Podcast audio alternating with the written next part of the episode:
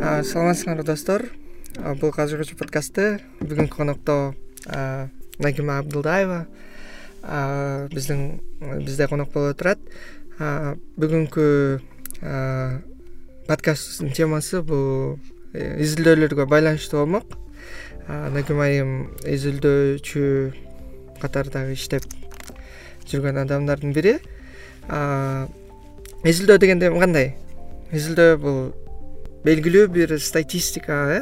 Статистика менен байланыштуу. Саламатсыңарбы? Ооба. Угуучулар урматтуу.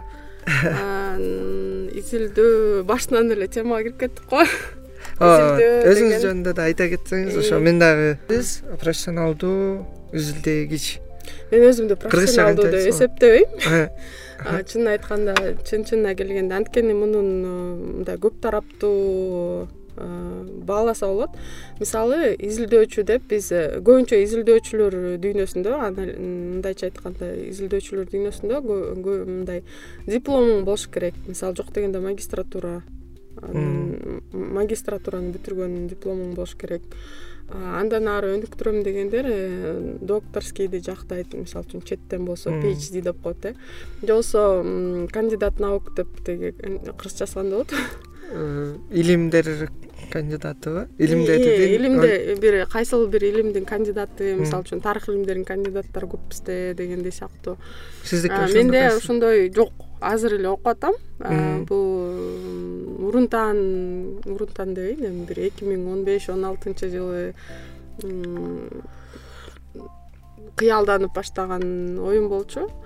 Антропологияга тапшырайын деген анан бизде антропология белгилүү болгондой кыргызстан боюнча бир эле америка борбор кандай эле? Борбор азиядагы америка университетинде эле бар.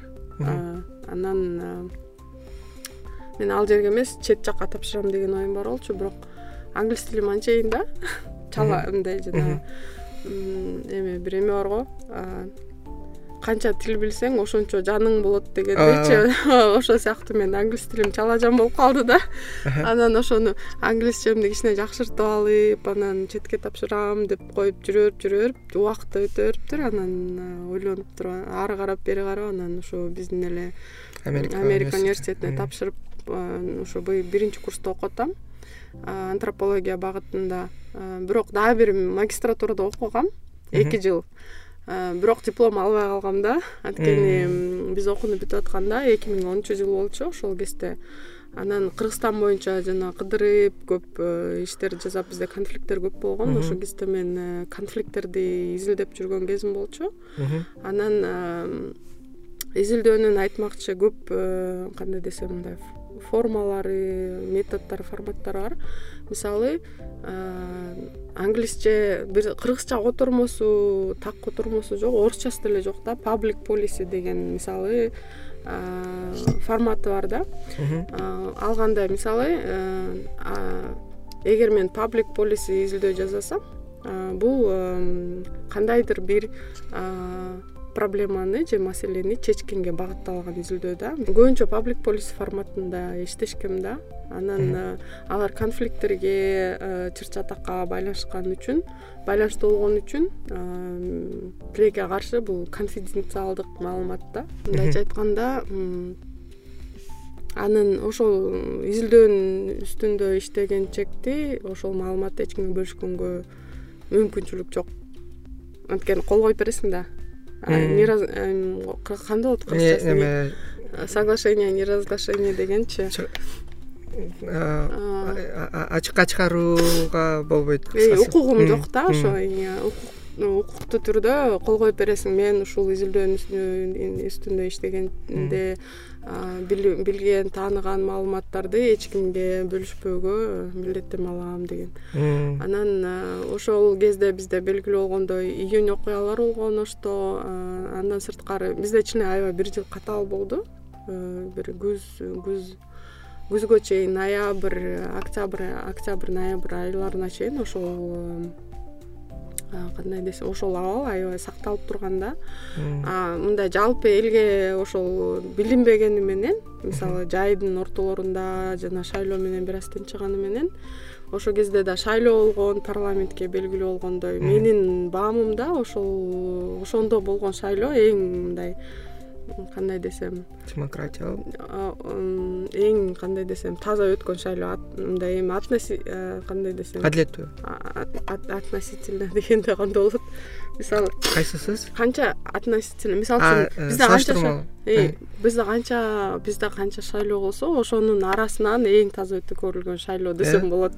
Анткени мындай болгондо ошол шайлоодо биринчи болуп эме ата журт партиясы өтүп кеткен списокто бирок эми официалдуу анан неофициалдуу деп коеюн маалымат бар да мисалы үчүн официалдуу эмес маалымат боюнча.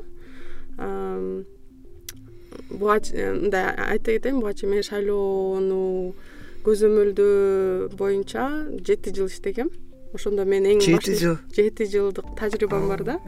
Үзгүлтүксүз. Ошондо мен баштаганда жанагы жөнөкөй эле эмне эле байкоочулар болот го. Байкоочу катары баштагам. Анда мен студент кезим болчу биринчи байкоо жүргүзгөндө мен аябай ыйлагам. Анткени шайлоо кандай өткөрүлгөнүн көргөм да өзүм. Баса ошол ыйлаган боюнча көбүнчө мен дагы ошондой маалыматты уккан болчумун да. Э, караколдо бир шайлоо болуп анан кичинекей кыздар чыркырап ыйлап ии кантип болосуң ушинтип деп. Ооба ошентесиң. Э ооба анткени мен анда канча он сегиз жашта болчумун. Анан он сегиз жашта болчумун. Анан биринчи жолу байкоочу болуп иштегем. Өмүрүмдө анан жанагы эмне кылышат ошондо? Конкреттүү эми ал кезде аябай эле катуу бузчу да мисалы светти өчүрүп туруп эле күйгөндө тиги ящиктин ичи толуп калат да мисалы. Үчүн күйсө эле ящиктин ичи толуп калат эми. Көп көп эмелер бар да мындай кандай десем факторлор ой э, ыкма. Ыкма эмес история мындай көп эме көп э, кандай десем көп окуялар бар да. Мисалы үчүн меники эле эмес кийин ошо мисалы үчүн айтып атпаймынбы байкоочудан баштап ошо байкоочуларды окуткан координация кылганга э, чейин өсүп анан кийин эксперт катары жанагы э, шайлоо комиссиясында иштегендерди окутканга чейин ошондо мындайча айтканда эки тарапты тең карап көргөм да. Анан мисалы байкоочу катары иштеп анан координатор болуп анан ошо байкоочуларды окутканда аларга кантип байкоо жүргүзүш керек деген э, тренингдерди өткөндө аларга биз мыйзам түрүндө алардын кандай укуктары бар деген сыяктуу көп нерселерди үйрөтөбүз да. Биз деген изилдөөдөн шайлоого кирип кеттик го. Ооба. Анан ошондо э, биз көбүнчө басымды эмнеге коет элек да? Мыйзамга баланча. Мисалы ошол кезде мен азыр эми артта калып калдым. Бирок баланча статья боюнча мындай тигил статья ошо э, закон менен ошо кодекс менен иштегенге үйрөтчү элек да анан э, аларга колуна да берилет эле да анткени ошол жерден кагазда мындай турат ошо э, мыйзам боюнча деп ошолорду жазып беребиз да. Ал эми э, мен өмүрүмдө экинчи жолу шок болгонум. Ошо шайлоо комиссиясынын мүчөлөрүн окутканда болгом да. Анткени биз аларга мыйзам боюнча мындай мындай деп окутабыз да ошол сыяктуу эле. Эгер деген байкоочулар ызылдаса силер мындай кылышыңар керек деген сыяктуучу. Анан дегенде алар мынтет да алар ошол мыйзамдарды кантип бузуп кандай мындай мондай жолдорун үйрөтөт экен да мындай билишет экен да ошо ошолорун айтып берип бөлүшкөндө мен аябай шок болгом. Анткени алар үчүн ал норма экен да. Ошону кылып жүрүп көнүп калышкан да.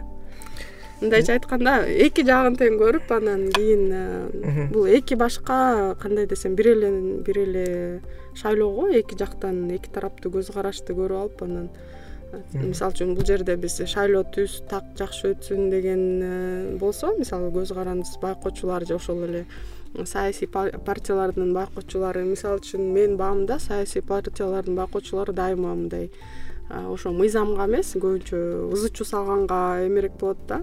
Ышыктуураак ышыктуураак анан ошол негизи эле ошо сиздин опытыңыз э, тажрыйбаңыз көп экен да ушул чөйрөдөчү э, бирок менде мындай суроо жаралып атат да адамдар эмнеге ошо изилдөөлөр жүргүзөт? Эмнеге изилдейт? Азыр жоопту камераны жаңыртып коюп айтайын э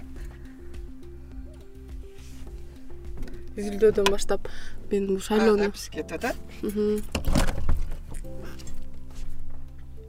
баарысын так. Аха шашпай эле айта бериңиз ушундай мен шайлоо темасына эмнеге кирип кеттим деген шайлоо темасына ошол сиздин өзүңүздүн баягы менин оюмча өзүңүздүн тажрыйбаңыз эмне үчүн менин оюм маанилүү болушу мүмкүн деген суроого жооп бердиңиз окшойт деп атам. Баягы э, өзүңүз жөнүндө айттыңыз ошондой өзүңүздүн бекграундуңуз жөнүндө анан азыркы э, моментте мен именно э, ошо деталдуу түрдө сүйлөшсөм деген ой бар да. Эмнеге адамдар изилдейт анын артында эмне ким турат? Вот эмнеге эмне максатта? Изилдөө уюмдар ар түрдүү. Же шайлоо темасын жаап туруп ошону изилдөөгө кандай байланышы бар айта кетейин. Ошондо шайлоо жүргөндө мисалы эки миң онунчу жылкы парламенттик шайлоо болгондо бизде мындай болгон да шайлоо өткөндө беш партия өткөн ошонун э, алдындагылары болуп эң көп э, орун алган ата журт э, партиясы болгон. Ата журт ошол кезде оппозициондук оппозиция партия болгон. Анан ошол жыйынтык чыкканда ошол кезде асылбек жээнбеков беле ким эле? Ошол кездеги шайлоо комиссиясынын башчысы жетекчиси бир айдан ашык убакыт ошо шайлоонун жыйынтыгын жарыялабай туруп алган. Ошондо бизде митингдер болгон. Шайлоонун жыйынтыгын жарыялагыла деген ошол эле полит партиялар жүргүзгөн да эмнеге? Анткени ал болсо укугу бар болчу. Анткени бизде мыйзамда шайлоонун жыйынтыгы качан жарыяланышы керек деген эч жерде жазылбаган экен да. Анан ошон үчүн ал отуруп алган ал аябай мыйзамды жакшы билген э, желмоозбу акылбек сариев экен эстедим.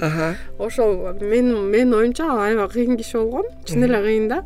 Анан э, мыйзамда жазылган жок деп отуруп алган. Анткени ал түшүнгөн эгер ошол кезде ошону жарыяласа дагы андан ого бетер башаламан ызы чуу чыкмак да. А эмнеге ошол шайлоо так өткөн деп ойлоп атасыңар мисалы сиздер изилдөө анткени оппозиция биринчи жолу өтүп атпайбы биздин тарыхта мындай болгон эмес да. Оппозициялык болгон эмес. Болгон эмес чын эле биздин көз карандысыз алгандан берки шайлоолордун тарыхында мындай болгон эмес. Мисалы э, жапаров деле аябай өтө харизматичный деле эмес. Адам болду эле го бир көп жакында элечи баягы президент болгонго чейин. Бар болчу белгилүү бир аудиториясы? Ал эми ал башка тема. Бул шайлоо темасы эмес да. Бул э, мындай аны келип отургузуп койгондо эле болду го мындайча алганда бул такыр башка тема бул шайлоо жөнүндө эмес. Бирок шайлоонун өткөрүлүшү ошол кезде ошол окуя болгондон кийин э, мыйзам кодекске шайлоо кодексине пункт киргизген. Бир айдын ичинде жарыяланыш керек бир айдан кечикпей деген э, пункт киргизилген да. Бул ошол кезде а мен магистратураны эмне болуп албай калган жөнүндө да айтып баштадым беле. Ошол анан кыскасы э, менин оюмча мындай э, изилдөөчү болуш үчүн ошондой мындай убакыттын мындай узак болуп атпайбы мисалы үчүн эки миң онунчу жыл кайда азыркы жыл кайда дегендейчи ошол убакыттын аралыгында болгон окуяларды мындай баамдап анализдей жүрүш керек да. Мындайча айтканда бир изилдөөчү болсоң ошондой мындай мээң ошондой иштеп калат да бул жылы мындай болгон бул жылы тигиндей болгон а бул жылы мисалы үчүн эгер изилдөө жагын алсак мисалы үчүн э, эгер мен э, шайлоо темасына аябай кызыксам дагы эле. Ошол кезде кызыкчумун эми азыр анча кызыкпайм. Бирок кызыксам э, мен ошол эмне үчүн ошол жылы ошондой шайлоо болгонго шарт түзүлгөн анан азыр ошону кандай биз колдоно алсак болот деген сыяктуу изилдөө жүргүзмөкмүн да мисалы үчүн. Анткени бул деген жакшы тажрыйба болуп атпайбы биздин тарыхта болгон нерсе да. Ошого кандай э, кайсы кандай кантип ушундай болуп калган эмне үчүн ушундай болуп калды деген сыяктуу ошонун себептерин изилдеп чыкса мисалы. болсо керек ошол кезде жакырчылык э, оппозициондук оппозициондук партия биринчи орун болуп э, шайлоонун ошол учурда эле жакырчылык болчу да ошол учурда болчу чыккан. Мен менин оюмча анын таасири жок бирок ошол кездеги ким кандай эмне таасир берген ошондой болгонго деген изилдөө болсо мен үчүн мен ойлойм да ушул кызык болмок. Ата журт бул феликс холовдор беле? Ата журт э, ким эле ии атым өчкүрүп азыр ташиев ким менен баштады эле ошол партияны. Келдибеков өзүбеков ахматбек келдибеков болуш керек. Ал ким эле? Негизи мен э, азыр карайынчы. э, э, аны аны кийин тактап алсак болот болуш керек бияка чыгарып коебуз. ушу мен аттарын деле билбейм. Ооба бирок мындай кандай десем орусча айтканда событийно болгон эме болгон окуялардын контекстинде да? Мындай аты жөн эмес ошо окуялардын контекстинде да? Мисалы үчүн оппозиция биринчи чыккан ал ошол партиянын аты ата журт экенин деле араң эстедим. Ошол анан изилдөө боюнча жанагы паблик полиси деп баштадым го. Паблик полиси деген формат бул мындай да мисалы бир проблеманы чыгарып туруп ошону э, бир эле баракка кат э, аналитикалык записка деп коет. Аналитикалык кат деп кат түзүп анан ошол жерде проблеманын сүрөттөлүш э, проблема жөнүндө аны кантип чечсе болот? Ошонун альтернативдик э, эки үч вариантын жазылат да. Мисалы жөн эле ушундай биз изилдедик ушундай проблема бар экен деп эле койбой.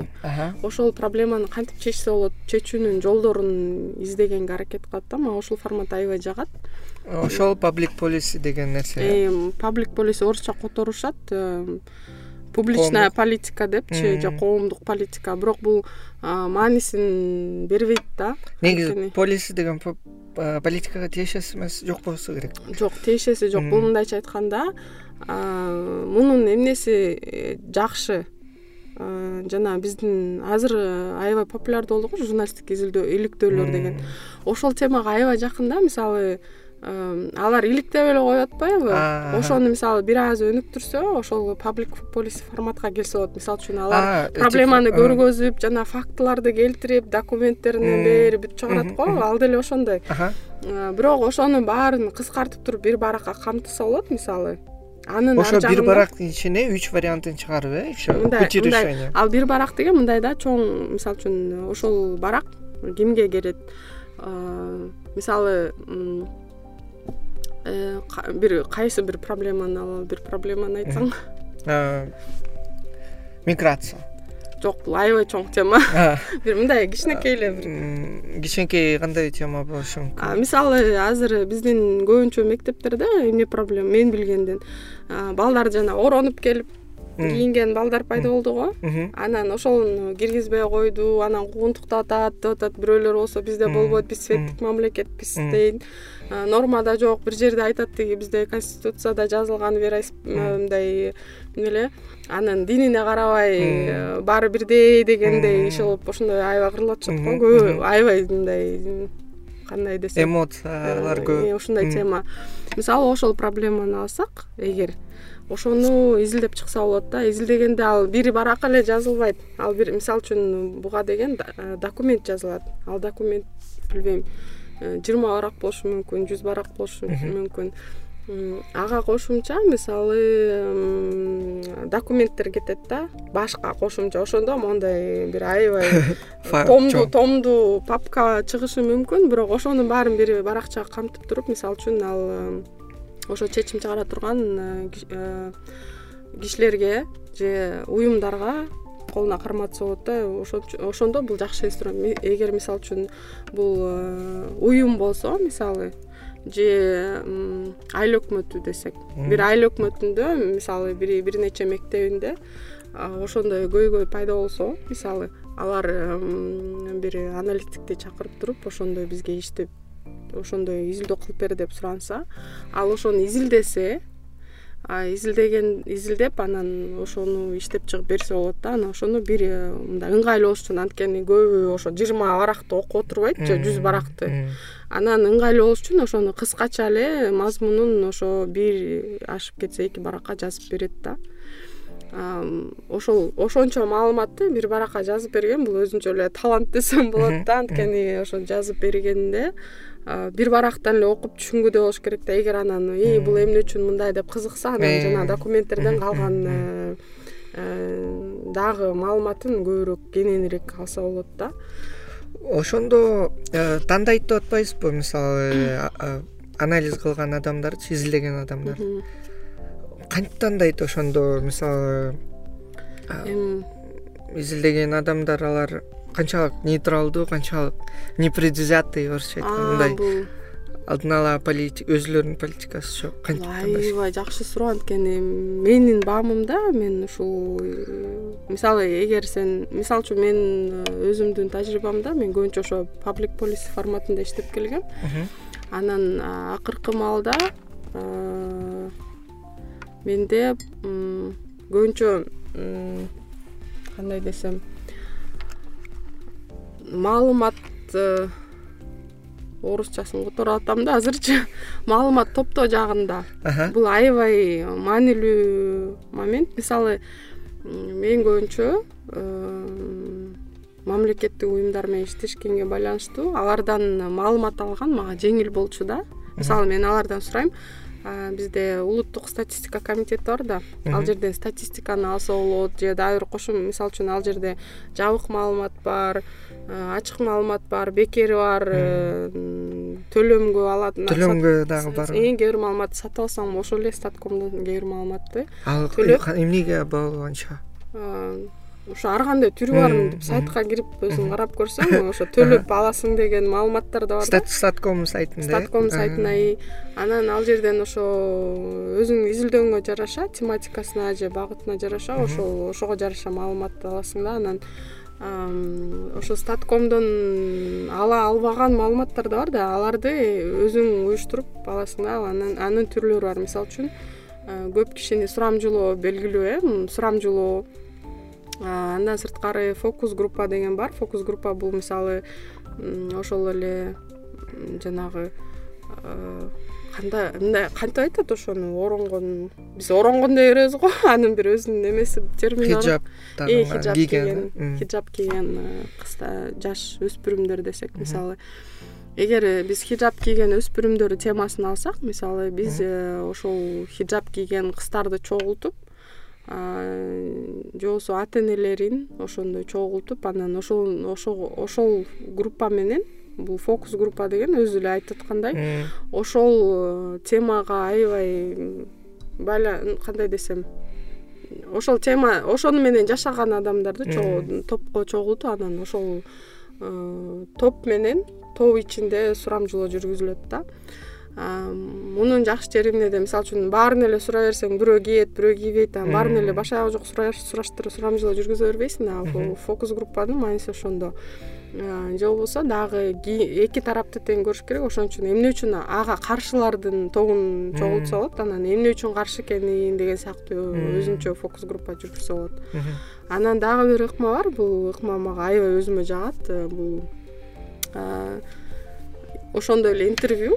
Жекеме жеке. Бирок э, терең да орусча айтканда глубинный интервью деп коет аны ал э, ошол темада жашаган мындайча айтканда эксперт деп атай алгыдай кишилер менен жолуксаң ошолор менен кээде ошондой андай интервьюлар мисалы көбүнчө аябай көп убакыт алат. Төрт саат беш саат жарым күн. Кээде токтоп туруп эртеси күнү улантышың мүмкүн ушундай да. Анан ушул ошол респонденттерди издеген сурамжылоо ала турган бул өзүнчө жумуш дегендей анткени сен көчөдөн эле мынтип таппайсың да анан ошол ал да бир өзүнчө жөндөм десем болот уюштурган анан менин баамымда ошол мисалы сурамжылоо жүргүзгөндө бизде көбүнчө аябай көп эле окуп калса окуп жүрөсүң да. Э сурамжылоолор жүргүзүү изилдөө жүргүзүп ошонун негизинде мындай мындай мындай деген маалымат деген сыяктуучу мен ошондойду окуганда мен биринчи суроом мындай да. Э, ошо сурамжылоону кимдер жүргүзгөн? Кандай жүргүзгөн? Анан ошо сурамжылоонун сапаты кандай деген. Анткени биздин э, кыргызстандын кыргызстанда мен ушул чөйрөдө иштегенден кийин мен эмнени көрдүм? Бир топтор бар экен. Булар фрилансер деп коет го ушул сыяктуу. Алар эч жерде иштебейт. Бирок бизде жанагы ошо аналитикалык центрлер же ошо изилдөөчү изилдөө изилдөөчү уюмдар борборлор бар го көп эле. Ошолордун керек болсо эл аралык деңгээлдегилер дагы өзүнүн базасы жок. Анан ошолорду жалдашат да ошондо бир эле топ элестетсең буга дагы тигиге дагы бешинчисине алтысына онунчусуна баарына тең иштейт да. Анан алар жылдап он бир эле жыл эмес беш жыл эмес он жылдаган тажрыйбалары бар.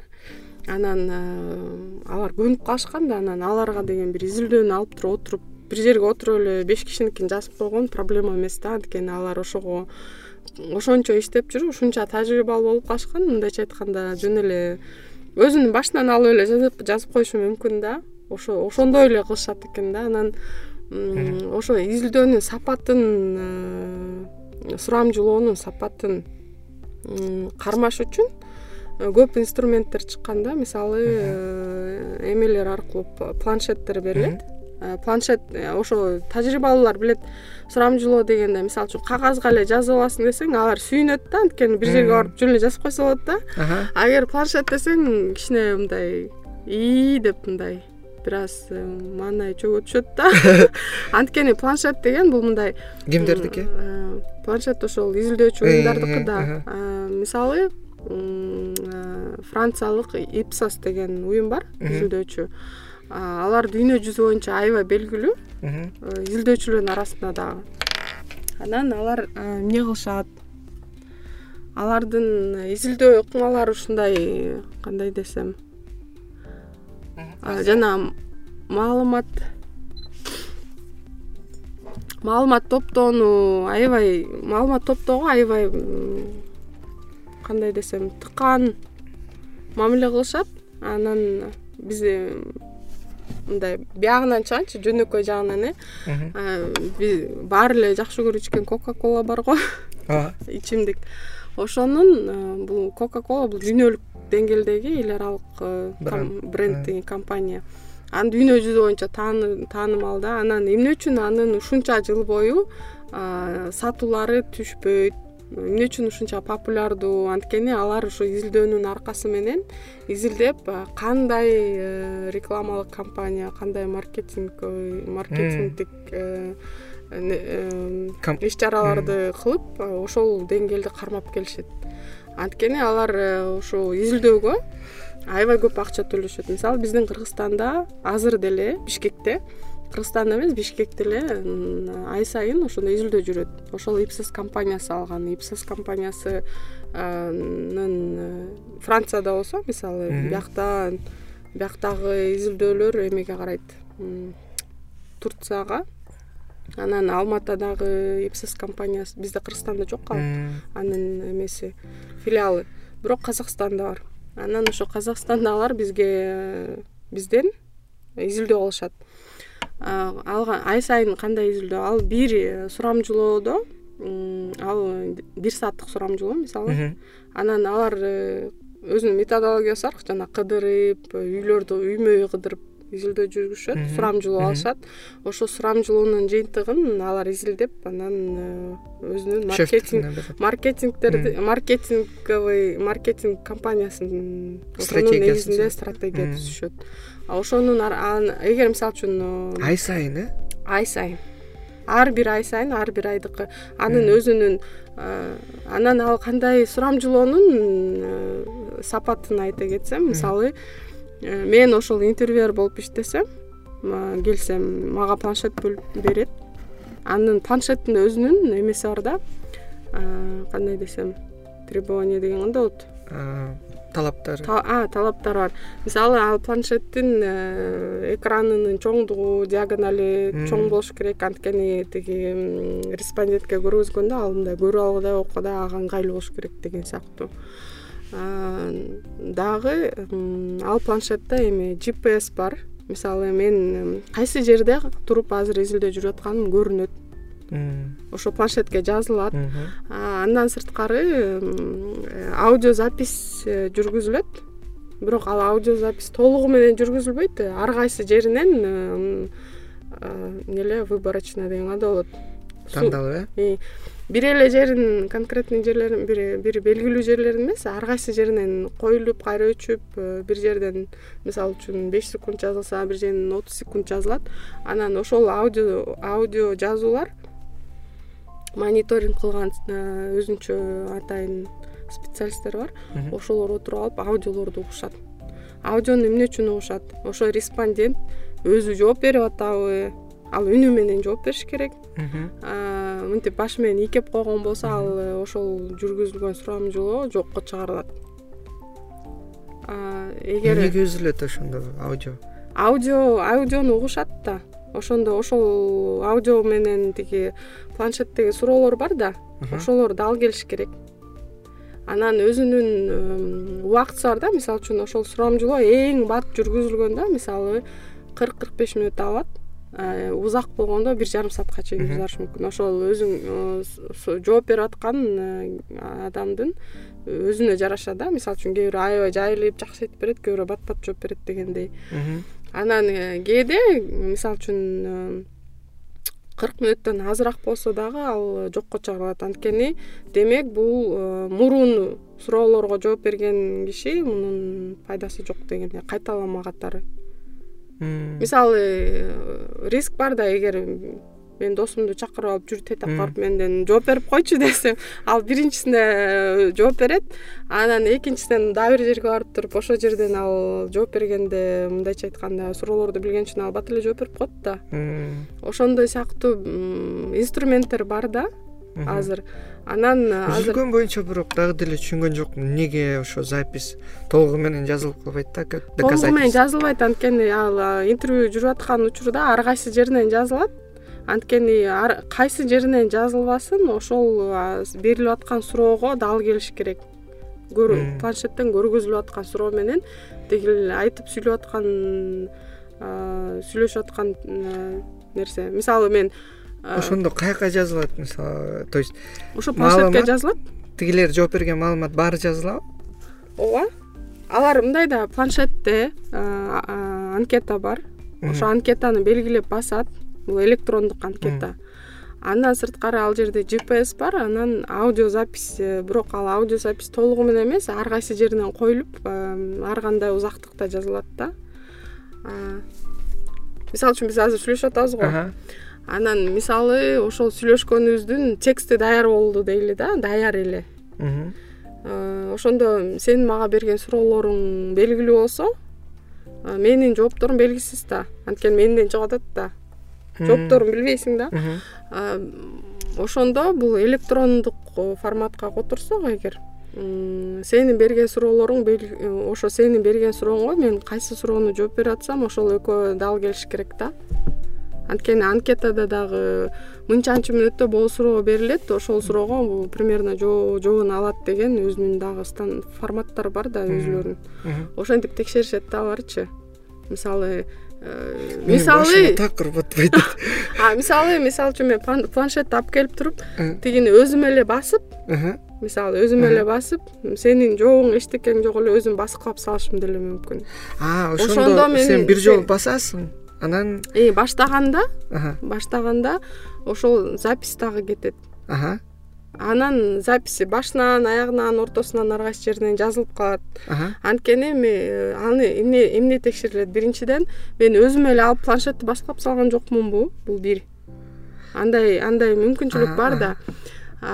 ошо респонденттин үнү башынан аягына чейин бир эле үн болуш керек. Мисалы үчүн эгер мен бул жерде ооба түшүндүм. Э. получается бияктан кичине жаздырып жактан жаздырып как бы ар бир жерден жаздыргандай болбош керек экен э? Бирок эмнеге ошо эмнеге үзүлөрүн түшүндүм болжол мененчи а бирок э, өзүңүз айтып атпайсызбы ошо кээ бир адам узун жооп берет кээ бир адам кыскараак жооп берет депчи? Ошонун баары каралган да башынан. Анан ал э, ошо запись жазылып анан кетет базага анан кийин мен бир ачылыш жазам мен иштеген ушул изилдөөдө дагы бир бир жылча иштегем. Анан координатор болуп ошо интервьюлерди жалдап анан мындай болгондо бизде планшет жетишпей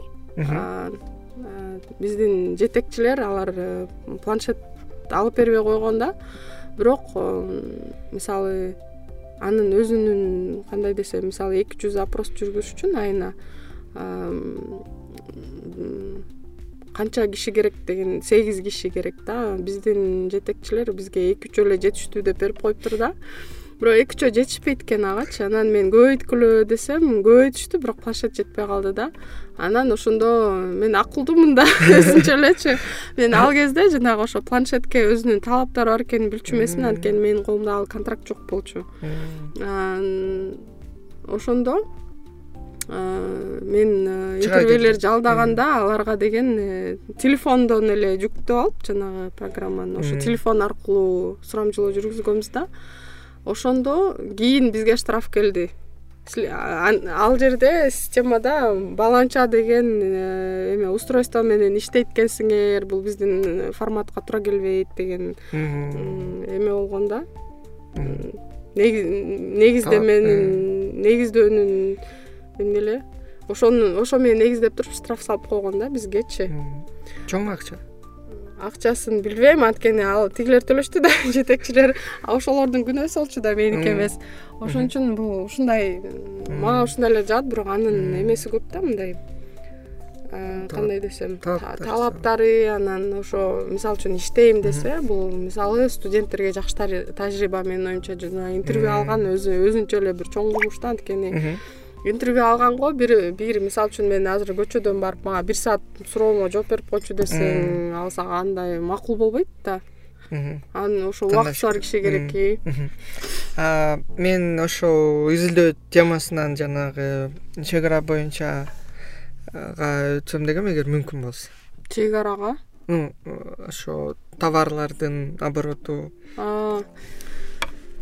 Чек ара чек ара мүмкүн да сүйлөшсө. Ну жалпы жалпы мен акыркы бир бир изилдөөдө координатор болгом. Бул ошо товарлардын обороту менен байланыштуу болчу э? Товар обороту эмес э, исследование времени выпуска товара деген изилдөө кыргызчасы болот чыккан чыккан убактысын изилдөө э? Ошондо биздин таможняда жанагы импорт кирет го. Ошол киргенде алар оформление өтөт. Каттоодон өтөт. Ошо каттоодон өткөн процедуралар канча убакыт алат ошону изилдегенбиз да? Анан э, мисалы үчүн алат экен? Кызык болуп калды негизи өзүнүн бир ошону жөнөкөйлөтүш үчүн кыска убактысын узак эмес кыскараак кылыш үчүн ошону ошол максатта жүргүзүлгөн мамлекеттик беле мамлекеттик изилдөө бул мамлекеттик заказ болгон. Аны дүйнөлүк банк менен э, обсе обстин кыргызчасын билбейм. Ошонун ошолор финансылаган обс бул европа менен снг ортосунда организация безопасности союза чего то ооба. Бул жака жазып калыптыр ылдый жакка калтырып калышы мүмкүн бул экинчи ушундай жүргүзүлгөн изилдөө. Мен биринчисинде жөнөкөй интервьюер катары киргем. Анткени жарыя окуганда мен мындай болгон да чек арада иштөөгө интервьюерлер талап кылынат деген жарыя көргөм. Анан мен ошону изилдөөлөргө мен ооба кызыгып. Мен анткени ошо конфликт темасына кызыгып келгендиктен ошол изилдөөгө катышканда сен мисалы үчүн мен өзүм үчүн э, бекер деле катышсам мисалы мен тажрыйба катары деле бара берем да мисалы үчүн мага ой менин не мой уровень жана менин деңгээлим эмес мен мындаймын деген жок да. Мага ошол жаңы бир ыкма үйрөнөмбү жаңы бир нерсе көрөмбү бир инструмент таап аламбы деген багытта кызыгып бара берет элем да. Анан э, ошондой жарыя көргөндө ал жарыя мен өзүм өзүм эмес мурунтан бир тааныш эже жазган жарыя болчу. Анан мен катышам десем ал мени киргизип койгон э, тизмегечи. Анан кийин бир канча канча айдан кийин канча уланды? Ал мындай кыска мөөнөттүү эле изилдөөлөргө кирет. Э, бирок бул эң биринчи кыргызстанда жүргүзүлгөн изилдөө анткени биз э? жанагы эмеге киребиз да вто всемирная торговая организация эл аралык бирок мурдатан бери эле киребиз да соода уюмунун мүчөсүбүз да биз. Мурдатан бери эле. Мурдатан бери бирок эмнеге изилдөө азыр эле болот ошонун э, мүчөсү катары алардын ошондой талаптары бар экен. Ал деген бир чоң программа бар да. иштеш керек болчу бекен жок ошонун негизинде биз ошол изилдөөлөрдү э, биздин таможня өзү жүргүзүш керек экен. Бирок биз жүргүзбөптүрбүз канча жылдан бери? э, бул эми сен сооротуш үчүн айтайын. Бул деген кандай десем центральный азия борбор азия мамлекеттеринде деле жүргүзүлбөптүр. Э, эң биринчи болуп тажиктер жүргүзүптүр. Бизден бир жыл мурун эртерээк. Эң биринчи болуп ошонун э, негизинде ошол тажик уюму. Ушул тендерди утуп алган. Бул эки миң азыр айтам эки миң он он жети он сегизинчи жыл болчу да. Анан алардын тажрыйбасы болгондуктан ошол уюм тендер утуп алган да анан э, алар э, ошондо мен жөнөкөй интервьюер болуп кирип алгам. Анан могу чүйдөгү эле могу чүйдө эле эмес могу бишкектин четиндеги эле чек арага барып иштемекмин. Анан торгарт деген точка бар экен. Анан ал жерде супервайзер болгон эжеке боюнда бар экен. Тиги изилдөө башталып кеткен да анын э, эме убактысы төрөгөнгө убактысы жакын болуп калып канча ай болуп чоюлуп кеткен да.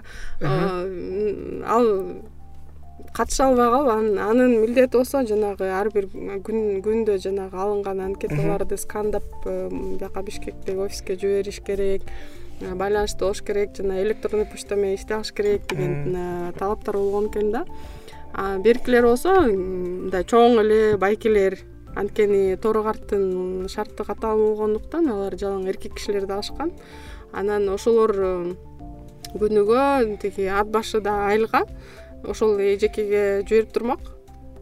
План ошондой болчу экен да негизи уюштурулганда. Ал болсо скандарын жиберип алар менен телефон аркылуу байланышта болуп күнүгө отчет берип турмак. Анан э, э, биздин координаторлор аяка бара алышкан жок анан мага айтышты да торгартка барасыңбы десем мен ооба деп чыргап барып алгам да. Анан барганда мен ал жер ошондой катаал шарттуу жер бийик аябай канча төрт миңде төрт миң төрт жарым миң деп бирөөлөр айтат эми мен бийик. бийиктиги төрт миңден кем эмес да. Анан катаал аябай чын эле катаал шарт экен. Анан ошо жүргөндө мындай жалгыз кыз болуп жүргөн бир чети кызыктуу болот экенсиң анткени өзүңөн улуу жана айылдыктар менен иштеген өзүнүн да оорчулуктары бар да. Мисалы алар мен улуумун да мен эркекмин да унутуп мен эркекмин да кантип эле бир каякта бир жаш кыз титактан келген бирөө эле мени башкарып калат деген ушундай эмелер болгон да. ал өзүнчө кыйынчылыктар анан бизде эмне болду? Жанагы границадан өткөндө бери биздин границадан погран погран пост деп коет го. Ошо э, ошол жерден э, чек арадан өтүп келатканда ошондон баштап чыгып оформлениени өтүп чыгып кеткенге чейин убактысын фиксация кылган изилдөө болгон да анан э, бизде анда кандай ошол шарттарына жараша өзүнүн кыйынчылыктары болот да мисалы үчүн бизде торгартта биз марттын башында өткөргөнбүз изилдөөнү биринчи э, эки күн пилоттук э, кылып көргөнбүз как эксперименталдык катары ошондо. Анда мындай аба ырайы жакшы болчу. Анан адаптация да болуптур мен анткени мен эки күн мурун эрте барып ошол жердегилерди аларды жакшы чала түшүнгөн экен. Барып бир күн аларды окутуп кантип анкета толтуруш керек. Деген сыяктуу ошондой тренинг өтүп анан эртеси күнү чыкканбыз да. Ошондо мисалы мен бишкектен ат башыга барып ал жерден бир күн эки күн түнөп анан э, тиги торгартка чыкканда бийигирээк жергенде бул жерде организм адаптация болот да тиги жерден болсо экинчи барганда мен түнү менен барып эртең менен кайра чыгып кеткем ошондо аябай кыйналгам да мындай денең да кыйналат экен да. Анан ал жерде уже он күн эки жума жашаганбыз. Эки жума. Ошондо кыйынчылыктар эмне болгон? Бизде кар түшүп ошондо экинчи барганда ручкалар тоңуп жукпай калган да.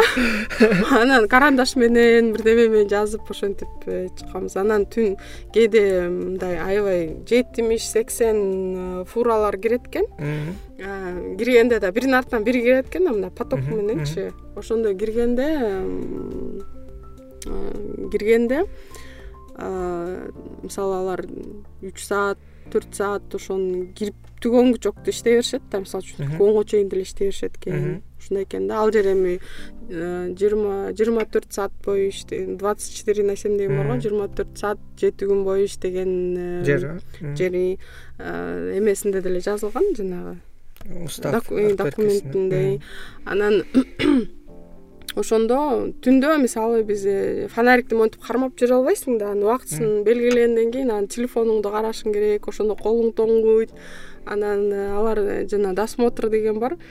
Мен ошондо билдим кээде жана ошол жерден ошо кыйынчылыктары боюнча бир бир ачылыш жасадым да жана кээде дордойго барганда бир товар сатып аткан билбейм ишул бир нерсе билбейм ишул бир гүлбү бир комплектилер же бир нерсе болот го ошондо алганда бир бир нерсеси жетпей калат го кээде. Э. анан муну бербей мунусу жок экен сиз мага ушундай сатып ийдиңиз деп кайра мисалы үчүн кээде териштирип ушинтесиң го анан ушуну билбейм өзү эле ушундай келген деп коет го анан биз ойлойбуз го эй жанагы кытайлар деген ушинтип чала жасап коюшат го э, э, депчи. анан ошол жерден эмнени көрдүм? Жана досмотр кылганда досмотр кылганда алар колун бир мындай эле салып туруп эле чыгарып туруп эй бул гүлдөр турбайбы жанаг пластмассовый гүлдөр бар го жана декорация кылганга алынган көбүнчө анан.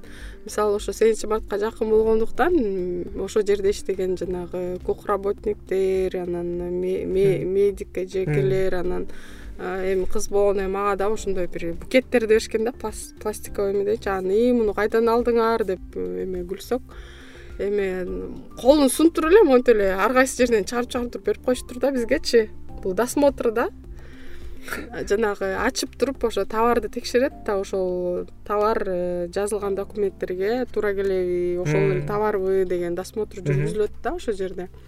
Анан э, эми досмотрго досмотр кылынбачу немелер деле бар дечи. Бирок ошондо көрдүм да анткени дагы эмнени үйрөндүм. Бизге жанагы ошондо мисалы гүлдөр болсо э? Ортосунда там билбейм бомба же кайсы бир курал болуп калды да. Анын атайын эмелери болот да а иттер э? Ал негизи бул кытайдын чек арасынан өткөндөн кийин аны текшерет. Андан сырткары жанагы өзүнүн бир оборудованиелери бар да жана радиацияны текшерген. Бирок ошол жагын э, негизи ошону текшериш үчүн ошонун баарын караш үчүн кылынат да. Бирок кытайдан келаткандан кийин кандай көрүнөт ошол нерсе? Мисалы бир мындай бир аппараттар болот ошолор менен э? ошолор менен карайт. Анан э, бул жерде негизги максаты ошол бул мисалы үчүн кытайдан келген товар болсо ал э, бишкекке келаткан товар болушу мүмкүн. Ошондо ал торгарттын чек арасынан транзит катары өтүп барып анан бияка келет да мисалы үчүн оформлениянын башы ошол жерден болсо бишкектен бүтүшү мүмкүн да ошондо бул бияктан эле бир канча бир эки сааттык эле эмес.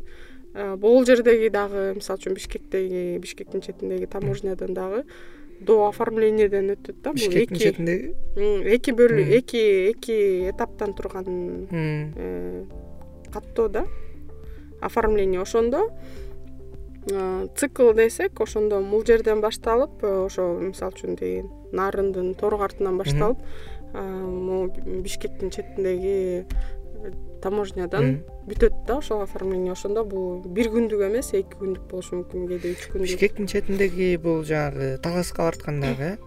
Таласка бараткан талас эмес могу казакстан менен чек ара анан азыр эми эмне эле аталышын унутуп калдым бир склад эмес. Ким салды эле го жанагы? Азыр айтам. Э, э, э, тигил жактагы. Силквей жакта. Силквей анан эмне эмне эле? Ой неме чудо диясы жакта. Ой могу бом капчыгай жакта. Ошону бом эмес. Могул эле жакта. Жакшы иши кылып э, мисалы ошол оформлениени алсак ал э, ошо көп убакыт алат экен ошо убактысы көп кетет да мисалы үчүн бул жерден бир бөлүгү оформлениеси бүтсө бул жерден экинчи бөлүгү бүтөт да. Ошондо мисалы үчүн бул бир күндүк эле процедура эмес да. Анан ошо бул мындайча айтканда цикл деп коет да ошону ошол могул жерде орто жердеги жол канча убакыт алат анан кээде ошол жерден булар жолдон келатканда негизи дагы бир нерсе бар экен да бул товар да кирип келатат. Анан бул жерден гарантия каякта бар. Ошол жерден орто жерден токтоп туруп ошол товарын алмаштырып же башка нерсеге алып салып салбайт деген сыяктуу эмелер бар да. Ошон бизде ушул жакшы каралган иштебейт экен да. Анткени мисалы норма боюнча тиги жерден тиги жерден мисалы үчүн таможнянын кызматкери ошол машинага отуруп анан чогуу келет экен бул деген ошол товар алмашып же башка жерге кетип калбасын деген мааниде каралат экен да. Дагы бирок жолдон төлөп коет ага же кандай? төлөбөйт мындай экен да ал физикалык мисалы үчүн ал жерден элүү машина өтсө значит демек ал жерге элүү кызматкер керек да элүү өтүш үчүн. анан мисалы үчүн күнүгө бир күнүгө күндө отуздан өтсө ошондо жөн эле отуз кызматкер ары бери эле мындайча айтканда жыргап эле ары бери жүрө жолдо жүрө берген бул деген эме эмес да. Анан мисалы башка өлкөлөрдө мындай бар экен да бир атайын gpsга бекитилген чип сыяктуу бир эмелер болот экен ошону бекитип коет экен. Жанагы пломбасына же бир нерсене бир чип сыяктуу эле кошуп чочун эле машинеге чочун эмес ал жана кулпусу болот да ал кулпуланат да. Пломбаланат. Ошо пломбага кулпуга ошону кошуп коет экен. Анан аны ачканда ал э, билинип калат экен да. Ошондой сыяктуу ал пломба пломбаланган болот да жанагы сенин сурооңо ортосуна бомба салып койбойбу деген сурооңо жооп да бул. Ал пломбаланат ал пломбанын атайын өзүлөрүнүн эмелери болот э, өзгөчөлүктөрү э, өзүнүн билинет да мисалы ачылганда пломба бузулуп калат да.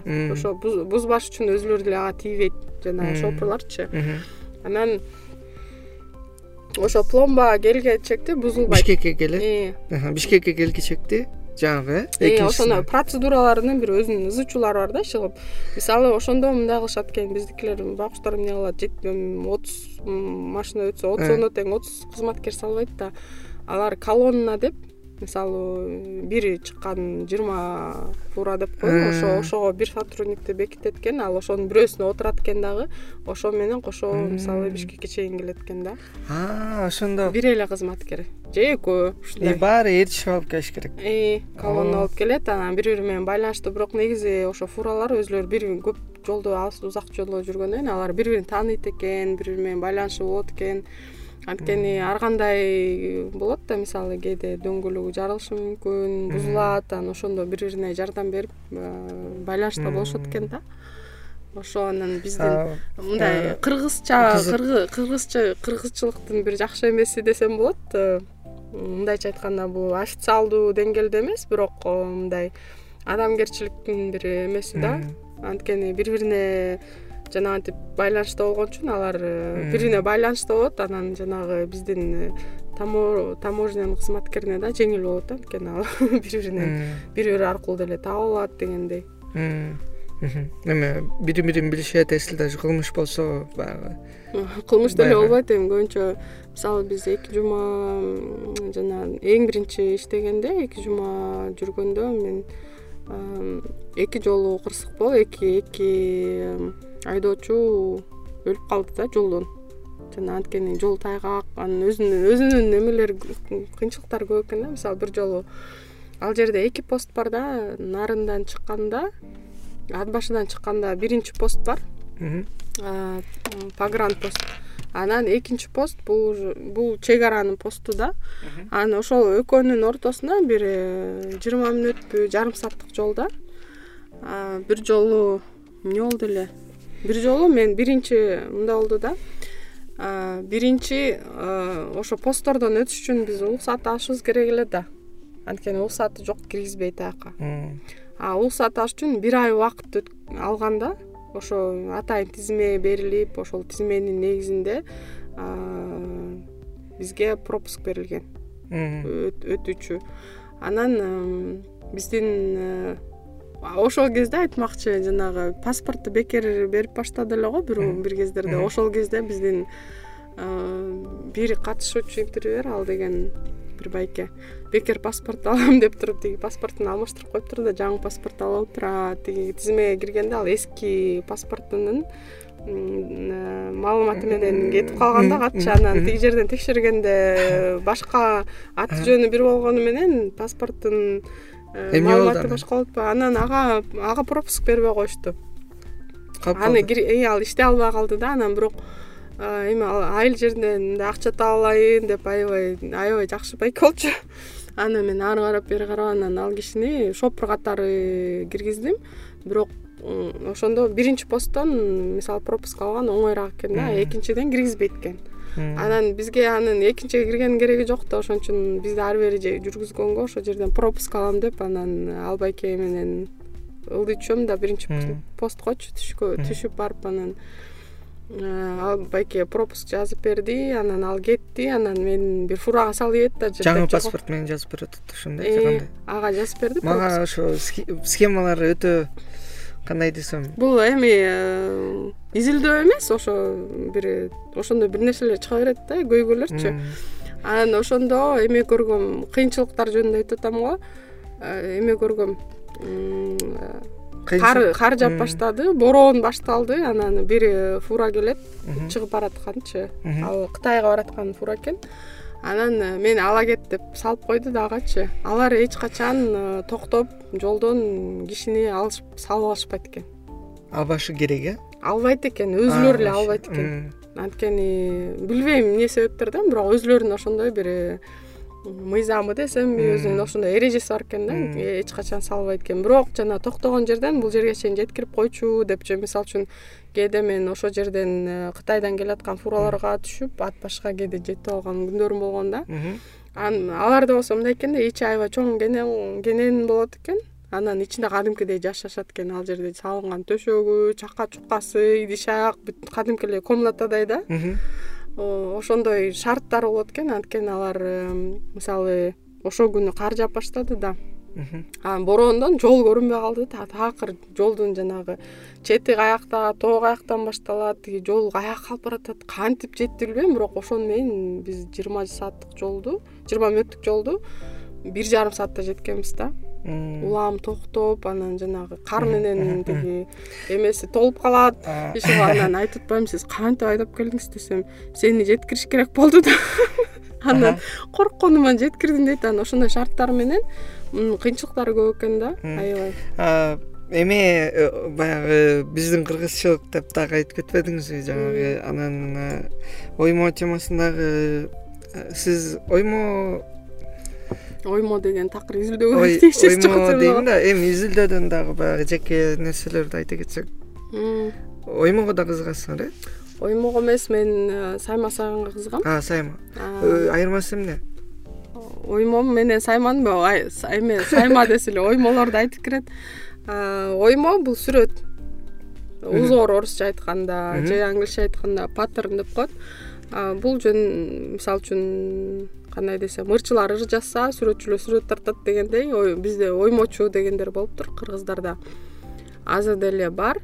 Алар э, ошол оймону чийип калтырып кетишчү экен да. Мисалы э, садыбакас деген ата болгон экен. Ошол киши көп оймолорду тартып э, калтырган экен. Азыр биз көбүнчө колдонгон оймолордун көбү ошо садыбакас атанын оймолору экен оймо билгендер ошо садыбакас садыбакас оюмдар деп билишет экен да таанышат экен. Мен чынын айтайын аларды анча айырмалай албайм. Бирок бир оймочу байкени тааныйм анан ал киши мынтип айтат да мисалы э, ар бир кишинин өзүнүн оймосу болот дейт да. Анан ошо ошол жөнүндө айткансызбы ар бир кишинин өзүнүн оймосу болот анан ал эч качан кайталанбайт э, жанагы эмне отпечатки пальцев деген кыргызча кандай болот деп элечи ошо ошо отпечатки пальцев сыяктуу ар биринин оймосу бири бирине окшобойт деп айтат да. Анан ал оймону каяктан көрүш керек? Ал киши ошо оймочу болуп анан тартат да ошо оймочулар тарта алат ал сизди көрдү анан үстүңүздө бир оймо көрдү. мен аны кандай түшүнөм? Өзүм үчүн ушундай түшүнүп чечмелеп алгам да мисалы. Мисалы сени алсак жаныбекте сени мисалы үчүн сүрөтчү болсо сенин портретиңди тартышы мүмкүн. Ошол эле сүрөтчүнүн да түрлөрү бар да мисалы үчүн абстракт түрүндө тартканы бар скульптура кылып сени мисалы үчүн мраморго чегип коюшу мүмкүн же восктон жасашы мүмкүн же иши кылып түрү бар э?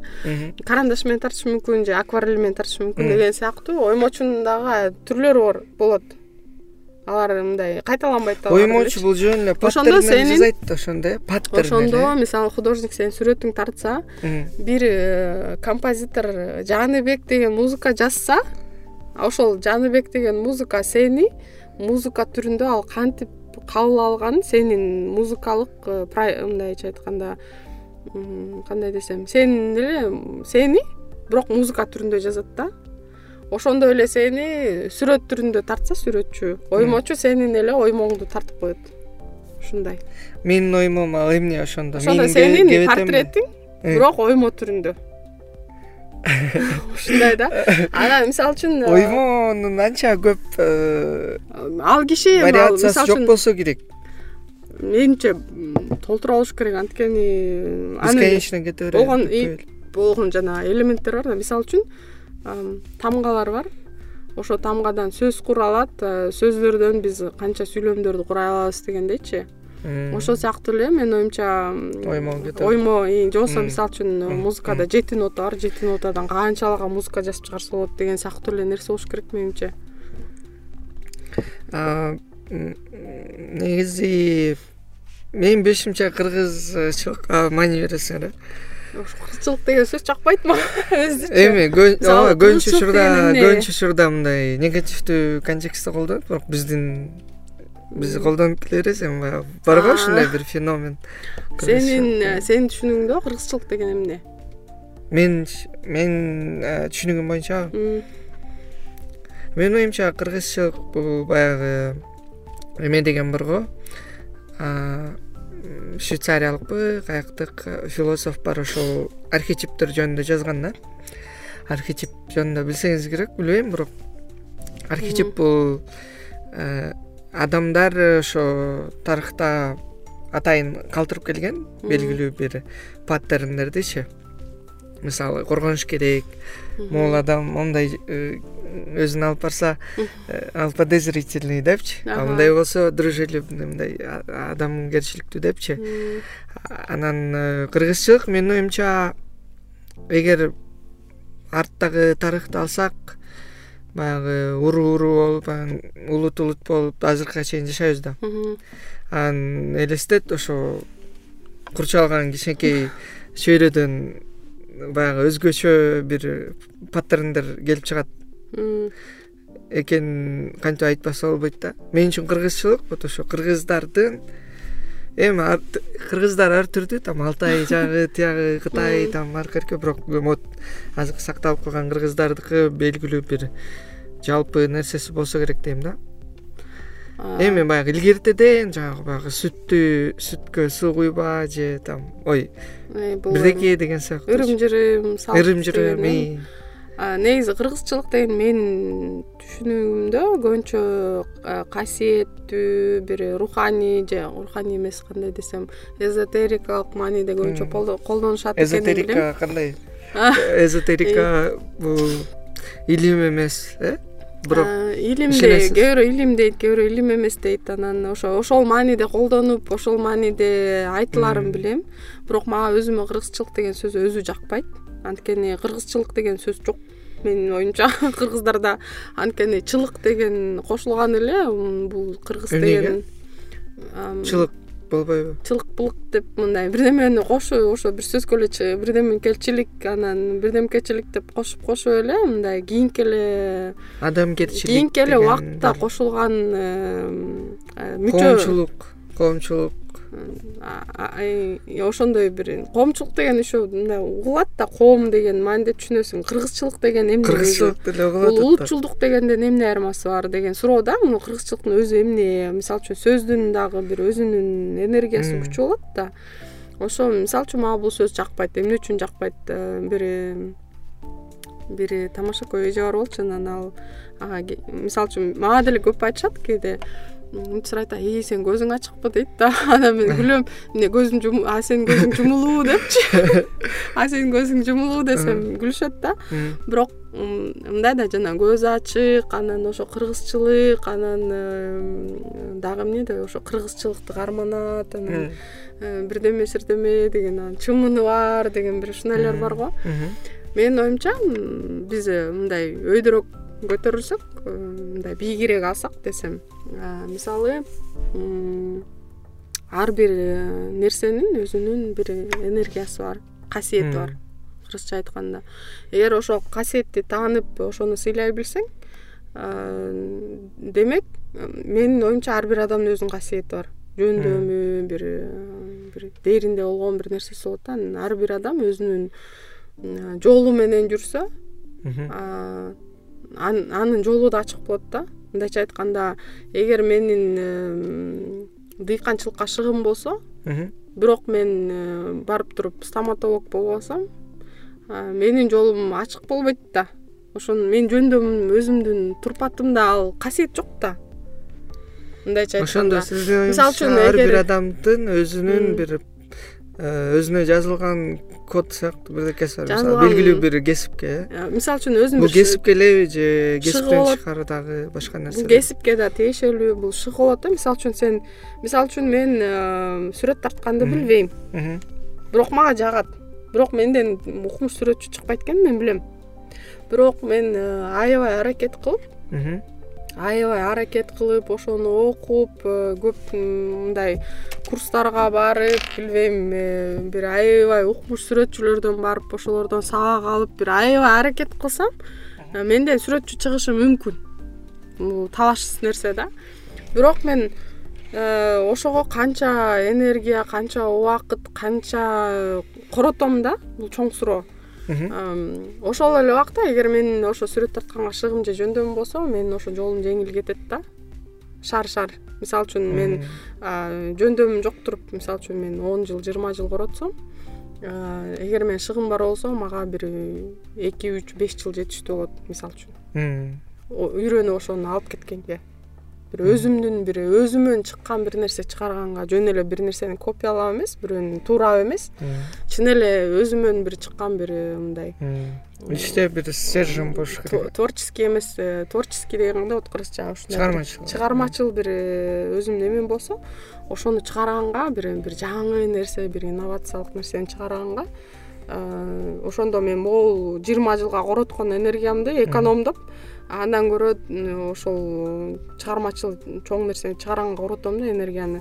Кыргыздардын негизи мен аябай макалдары жанагы айтылган лакаптар аябай жакшы жагат да ошо кыска эле айтып коет да мисалы мен жана тренинг бир нерселерге барганда аябай жакшы көрчү элемиз студент кези мен азыр эле кичине бир аз кое баштадым деп коеюн анан бир данияр аманалиев азыр аябай эле белгилүү болуп кетпеди ошол кезде бир тренингине катышып ал лидерство боюнча лидерлик боюнча тренинг өткөргөн эле анан ал өзүнүн тренингиде мынтип айтканда ар бир адам лидер боло алат депчи.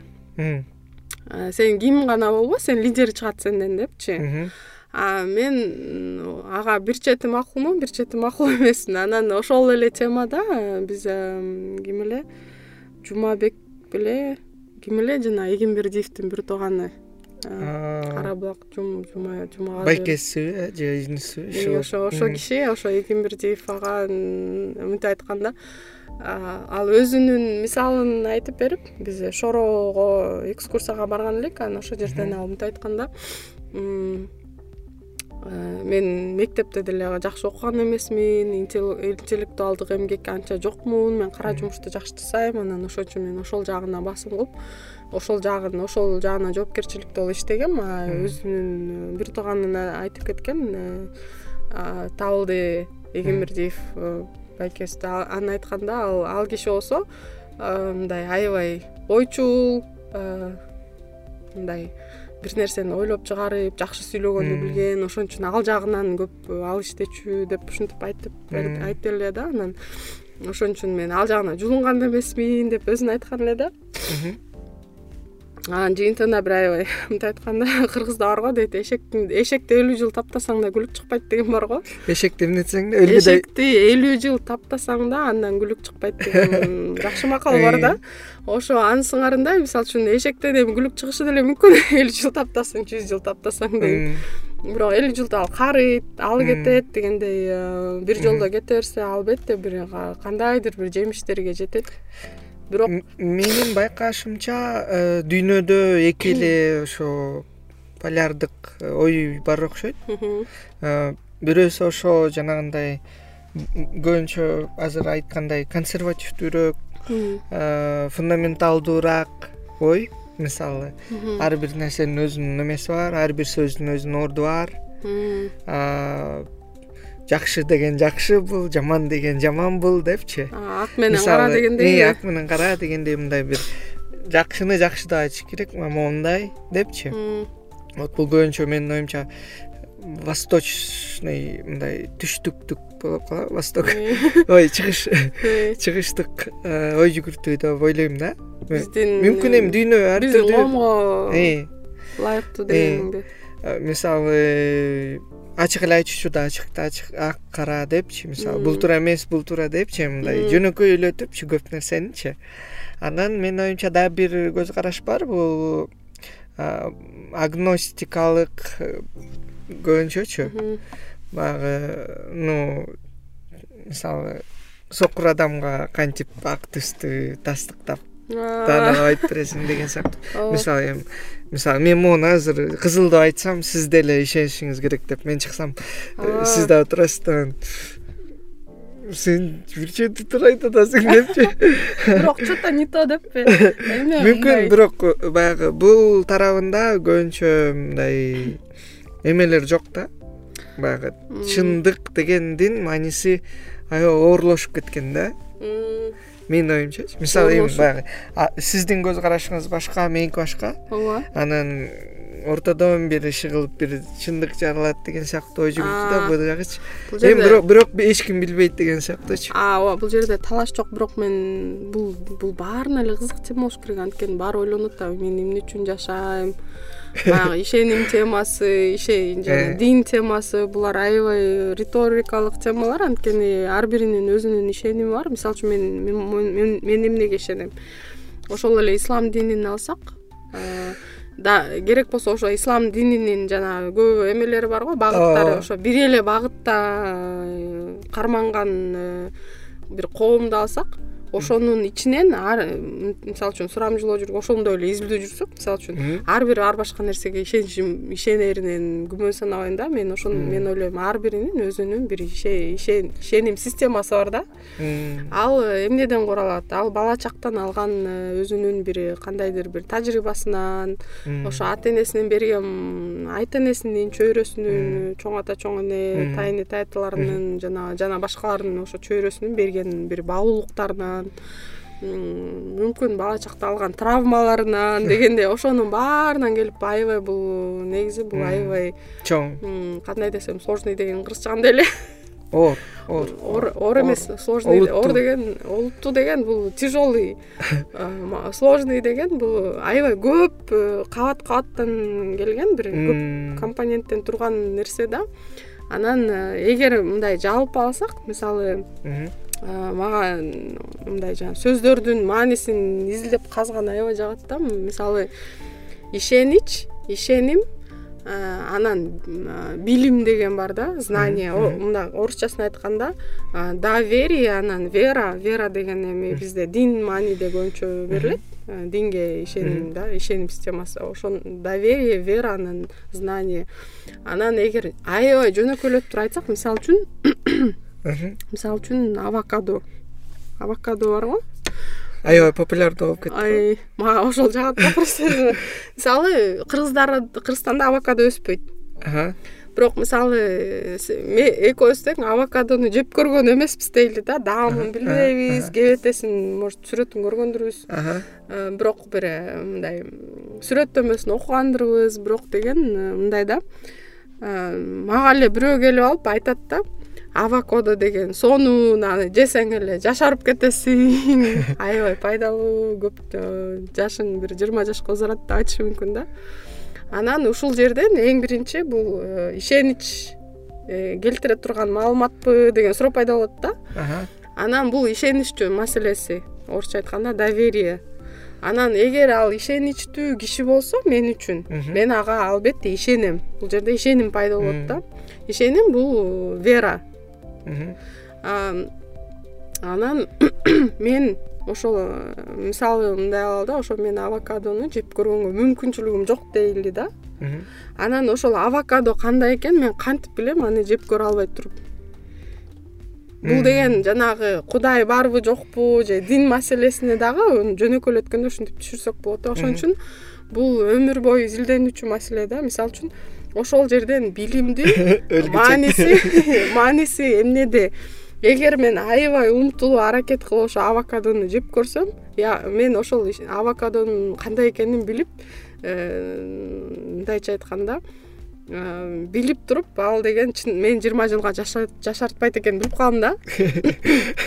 Ошон үчүн ошон үчүн билимдүүлөр дайыма алдыда анан баалуу болушат ал билим билимге ар дайым умтулуп туруш керек да анткени. Ошол эле дин маселесинде канча билимдүү болсо ошончо мындай кандай жөнөкөй болот да ошол эле кыргызчылык темасын алсак мен кантип ишенем ал аны көрбөсөм жанагы бир кайсы бир эсимде жок кимдин теңирчилик деген деле кайсы бир акындын бир эмеси бар бир э, ырында бир эме бар бир сабы бар да. Э, бир молдого жазган бир ыр сабы бар эле эме деген. Сен э, өлүп өлүп туруп ошол барып көрбөгөндөн кийин сен кайдан билесиң ал жанагы тозокту барып көрдүң беле дегендейчи тозокко же бейишке барып көргөндөй сүйлөйсүң деп деген мааниде ыр да? Популярдуу популярдуу ушул э? Анткени мисалы үчүн мен кайсыл эне эмнеге таянам? Менин чоң атамдын аябай жакшы сөзү бар болчу ал деле сага окшогон киши дегенчи анан дагы бир дагы бир сөзү бар эле көп айткан. Алыстан көрсөң бир баатыр жанына келсең бир киши деген. Мындайча айтканда биз э, бирөө жөнүндө көп укканда ал жөнүндө аябай көп маалымат болот. Анан бир бир башкача элестетип аласың да. Анткени ошонун тегерегиндеги маалымат чындыкка туура келбеши мүмкүн. Көбүнчө бизде кыргызстарды аябай жакшы көрөбүз го апыртма жагыбыз бар да анан орусча айтканда жана возвеличение деп коет ошондой бар же популярдуу болсо мисалы үчүн көп туура эмес же фейк маалыматтар болушу мүмкүн. Ошон үчүн ал деле мага окшогон киши. Дагы бир эмеси бар болчу атам чоң атамдын бул эмедечи да.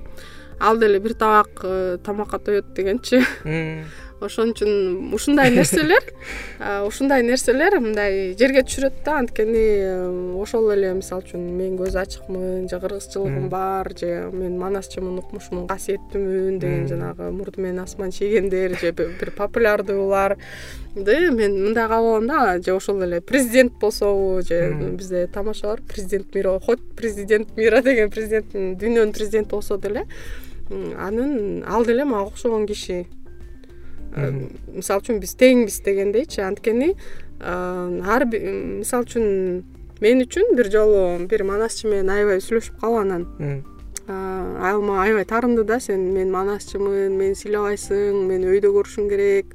Анан мен мындай эле ачык эле.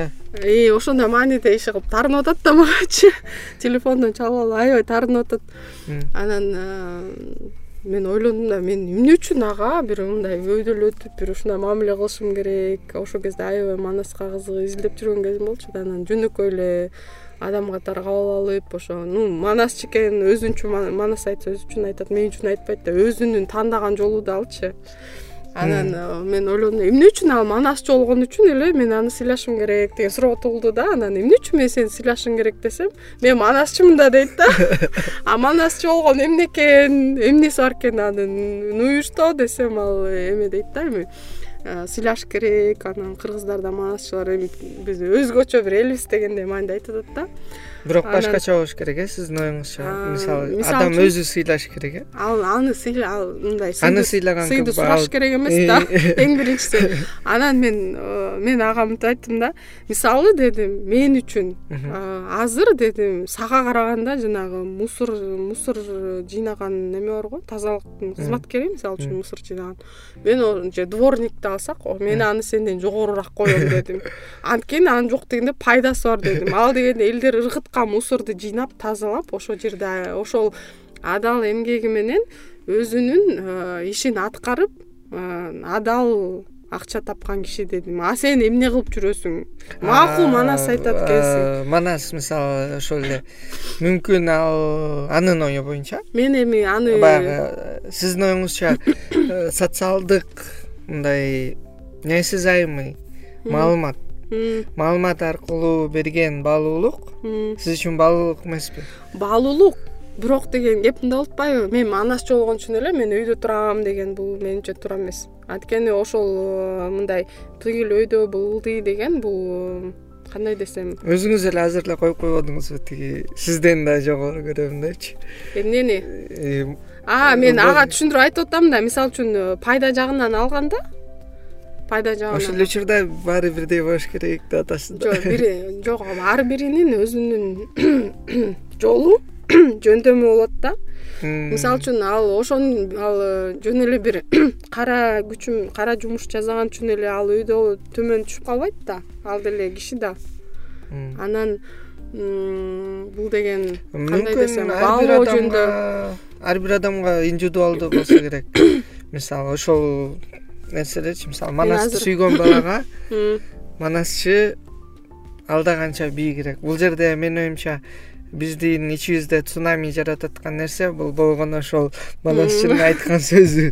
Ал адам адашты да. Э. менин оюмчачы баягы бул эми адамдык сапаттардынга да байланыштуу да. Мисалы үчүн манасчы эле эмес ошо бир э, кандайдыр бир сапаттарды өзүнө камтыган киши болуп атпайбы мисалы үчүн ошол эле дагы бир башка манасчыны алсак анда андай сапаттар жок анын көп эмгектери бар дейли да. Мисалы үчүн манасчынын эмгеги менен ошол эле мусор жыйнаган кызматкердин эмгегин салыштырып болбойт албетте. Анткени бирөө маданият жагын алып кетсе бирөө жөнөкөй мындай кара жумуштун аткарган киши да аны ар бир адам аткара алат мисалы үчүн. Бирок ошол эле учурда манасты ар бир эле айта албайт. Ошондо бул жерде жанагы бир өзүнчө эле тандалган элита болуп чыгып калып атпайбы бирок деген сиздин оюңузча кандай вот коомдо элита элитардык коом болуш керекпи? Мисалы менин ата бабаларым жалаң бай э, баягы мурдакыларычы э, еще андан мурдакылары еще баягы көлдүктөр неме деп калабыз го э, такай бийдин тукуму аркерки депчи баланча бий баланча менин ата бабаларым бай кээде кээде мисалы ошол эле кыргыздарды бириктирем деп жүргөн адам бириктирген адам типа мухаммед кыргыз болуп алды го дин аркылуу бириктиргиси келген да убагындачы бирок баары неме болгон? Башчы болгон же баягы колунда бар адамдар болгон да? Ак сөөк деп коебу кыргызда сөз бар э. Анан э, коммунизм келди. Малынын баарын алды кулакка тартты. Мисалы да колхоз кылды. Анан э, баягы э, тең кылып койду да. Мага көп жага бербейт бирок тең болгон жок да тең кылганга аракет кылганы менен тең болгон жок да ошол кезде деле өзүнчө элита болгон бир импорттук товарларга эми карабайсызбы там төрт миң деген малын алып коюп атат да? Алып койгону менен ошол эле байлардын ошол кезде деле баары бир бөлүнгөн да баланча кызматта отурат баланча кийинет баланча мебель алган импортный деген ой эмне кандай немецкий швейцарский мебели бар деген. Азыркыга чейин бар да ошолор? Сапаттуу деген. Ошол кезде дагы. мисалы үчүн союз учурунда деле ичинде бөлүнгөн да. Ошол иерархия болгон да. Ой ал мындай жогору турат бул мындай эле дегендейчи. Значит сиз туура эле анда деле болгон эмес сиз деле түшүнөсүз э мисалы ошо билимине жараша жөндөмүнө жараша ар бир адам баягы өзүнүн ордун ээлейт да коомдочу кыргыздын кыргыздын дагы бир сонун жакшы сөзү бар да жашаган эмес жашай албаган жаман дегенчи. Анан менин оюмча могул азыр биз сүйлөшүп атпайбызбы ушул теманын баары эмнеден келет да. Мисалы адам жашаган мисалы үчүн мен өзүмдүн мисалымды айтсак айтсам жашап өткөнчөктү сен ойлоносуң да мен киммин эмне үчүн жаралгам эмне кылышым керек анан из калтырам из калтырбайм кантип калтырам анан менин ордум кайда? деген сыяктуучу э, анан мунун баары мисалы э, эме бар да мындай менин оюмча азыр биздин эле коомдо эмес. Дүйнөлүк деңгээлде э, өзүн өзүн таануу процесси жүрүп атат да анан же болбосо термин менен айтканда сама идентификация сама өзүн өзү идентификациялоо. Мен киммин. Анан эң биринчи биз э, ушул процесс жүрүп аткандан кийин коомдо биз эң биринчи эмнеге назар салабыз? Эң биринчиси бул э, мен киммин дегенде албетте өзүң чөйрөңдү ата энеңди карайсың. Ата энем анан жана ошондон мен баланчанын тукумумун баланча бийдин тукумдарыбыз анан кыргызбыз бийбиз байбыз укмушпуз деген ошол жерден келет да. Э, анан тарыхка кызыгуу андан ары жылсак мисалы үчүн андан кийин ошо мени э, менин э, ушул кайсы коомдо жашасам мисалы үчүн азыр кыргыз кыргызстанда жашап кыргыз болгондон кийин кыргыз деген ким болгон? Анан мен кыргызмын деп жана төшүн какмай дегендейчи ошол анан манас улуу укмуш деген сыяктуу анан э, андан кийинкиси анан андан ары кете албай атабыз да. Мындайча айтканда бул бизде эле эмес чын эле дүйнө жүзү боюнча жүргөн процесс да ошо муну көп нерсе көрсөтөт. Мисалы үчүн эле мисал алсак э, киноиндустрияны алсак. Азыр тартылган көп популярдуу фильмдер жанагы жомоктордун уламыштардын негизинде тартылган. Ошол э, алынган э, э, каармандардын башкы каармандардын прототиптери бул легендадан алынган. Мисалы үчүн ошол эле чудо женщина ал деген зевстин кызы болгон ошо ошо легендадан алынган да мындайча айтканда. Же болбосо кандай дагы ким бар жанагы тор ал деле скифский скифтик скифтин эмесинен алынган кудай э? Кудайдын прототиби прототиби эле мейли ошондой эле ошондой берген. Ошол эле аквамен жана атлантида цивилизациясы деген уламыштар бар болгон. Ошол ошондон алынган мисалы киноиндустрияны алсак ошол эле музыканы алсак деле көбүнчө жана улуттук мотивдеги э, музыкалар популярдуу болуп кетип атат. Андай деле э, тенденция бар да. Андан сырткары э, мода индустриясын алсак ал жерде да ошондой да бир мындай бир улуттук бир улуттук бир эмелерди элементтерди кошуп ошону алып кетип атышат да. Бул эмне жөнүндө кабар берет? Муну өчүрдүмбү ошо анан кабар бергенде мындай дүйнөлүк деңгээлде чын эле ушундай бир э, процесстерди байкасак болот да. Ошол эле нерсе азыр биздин коомдо болуп атат. Анан ошон үчүн жана сен айтып өткөн кыргызчылык анан ошол жана ошол темалар албетте көтөрүлөт. Анан мен мындай такыр ылдый түшүп мага мындай нерсеге келет элем да мен мисалы санжыра деген теманы алсак бизге кыргыздарга санжыра эмне үчүн керек эле? Мисалы мен азыр кыргыз болуп жаралдымбы менин өзүмдүн тилим бар бир салттар бар бизде э мындай тээ илгертен келаткан бир салт ырым жырым бир өзүнчө бир система бар да ошонун ичинде жашап келгенбиз да. Анан менин оюмча улуттук деңгээлде ошо мени өзүмдү өзүм тааныш үчүн мындайча айтканда инструменттер бар да. Анан эң оңой өзүмдү өзүм тааныш үчүн мага эң жеңил жолу ошол кыргыздын улуттук баалуулуктары маданий. Ошол эле салт ошол эле менин тилим ошол эле манас мисалы үчүн. Э, эгер мен манасты изилдесем мен ошол аркылуу өзүмдү өзүм тааный алам дегендей. Деп ойлойм да. Анан бул жеңил жолу же болбосо мен оорураак жол менен барып туруп мисалы бизге жат э, жат эмес эми. Бизге кирген мисалы биз ислам динин э, биздин ата тектерибиз дейли э бабаларыбыз деймби алар бир кайсы бир мезгилде ак дин деп кабыл алган делет да. Бирок кылыч менен келген да негизи? Ошо азыр э, эмелер көп ак дин деп кабыл алган дейт э, биздин дин эмес дейт анан бирок биздин э, мага эмне жагат өткөндө бир жаш балдар менен сүйлөшүп отуруп калдык анан алар мага эки нерсени айтты да. Биринчиси мындай болду да сүйлөшүп отурсак эле анан мынтайт да эже сиз деген феминистсизби? деди да. Биринчи суроосу ошол болду андан кийин э, эме орусча айтканда меня то ли назвали то ли обозвали дегендей болду да. Анан экинчиси бир аз дагы сүйлөшсөк алар аябай э, мындай белгилеп кетейин алар мындай аябай динге берилген балдар эле да. Анан э, бирок алар мындай сакал койбойт мындай официалдуу эле кийинип жүрөт бирок динге аябай өтө берилген балдар да. Анан алар экинчиси дагы бир аз сүйлөшкөндө мындай болду да эже сиз теңирчи турбайсызбы деди да анан теңирчи деген сен шайтансың дегендей эле угулду да магачы анан мен аларга отуруп алып анан лекция окудум да.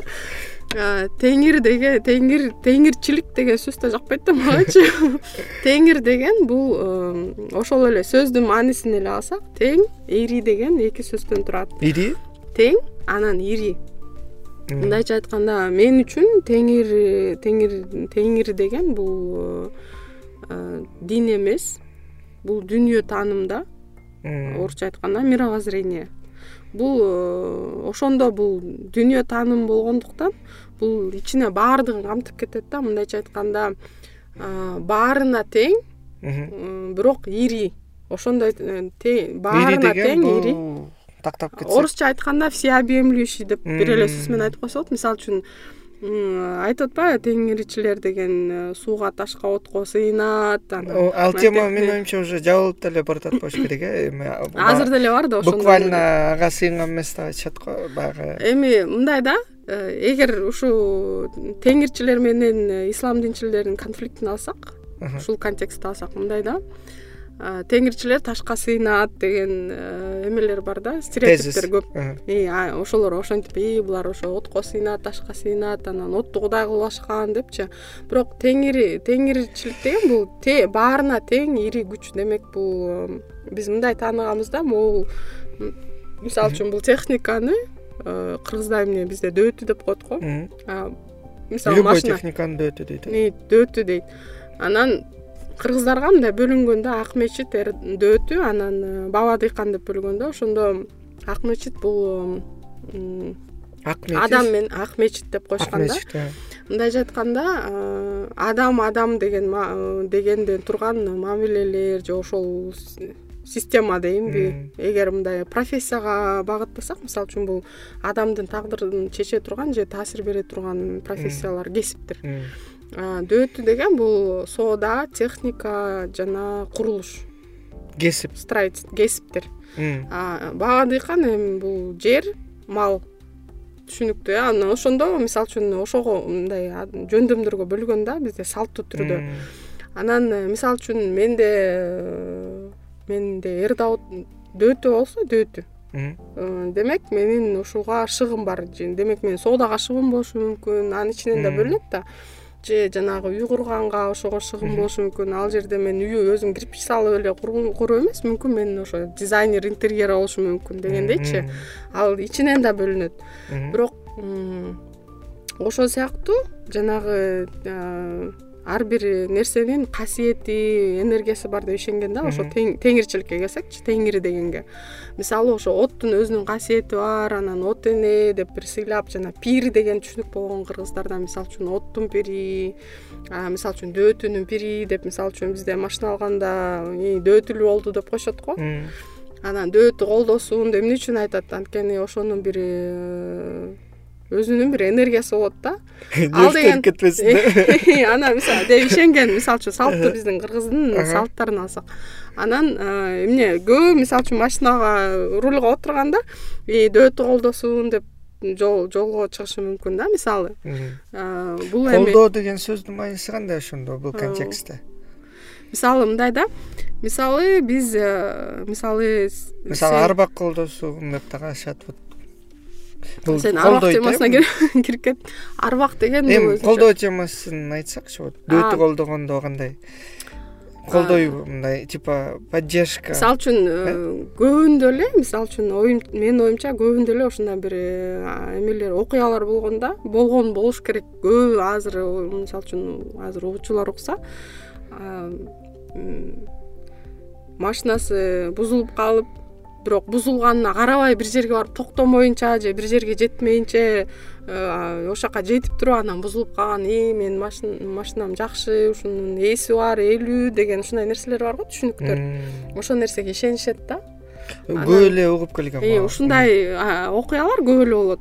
Эмне үчүн? Ошондо деген дөөтү колдогон дегенге кирип калып атпайбы бул нерсе анан э, жана колдоду деген мааниси бул э, баягы поддержал типа да? И анан ушул э, бир мындай бизде ошол ишеним болгон да мисалы ошол энергия бар.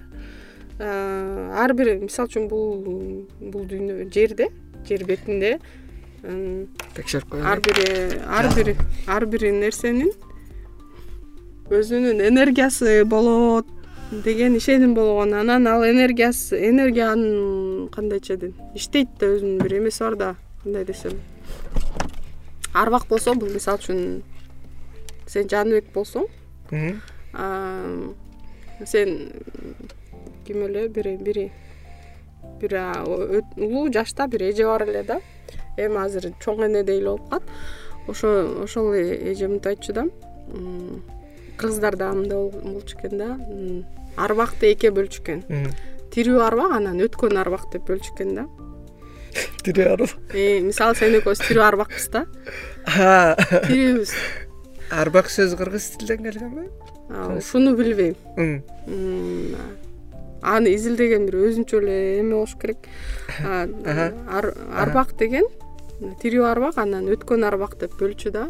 Айтчу анан мисалы эгер сен тирүү болсоң анан арбактар да түрлүү болот деген да арбак жана кишилердин түрү болот го. Жаманы бар жакшысы бар жаман сөздү айтпай коеюн ошонун ошол сыяктуу эле э, кээ бир арбак колдобойт кээ бири аны колдобойм колдошу мүмкүн эмес. Бир эме бир мындай сен жашоону кантип жашап өтсөң ошо сенин арбагың ошондой болот. Мисалы үчүн өтүп кеткенден кийин мындайча айтканда сен э, өмүр бою жашап өткөн энергетикаң кылган иштериңдин топтолушу арбак деп аталат да. Бул сенин эмес сенин жаның да эмес. Ушундай да. Капитал. Сен эмнени калтырып кетсең наследие мындайча айтканда. Ошол эмнени калтырып кетсең ошол арбак сен азыр тирүү арбаксың ошондо э, сенин азыр өзгөрүүгө же өзгөртүүгө мүмкүнчүлүгүң бар. Бирок өткөн арбактын андай мүмкүнчүлүгү жок анткени ал өтүп кетти бүттү жизнь прожита дегендейчи жашоо өттү.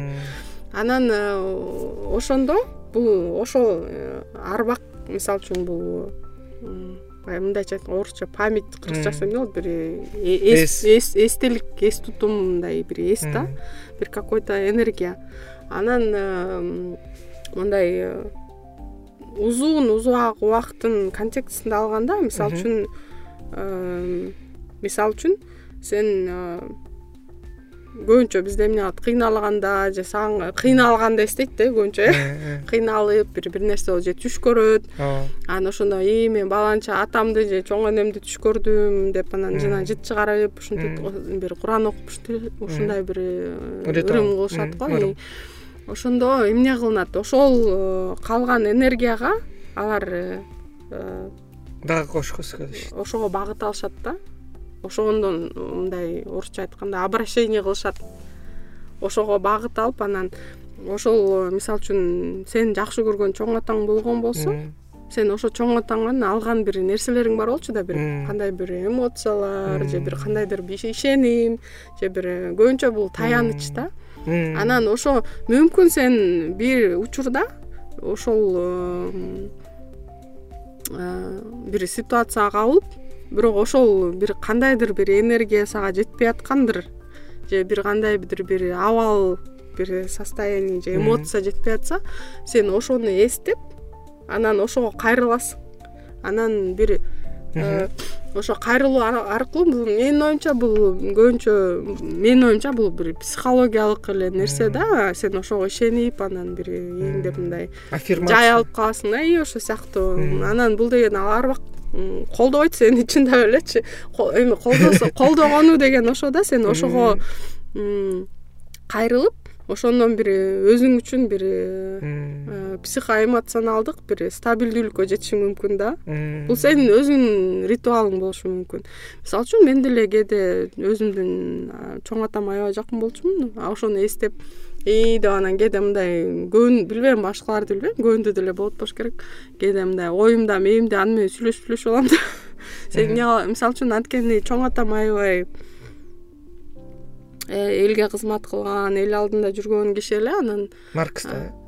и анан ага көп кишилер э, мындай кеңеш сураганы келишчү.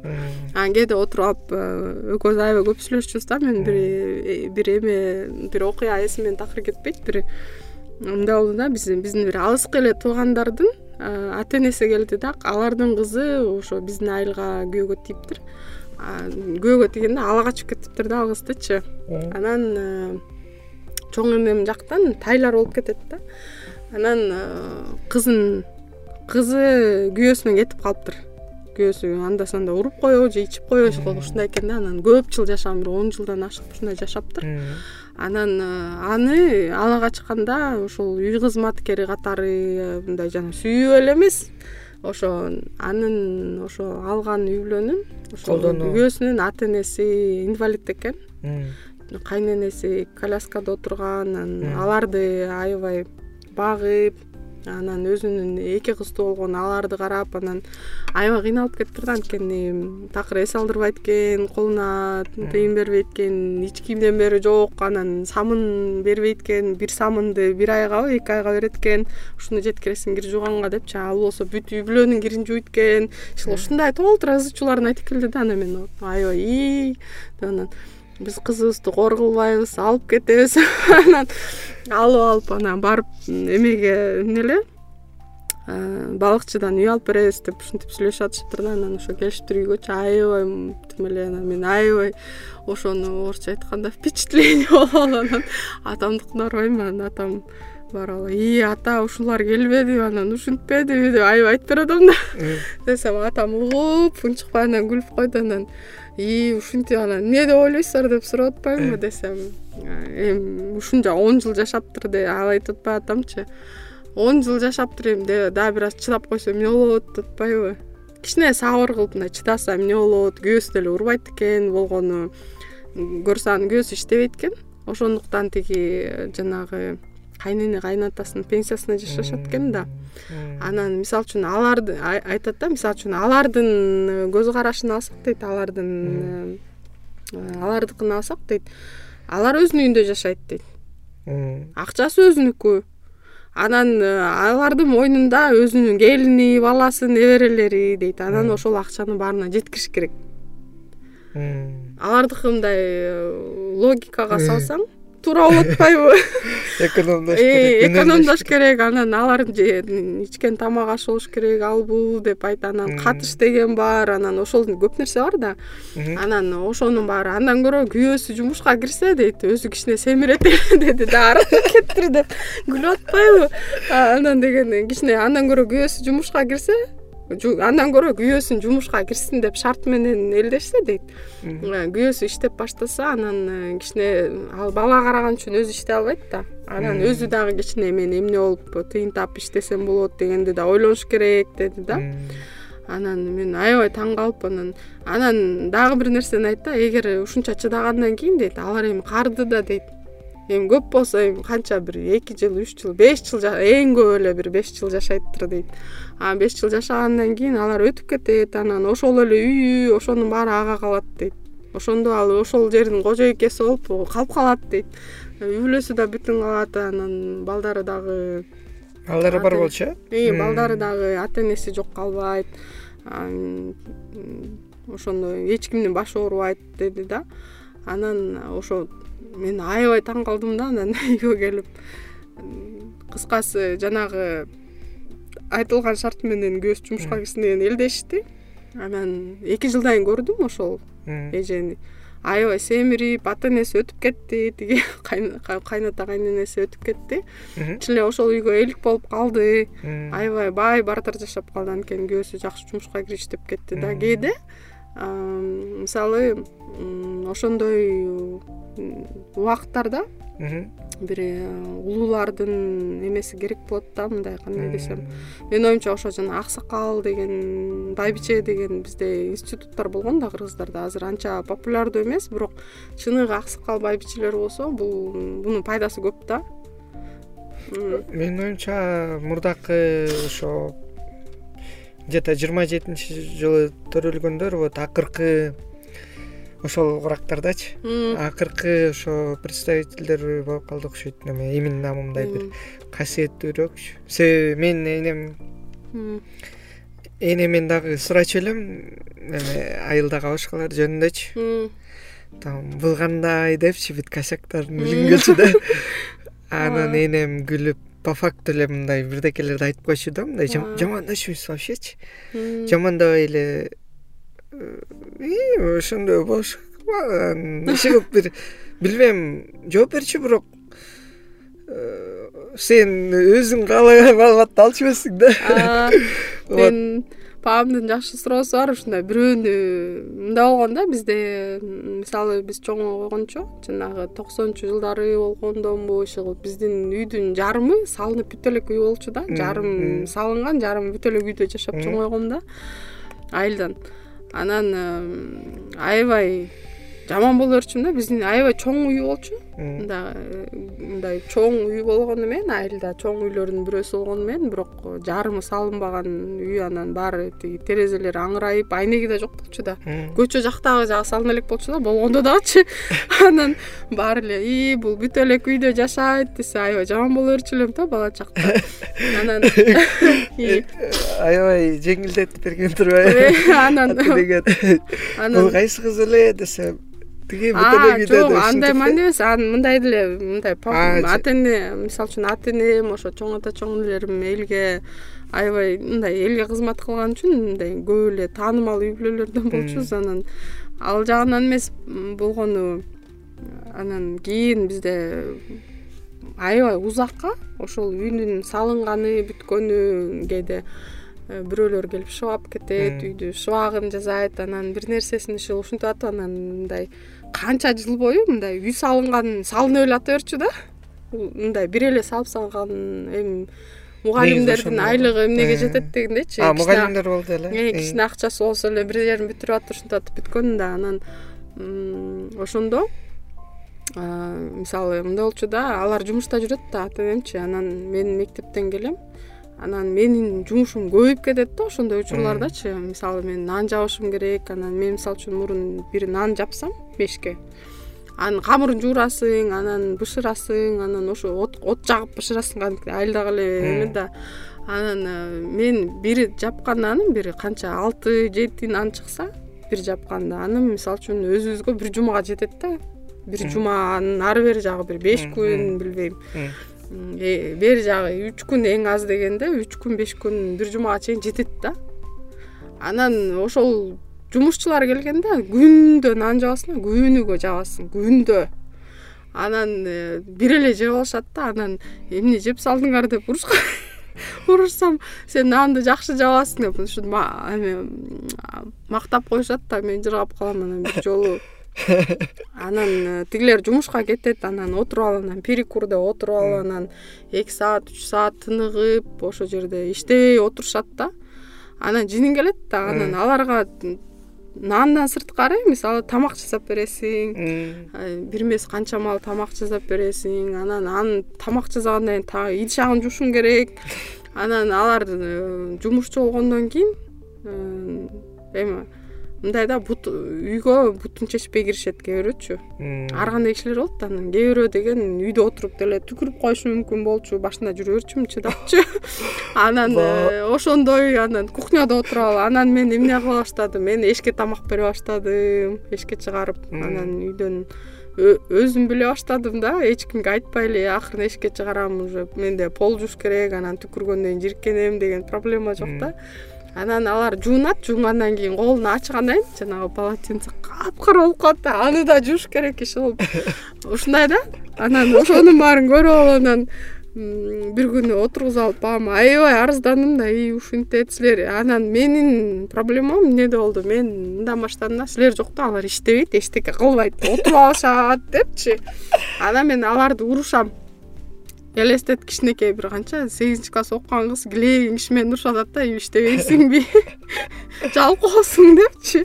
Анан алар камабак беле мени анан ошентип анан урушам.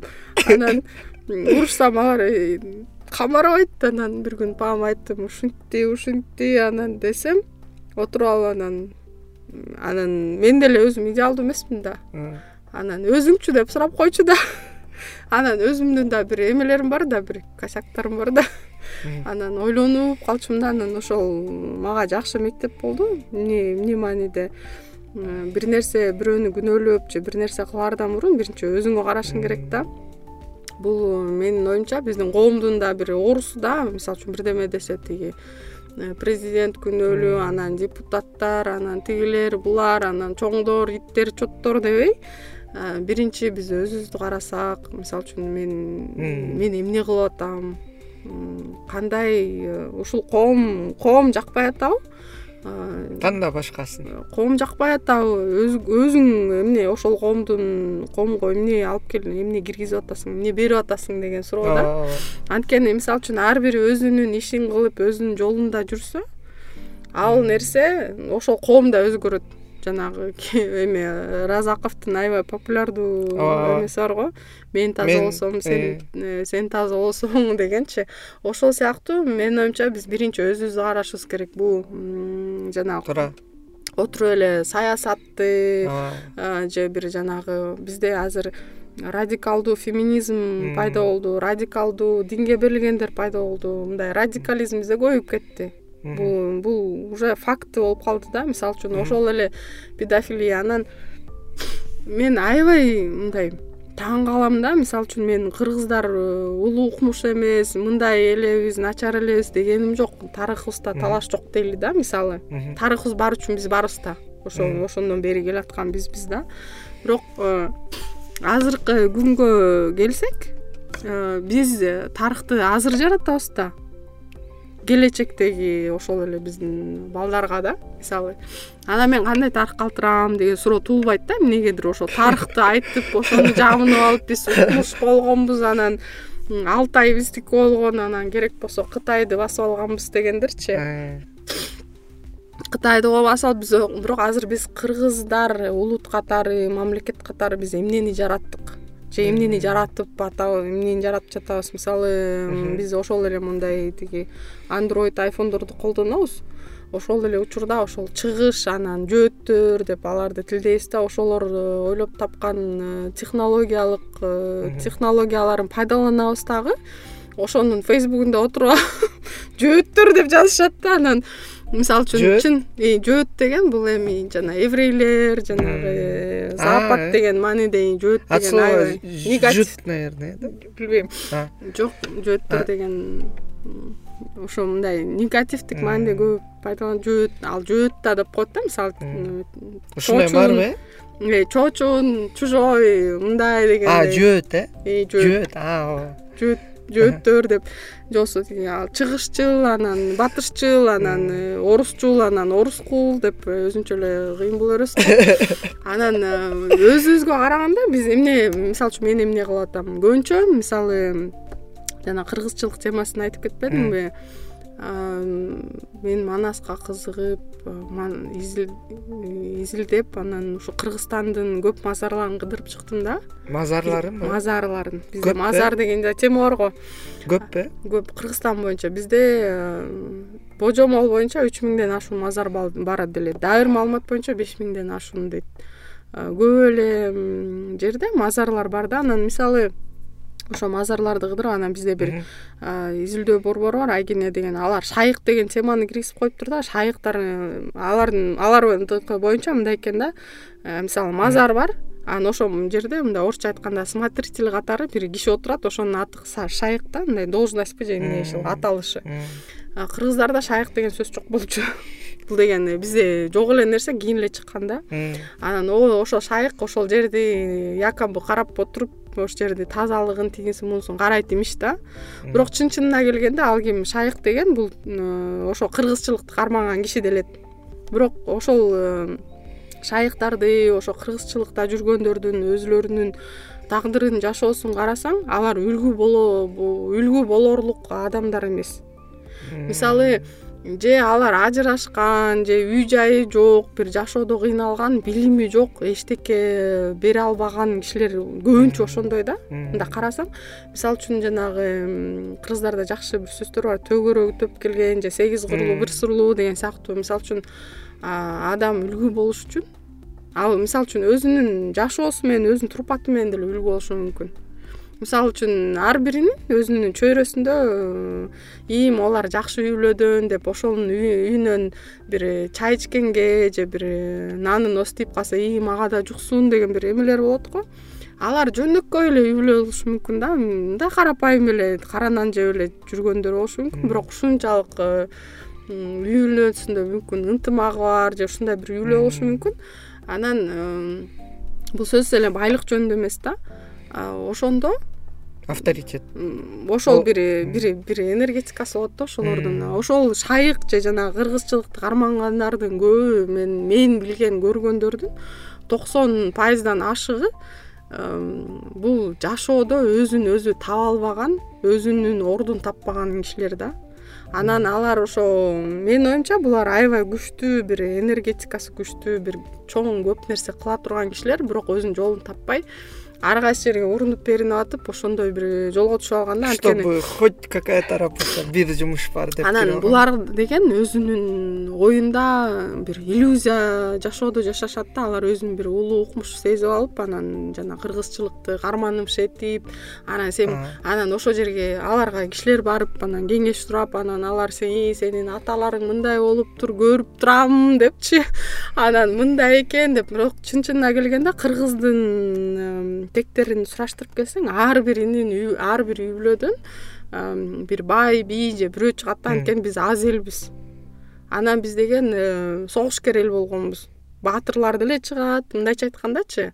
Анан деген бул деген монтип туруп э, бирөөнүн любой бир каалаган бирөөнү алып туруп алсаң ошонун тукумунан бир эмеси чыгат да. Тектериненчи бир баатыр же бирдеме чыгат. Анткени биз аз элбиз анан э, уру урууга бөлүнүп жашагандыктан ар биринин бийи байы жана даткасы эмеси болгон да. Анан мунун мул үчүн бир көз ачык болуп деле кереги жок да же бир эме болуш үчүнчү анткени ар бирибиздин ата тектерибизде бул бар нерсе. Мун үчүн деген аны көрүп коюш үчүн бир атайын бир касиет же бир нерсенин кереги жок да. Анан э, алар мага деген мынтип айтып атат мен бир эме бир эме окуяны айтып берейин.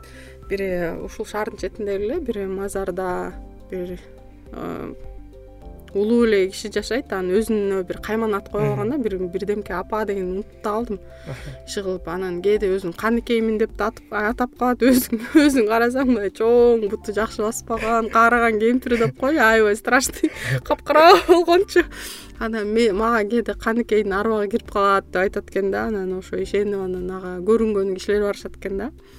Анан мен э, мен барганда менин статусум мындайча айтканда башкача болчу да мен изилдөө жүргүзгөндө эмнени байкадым? Мисалы үчүн алар менен өзүнүн ар биринин өзүнүн тили болот да тилинде сүйлөшсөң. Алар мынтип э, мындай бүтүмгө келишти да. Мен ии мунун касиети бар экен мунун да бирдемеси бар экен. Анан деп анан мындай тең катары кабыл алышкан эле да.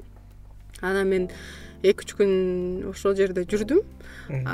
Бир күнбү эки күн түнөгөм да анан э, бир канча отуз отуз бешке чыгып калган бир эже келди да. Анан келип анан айтат да мен ал өзү соода менен алектенет экен а соодасы жакшы жүрбөй ден соолугу да жакшы болбой. Анан иши бирөөлөр ошол жерде бир эме бар ошого бар көрүн деп жибериптир да. Анан өмүрүндө биринчи жолу мазарга анан ошондой көз ачыкка келгенде кезишкен да анан тиги эле тиги кемпирдин эмеси бар да өзүнүн бир кандай десем окружениясы бар да өзүнө окшогон дагы бир молдо чалыш бир дагы бир абышка бар. Абышка эмес абышкадан бир аз жашыраак болуш керек.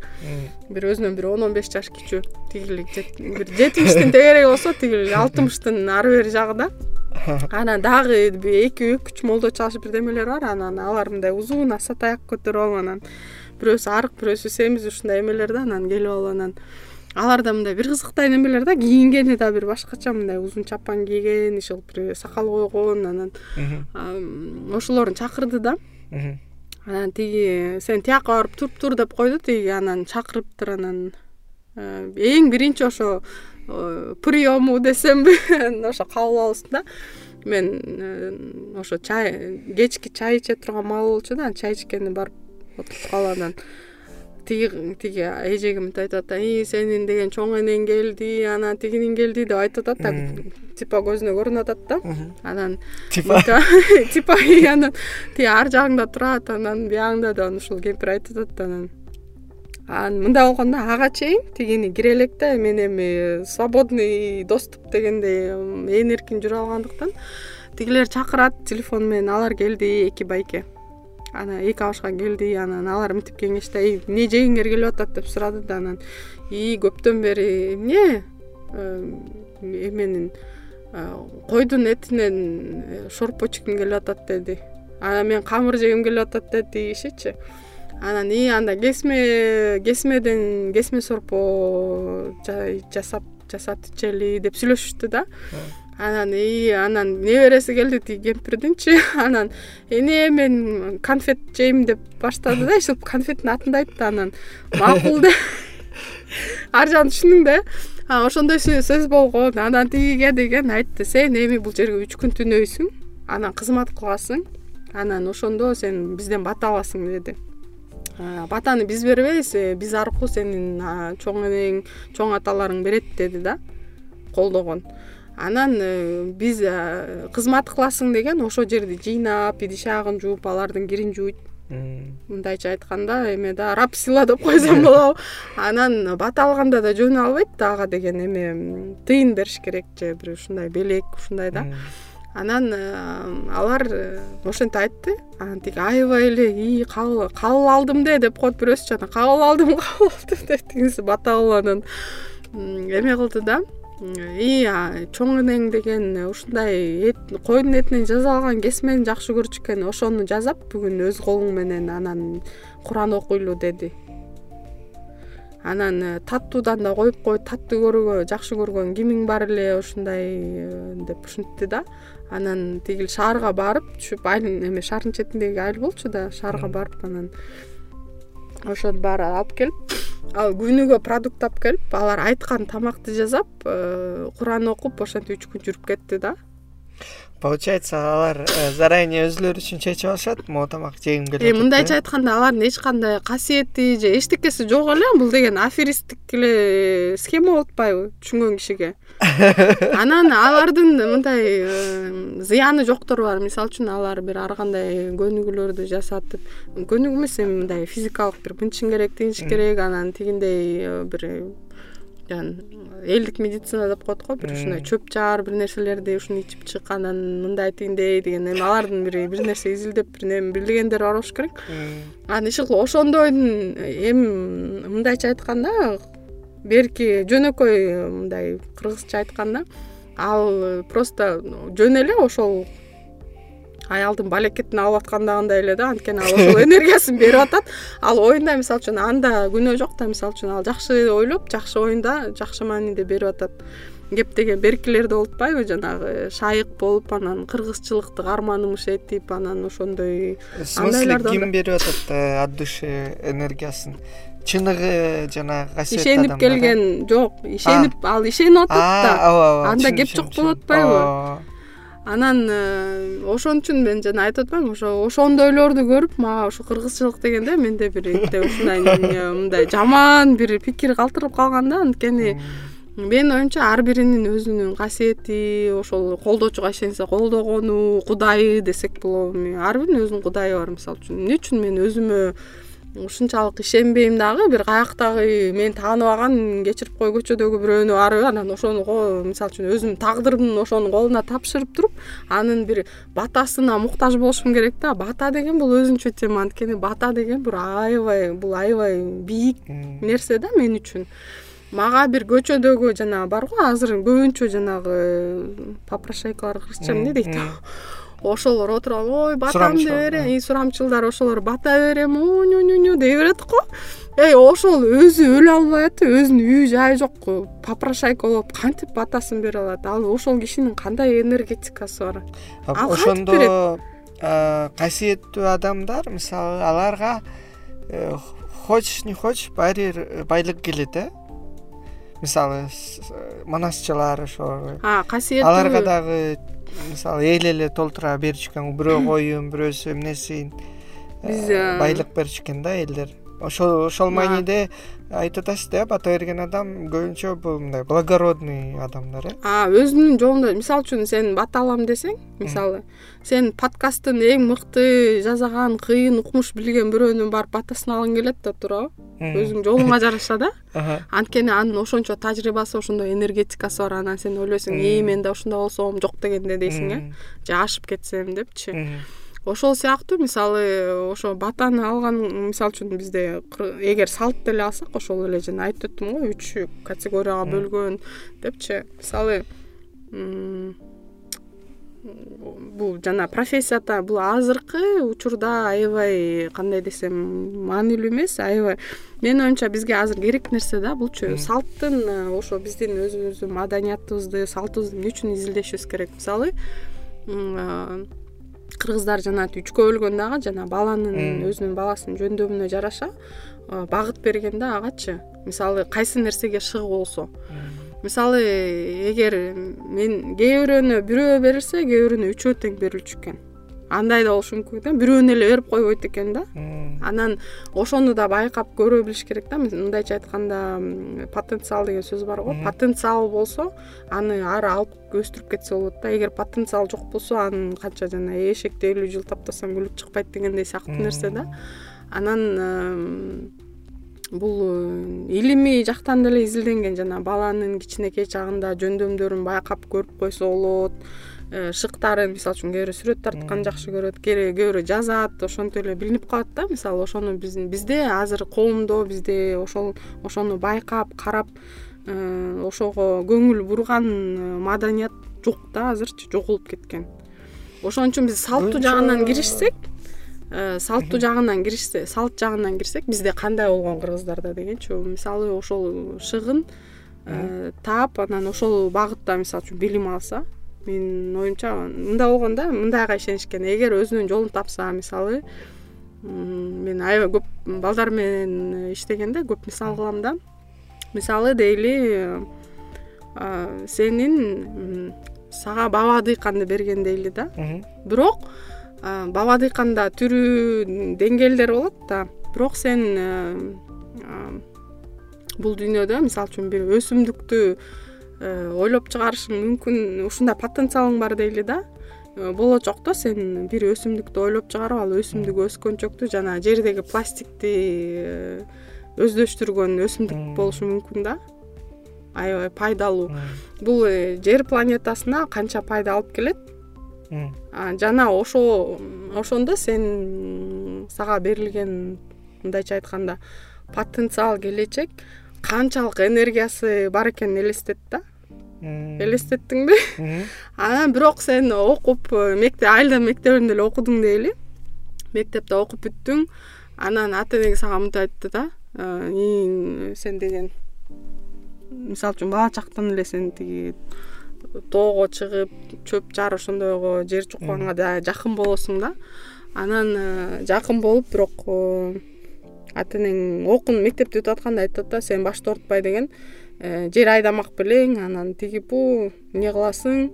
Анан аграрныйга тапшырбайлы андан көрө башты оорутпай тиги биз сага кресло алып беребиз стоматологдун стоматологдун окуусун окуп акчасы жакшы деп айтат да сагачы анан сен ары карап бери карап анан макул деп стоматологдун окуусуна тапшырасың.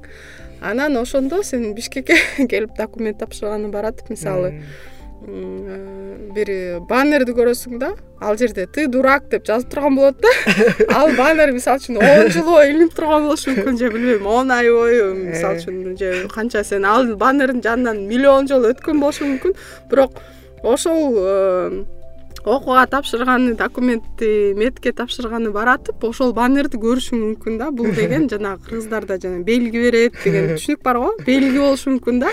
Бирок сен аны түшүнбөйсүң анан сенин эми ошол энергияң чоң да. Мисалы үчүн жер планетасына кыла турган кызматың чоң болгондуктан сен сага белгилер ошого жараша көп болуш керек да. Ошондо сен баратып деген тепкичине чалып бутуңду сындырып алышы мүмкүн да. Бул дагы белги мисалы да анан э, белги деген бул жакшы. Башка түшүнүк да бир кыргызчылык касиетке тиешеси жок бул сага өзүңдүн э, билбейм өзүңдүн дагы бир эмең бар да кудайыңбы бир энергияң ошол дагы мындай багыт бериши мүмкүн да. Анан өзүңдүн жана орусча айтканда сознание подсознание деген бар да анан ошо подсознаниенин деңгээлинде сен сенде ошол э, түшүнүк билим бар да. Бирок аны өйдө чыгарыш үчүн мояңа жетиш үчүн сен ошону тыңшай билиш керек да. Анткени ошо подсознаниеда бүт потенциал баары катылган да. Анан ошондо ошентип анан сен эптеп окуп бүтөсүң сен окуганча кыйналасың окугуң келбейт көп э, жаман окуялар эптеп окунуп бүтөсүң кыйналасың сага окуган жакпайт тынчтагың келет ар кандай бир нерсе болот да. Ошонун баары эгер жана орустардын бир жакшы сөзү бар если тебе плохо значит ты не там где должен быть дегенчи ошол сыяктуу мисалы ушул нерселерге маани бериш керек да. Бизде ошо салттуу түрдө ошол нерселерге маани берилген. Анан сен могул жерде өзүнүн шыгына жараша багыт берип анан өз жолу менен кеткен да анан бул э, сенин турмушуңда могу кандай чагылдырылат? Мисалы ушул чечим. Сен э, стоматолог болуп иштесең жана бизде бар го кол оор деген. Сенин пациенттериң жакшы болуп кетпейт. Э, бир кандай бир осложнение болот. Кээ бирөө сени сотко бериши мүмкүн ушинтип мен ушинтип кээ бирөө өлүп деле калышы мүмкүн мисалы үчүн же болбосо бирок сен ошол эле учурда сенин кабинетиңде өсүмдүктөр аябай көп болот да. Сен өсүмдүктөргө ошолорду өстүрүп ошолорго суу куйгандан өзүңчө эле рахат алып турасың да. Ошол нерсе баягы дайыма сенин жаныңда өзүңдө болот да. Ал мындай аны байкабаш мүмкүн эмес да. Мисалы үчүн мен ошо шаарда жүрүп э, көп бул нерсеге көңүл бурам да кээде маршруткага түшкөндө кээ бир айдоочуларды байкасаң мындай аябай тыпыйып мындай көйнөк апакай же бир мындай тыпыйып кийинип алышат да мындай апакай ушундай кийинип мындай кебете кебетесин сонуна кайгылып анан айдап анан ичин дагы кооздоп мындай сонун кылып коюшат да байкайсыңбы ошондойлорду конфет коюп коюшат кээде ошо мындай өзүнүн кебетесин карасаң түшүнөсүң да бул ордунда эмес киши бул деген мондай кийингенден кийин бул значит бир кандай бир кызматта отурганбы мүмкүн. Мүмкүн экранга чыгып бир журналист болуш керек же болбосо актер болуш керек деп ойлойсуң да анткени бул кээ бир жанагы э, кыздарда деле бар да кээ бирөө укмуш боенуп кийинип бир бир шыктары болот го. Ошол жашоосунда баары бир ошол нерселер э, билинет. Анан сен стоматолог болгондо ошондо деген сен э, окуганчакты мисалы үчүн сен башка жерде окугандан кийин ордуң дагы туура эмес болгондуктан сен туура эмес адамга жолугасың. Ошол туура эмес адам менен турмуш курасың анан сенин туура эмес адам менен турмуш курганда сен ажырашышың мүмкүн же болбосо балдарыңдын тагдыры кандай болот дегендей ошо ушундай да. Анан эмне үчүн мисалы үчүн жанаг тукум куйт деген биздин кыргыздарда сөз бар го. Мисалы санжыра деген тема да. Санжыра кыргыздарга эмне үчүн керек болгон? Азыр бизге эмне керек? Мисалы мен бала болсом анан профессия тандаган атсам кесип тандасам мен э, мисалы үчүн азыр балдарга мындай сунуш берет элем да. Ата энесине барып же чоң ата чоң эне тайата тайнелерине барып ошо менин атам чоң атам тигилери жана ата тектери ким болгон? Эмне жумушту кылышкан?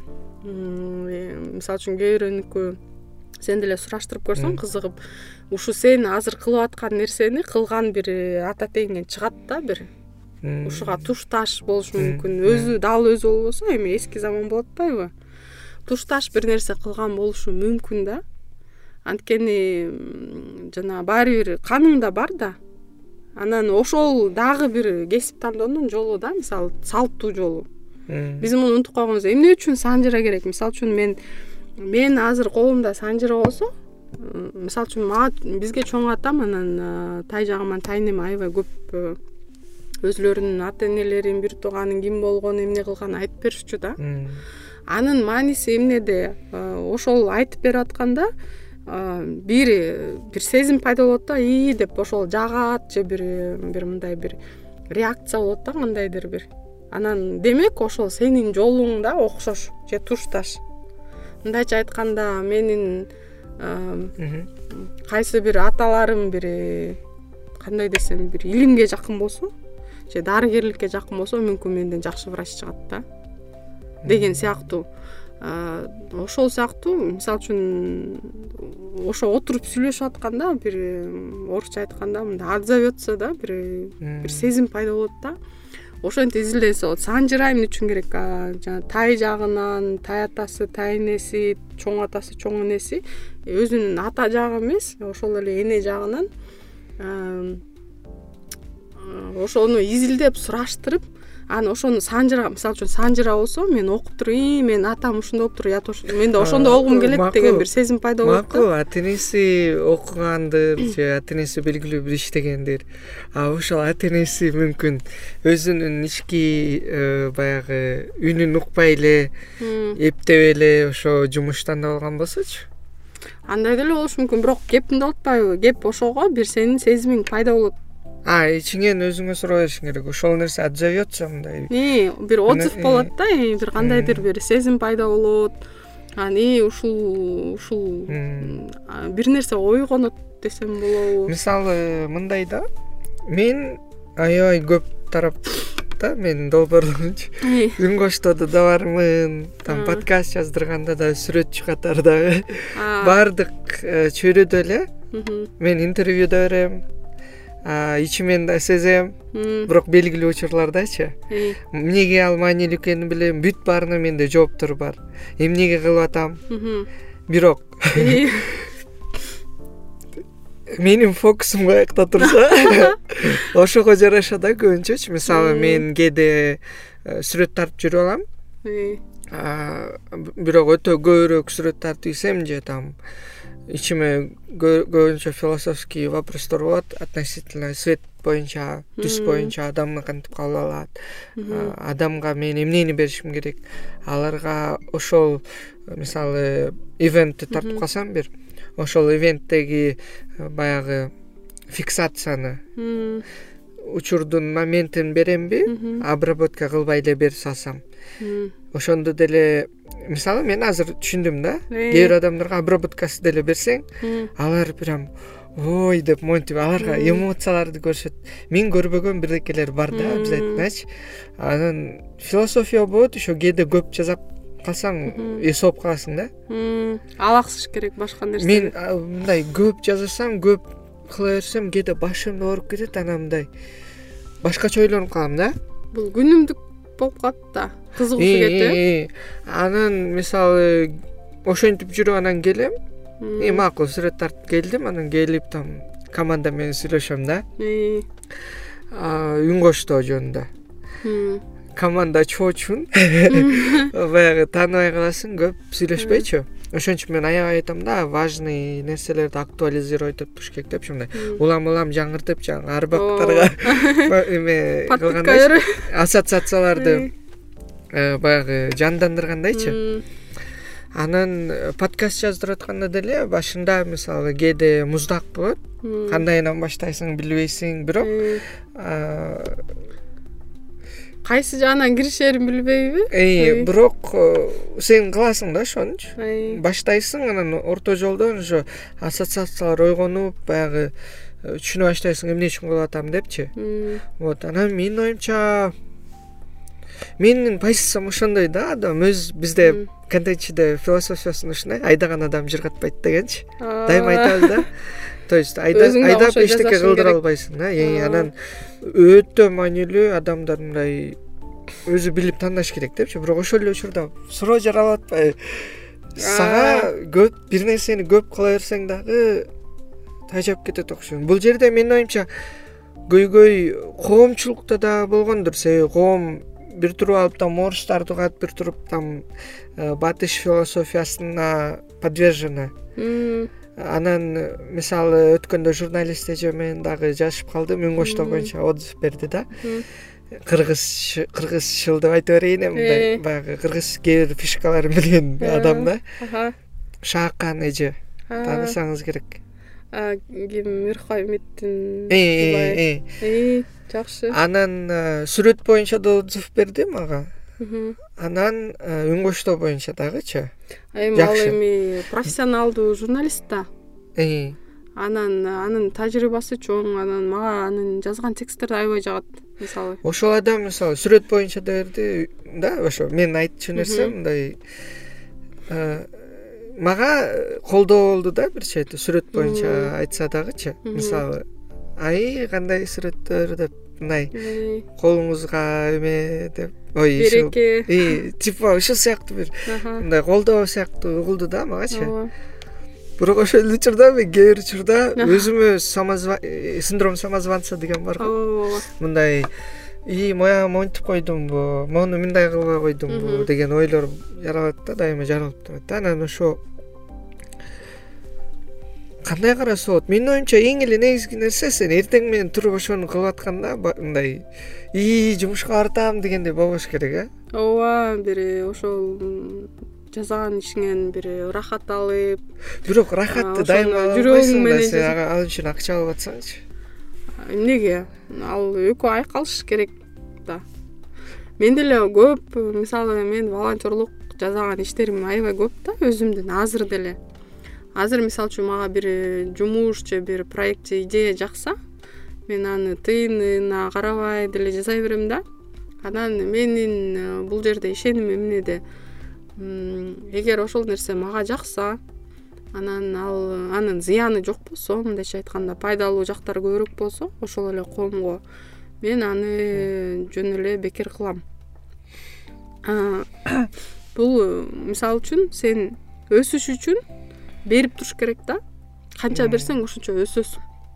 Анткени бул билимге аябай тиешелүү да өзгөчө. Мисалы сен бир нерсени билсең аны өзүңө каттап эле жүрө берсең ал эскирип кетеби мындайча айтканда ал пайдаланыш керек да. Анан ошону бөлүшсөң сен ары жактан бул билим эле эмес көп нерсеге тиешелүү да. Мисалы үчүн эгер мен нан жасаганды билсем мисалы колуман келсе мен ал нанды өзүмө жагышы мүмкүн. Жасаганымчы жасап өзүм жей берейин дейли. Бирок мен жасаган нанды канча көп киши жеп көрсө ошолор ошончо көп э, мага эме берет да кандай десем комментарий берет фидбек берет. Наның мындай экен тигиндей экен анткени адамдар ар түрлүү болот. Анан ошондо и тигиге тигил жагат экен буга бул жагат экен ар кимдин өзү башка нерсе жагышы мүмкүн. Анан бул мени байытат. Ошондо мен мисалы үчүн билем да и демек мында деген мунун тузун азыраак кылып Э, көрүшүм керек. Мисалы үчүн көпчүлүк конок тосуп калсам эгери бир күнү мен ошондо ошо нанды баарына жагыш үчүн баарынын көңүлүн алыш үчүнбү же өзүм жакшы сөз угуш үчүнбү башка бирөөнү ойлогондо мен ошо нанды ар түрлүү кылып жасашым мүмкүн. Бирөө мисалы үчүн майга куурулган борсок жей берсе бирөөсү мисалы кара ундан жасалган нанды жактырар. Бирок рецепт бир болуп атпайбы мындайча айтканда бир эле ошол эле нан бирок ошондон түрлүү нерсе жасаса болот мунун дагы рецепти кандайча бир болуп калат ну эми камыр бирдей эле жуурулат да. Бирок анын составы башкача болушу мүмкүн да. Анан бышырган ыкмасы да башкача болушу мүмкүн. Бул жерде кылуу жөндөмү мындайча берген жөнүндө берген жөнүндө сен ошондо мисалы үчүн өзүң деле ойлобой башкаларды да ойлой жүрүшүң керек да. Мындайча айтканда мисалы америкада вот феминизм аялдардын укугу боюнча. Радикалдуу эле катуу айтып атып алар ошо эмесин теңдеген да баягы укуктарды берген да голосованиеге. Бизде укуктар э, мыйзам түрүндө жакшы эле бар да. Эми укмуш деп айта албайм. Мисалы ошол эле квотаны алсак отуз процент деген мен үчүн менин оюмча аз. Анткени эмне үчүн элүү эмес деген суроо туулат да бир чети ошо именно баягы элге берген боюнчачы. Бирок баягы эл менен э, алака түзүп отчитываться этипчи мисалы анализдеп а кээде мисалы активизм сыяктуу болот да. Мисалы ошол эле феминизм. Эгер ошо америкада катуу бастабайт этишип э, кыйкырып атып өзүнүн эмесин ордун эметпесе элдер а буларга жакшы эле болуп атат деген сыяктуу баягы окууга дагы доступ бербей э, голосовать эткенге дагы доступ бербей коймок мүмкүнчү. Анан бул жерде вот кандай болуш керек да ошол адамдардын ички немеси болуш керекпи? Эме жөнүндө айтсакчы ошо э, баягы ички бир мен ушул меники деп туруп анан баягы канчалык элди ойлош керек да өзүмбү же башка бирөөнү? Эми бул аябай индивидуалдуу нерсе мисалы бирөө үчүн өзүн ойлогон өзүнүн жолу менен жүргөн жакшыраак. Кээ бирөөнө баарына мындай берилип жүргөн жакшыраак мындай өзүнүн кандай десем жашоо образы ошондой болушу мүмкүн да. Мисалы үчүн мен бирок бул ситуациядан болуш керек э мисалы биз нан деле алдык да мисалы? Нан нан эми бул социалдык социалдык эмес да бул продукт э реалдуу реалдуу бир нерсени албайлы мисалы үчүн жок нан деле реалдуу бирок баягы өтө жөнөкөй. ситуация ситуациялар ар түрдүү болот э. Мисалы кээ бирөөнүкү социум менен байланыштуу. Ооба.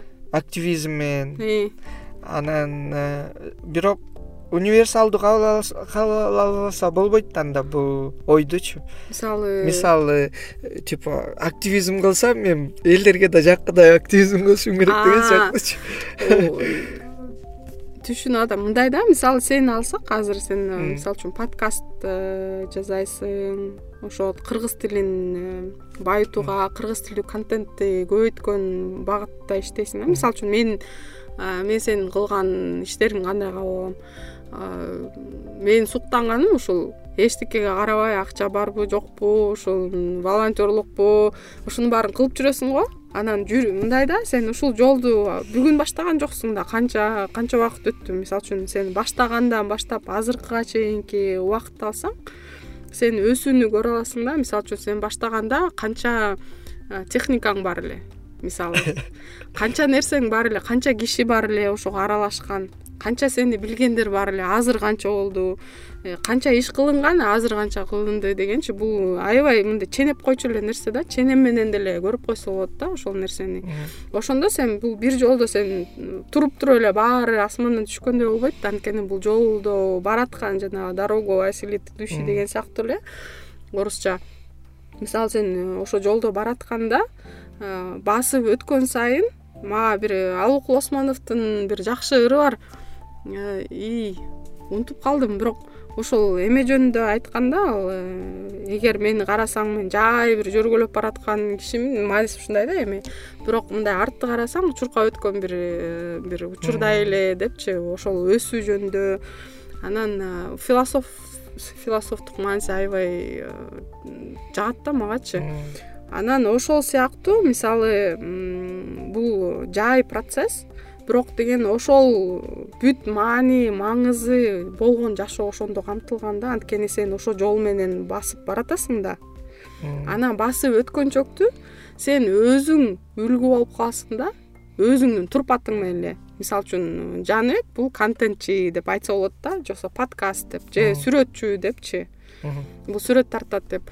Ошол эле сен тартып өткөн сүрөттөр да бул сенин жолуң бул сенин ушул жашоого ошол адамдарды көргөн сенин көзүң менен сен сенин көзүң менен көрүнгөн тартылган продукт. Бул аябай индивидуалдуу мындай сенин индивидуалдуу продуктыларың да мындайча айтканда. Анан муну бир эле долбоордун контекстинде эмес мындай узак жолдун контекстинде алганда ошол узун жол көрүнөт да мисалы үчүн сен баштаганда кандай жөндөмдөрүң бар эле азыр канчалык тажрыйбаң бар. Канчалык атың өстү же бузулду дегендейчи. Мисалы үчүн ошондой эле бузуп алса болот да мисалы үчүн бизде көп эле журналисттерди алсак дейли мисалы жакшы келатып жана кимди мисал алсак матраимовго аябай депутат болом деп иштеген бир депутат журналистика журналистика бар го. Бирок ал баштаган жакшы баштаган да ал журналисттик иликтөөлөрдөн башталган бизде ал жаңы нерсе болчу биздин коомдо ошол кезде. Анан ошо эл аралык деңгээлде ал эмне эле признание алган бир сертификат бир нерсе алган бир документ. Анысын азыр кайра жокко жокко чыгарып койду го ошол эл аралык уюм анткени ал матраимовду жактаган үчүн. Ошондо ошондой артка кетүүлөр деле болот да анан бул жерде сен ошол ар бир баскан кадамың кадамыңда сен тандоо жасайсың да сен же ушуну жүрөгүң менен жасайсың же кекиртең менен дегендейчи. Анан э, менин оюмча сен жүрөгүң менен аябай ниетиң менен жакшы ак ниет менен ак ниет менен жасаган нерселер акыбети жана кыргыздас жакшы сөздөр бар да айтып атам го акыбети кайтат сөзсүз. Анткени сен өзүң үчүн ушул баскан жолуңда өзүң эң биринчи өзүң үчүн э, мындай э, чындык жагын же жакшы жагын тандашың керек да бул жерде бул жана сен айткан суроого мен бирөөнү ойлошум керекпи деген суроо да. Эң биринчи сен өзүңдү ойлошуң керек кайсы мааниде мен э, эртең бул бул үчүн мен өзүм уят болбоймунбу ата энемдин менин жүзүм жарык болобу эл алдында. Э, ата энемдин жүзү э, жер карап калбайбы анан эртеңки болочокто мисалы үчүн тукумум жер карабайбы деген нерсе да. Анан эгер суроо өзүң үчүн э ошондо менин оюмча? Мен эми бул жеке пикирим. просто мен эмнени гана кылбаса киши. э. ошол ал өзү үчүн жасайт эң биринчи. Демек анын бир бир кандайдыр бир кызыкчылыгы бар да. Кызык сөзсүз ар бир жасаган нерсенин артында кызыкчылык турат да. Ошол кызыкчылык э, кандай? Мисалы сен андан бир рахат аласыңбы же бир бир сөзсүз бир кызыкчылык жаткан болот да анан ошол кызыкчылык э, мындайча айтканда ачкыч десек болот да анткени ал ошо ошол сен жасаган нерсенин жазат атпайбы сени мындайча айтканда кыймылдаткан нерсе да. Анан э, кызыгуу бул өзүнчө чоң тема анткени биз э, эгер кызыгуусу жок иш болбойт да. Кызыгы жок жасалган иштин ишке көбүрөөк энергия короп кетет көбүнчө. Байкасаң? Көбүрөөк энергия коройт бирок ооба жараткан адамдан куройт э? Ооба да. Э, э, э. мисалы үчүн сага жакпаган нерсени бирөө кылып бер десе ошол учурда мисалы үчүн мүмкүн дейли сага акча керек болот кыйналып турган кезиң болсо бирок сен ошол ишти кыла алсаң мындайча айтканда жөндөмүң ошого жетиштүү бирок сенин ичиңде мындай кызыкчылык жок да. Мисалы тамекини реклама кылган фотосессия жасап бер десе сага бирок сенин өзүңдүн баалуулуктарың боюнча тамеки тарткан бул зыяндуу демек бул сенин темаң эмес аны кылгың да келбейт. Бирок сага тыйын керек. Ошондо бул жерде конфликт жаралып атпайбы? Ошо конфликттин эсебинен сенин энергияң көп кетип калат? Ойлонгончок деле. Чечимге жеткичек деле. бирок ошондой нерселер болгон да менин баягы тарыхымдачы бир чети билесиң баягы бул ар биринин эле жашоосунда болот болуш керек менин оюмча мен примерно түшүнүп атам жанагы энергия боюнчачы кээ бир адамдар прям сүйлөшсөң эле аябай жакшы болуп каласың да мындай өз ишин кылып аткан адамдар менен эметсеңчи прям э, канчалык дүйнөдө укмуш кызыктуу бирдекелер болбосун там евровидение эмне эмне кайдагы бир событиялер э. Бирок ошол адамдын жашоосун карасаң андан да кызык да кой. э, бул адам аябай самодостаточный да мындай. Өзүмө өзү туруп ушунчалык мындай англисче айтканда powerful прям күчтүү болот да. Баары ошондой э, анан э, менин оюмча жакшы анан бирок ошол эле учурда четте дагы неме таасир тийгизчү нерселер бар да. Элдер анан кантип кабыл алат ошо сен жазып аткан немеңдичи анан еще акча керек. Ооба. Анан э, менин оюмча коом билиши керек канда. Менин билишимче жанагы шаакан эже айткандай баягы эгер ал көрүп атса эгер ага жагып атса ошо колдоп айтып кишигечи жакты же болбосо бизге үн коштолор жагып атса биздин үн коштолор ой силердики жакты деп монтип адамдар бири бирине мындай белги берип бир баягы направлять этип сиз айтып атпайсызбы салттуу депчи. Бир мындай жол көргөзбөсө дагы мындай түрткү берип ооба. бир фидбектерди берип туруш керек экен да? Э бизде ушул маданият э, менин оюмча аз да. Мисалы мен өзүм э, бирөөнү жолугуп же бир иш болобу эмне болот эмне болбосун? Бир оюма бир кээде бир э, бирөө менен кичине сүйлөшүп эле же көчөдөн бир жакшы кийинген эжени көрүп анан ошону аябай суктанып кетесиң го ичиңен элечи мындай көрүп туруп эле анан мисалы мен бир кайсы учурда мындай бүтүмгө келгем ошол жакшы нерсе болсо ошону сөзсүз бөлүшүп туруш керек экен да.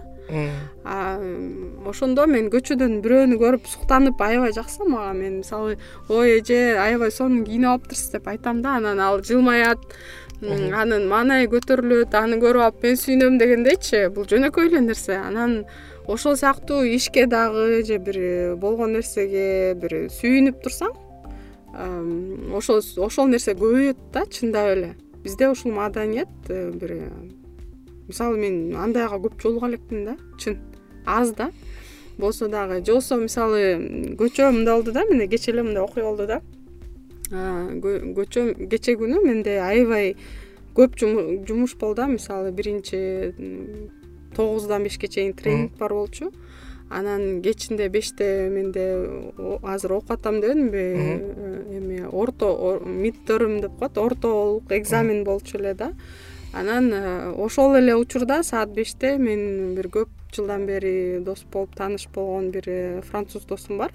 Ал изилдөөчү антрополог phd доктор докторлугун жактаган манас темасынан анан ал ошол өзүнүн изилдөөсүн эртең манас академиясына презентацияламак да анан ал көп жылдан бери аны элге деле жайылтпай эле анан биринчи жолу ошонун жыйынтыгын укмакмын да мен аны канча жылдан бери билсем дагы ошо изилдөөсүн деле толук деле билбептирмин да. Анан э, ал ал саат беште болчу. Ошол эле беште менин экзаменим болчу анан тиги бешке чейин тренингим болуп атпайбы.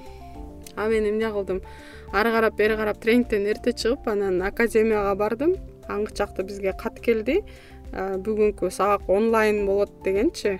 Анан мен ойлодум өлүп кетсинкү онлайн тигини кошом дагы анан ошол эмеден тиги отурабам депчи анан экзаменди эптеп тапшырып алармын деп. Анан ал жерге барып мен эмнени билдим? Анын орусча анча мынча билет. Мындай анча жакшы эмес да орусчасы. Бирок э, орус орусча билет анан кыргызча да билет ошондой эле деңгээлде анан ал презентациясын орус тилинде кылмакчы болуптур анан мен барганда эле айтты сен мага жардам бересиң анча мынча жеринен деди да эми. Анан мен макул дедим. Анан ошондо мен онлайн тигиге катыша албаган атпайбы экзамениме анан мейли деп анан э, мындайча айтканда бул тандоо маселеси болуп атат да. Анан э, ошону тандап туруп анан э, ага чейин мындай болгон да мен андан мурдагы күнү түнү бою уктабай чыккам да эмнегедир такыр албай койдум анан башым ооруп башталды баштады бир маалда анан ооба айтып атпадыңарбы дары ичтим ал жардам берген жок анан эртең менен туруп анан менде мындай болду да мен уктаган жокмун чарчаганмын анан отуруп анан э, эртең менен ойлондум да мен такыр уктаган жокмун. Анан башым ооруганы күчөдү аябай. Анан ойлодум бүгүн эч жака барбай эле жатып менин эмем бар болчу да мындай мандатым бар дегендейчи анан бул жерде бул тандоо маселеси да анан э, мен ойлодум эми жата берсем эчтеке өзгөрбөйт андан көрө дагы эки эки таблетканы ичтим дагы анан э, тренингке бардым. Ал жерде мен көп жылдан көптөн бери суктанып жүргөн бир блогер бар да. Э, ошого аябай таанышкым келип жүргөн да аны мененчи ошол өзү тренер экен анан мага аябай мындайча айтканда кудай берип салды да. Аны менен тааныштым бир аз сүйлөштүм анан андан бетер суктанып келдим. Анан тиги досумдун эмесине барсам тиги э, биздин э, сабак берген мугалимибиз ошол жерде аэропорттон уча албай калып интернети начар болуп сабак деле болбой калды да иши чала була бир жарым сааттык бир нерсе болду да. Экзамен да болбой калды. Анан э, ошондо тиги лекциясын уктум. Анан ошол маалда эле менин иштешкен бир шефимби. Ошондо бул выступлениянын учурундагыны айтып атасыз э ии анан бүгүн бүгүн жолуга турган жолугушуу ошо кечээкке жылып кетти да. Мен эртең бошобой калам ошон үчүн азыр жолугуп бир бир нерсе мага бериш керек болчу. Ошону азыр алып кет деди да анан мен бошобой атам десем макул деп калган.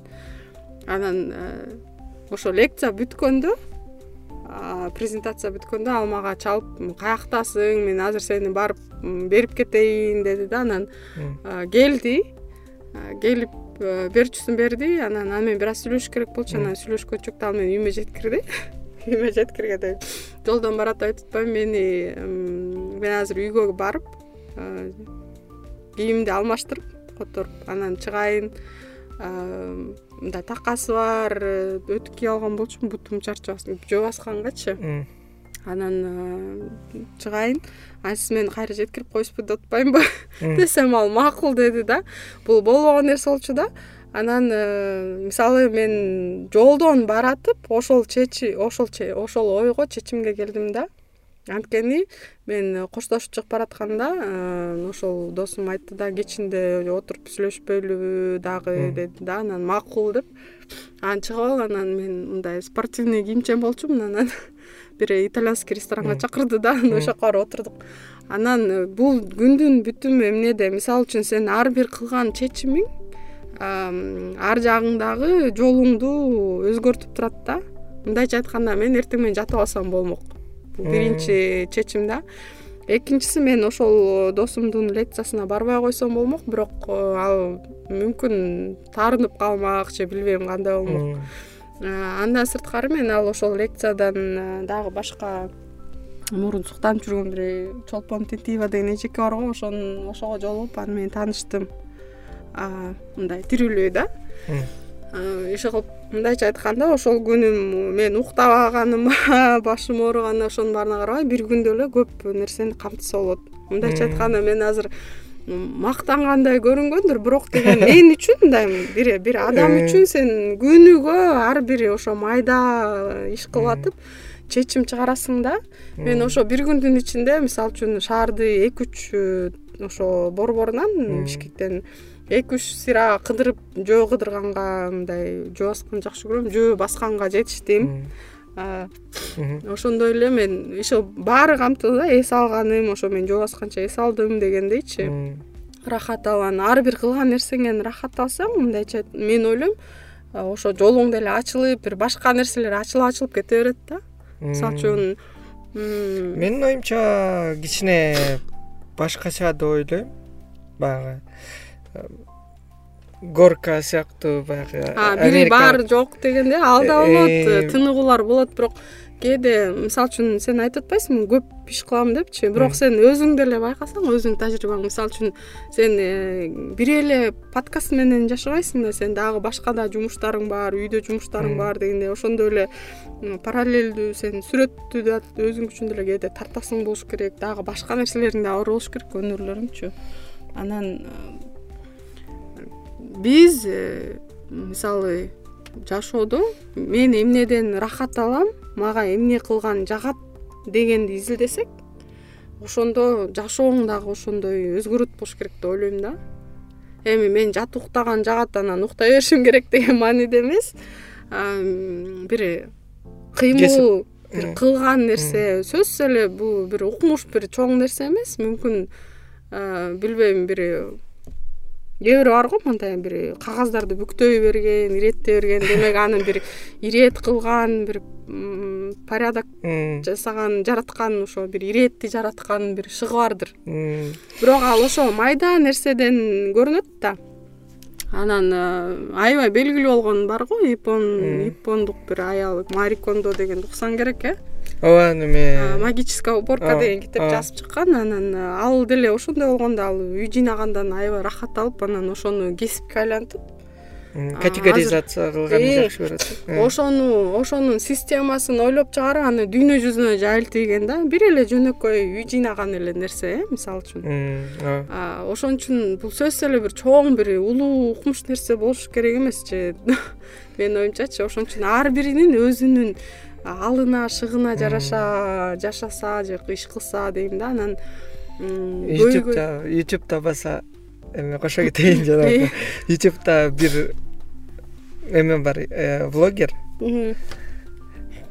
Кантип э, энергияны коротпой. Кантип э, баягы көп кыймыл аракет кылбай забордон өтсө болот деген видеолорду эки колун моундай коюп анан мынтип айланып өтөт туруп калгандай кылычу токойдо кетип баратып кетип барып туруп бакты сүзөт дагы мындайынан сальто жасап атат акробатика да.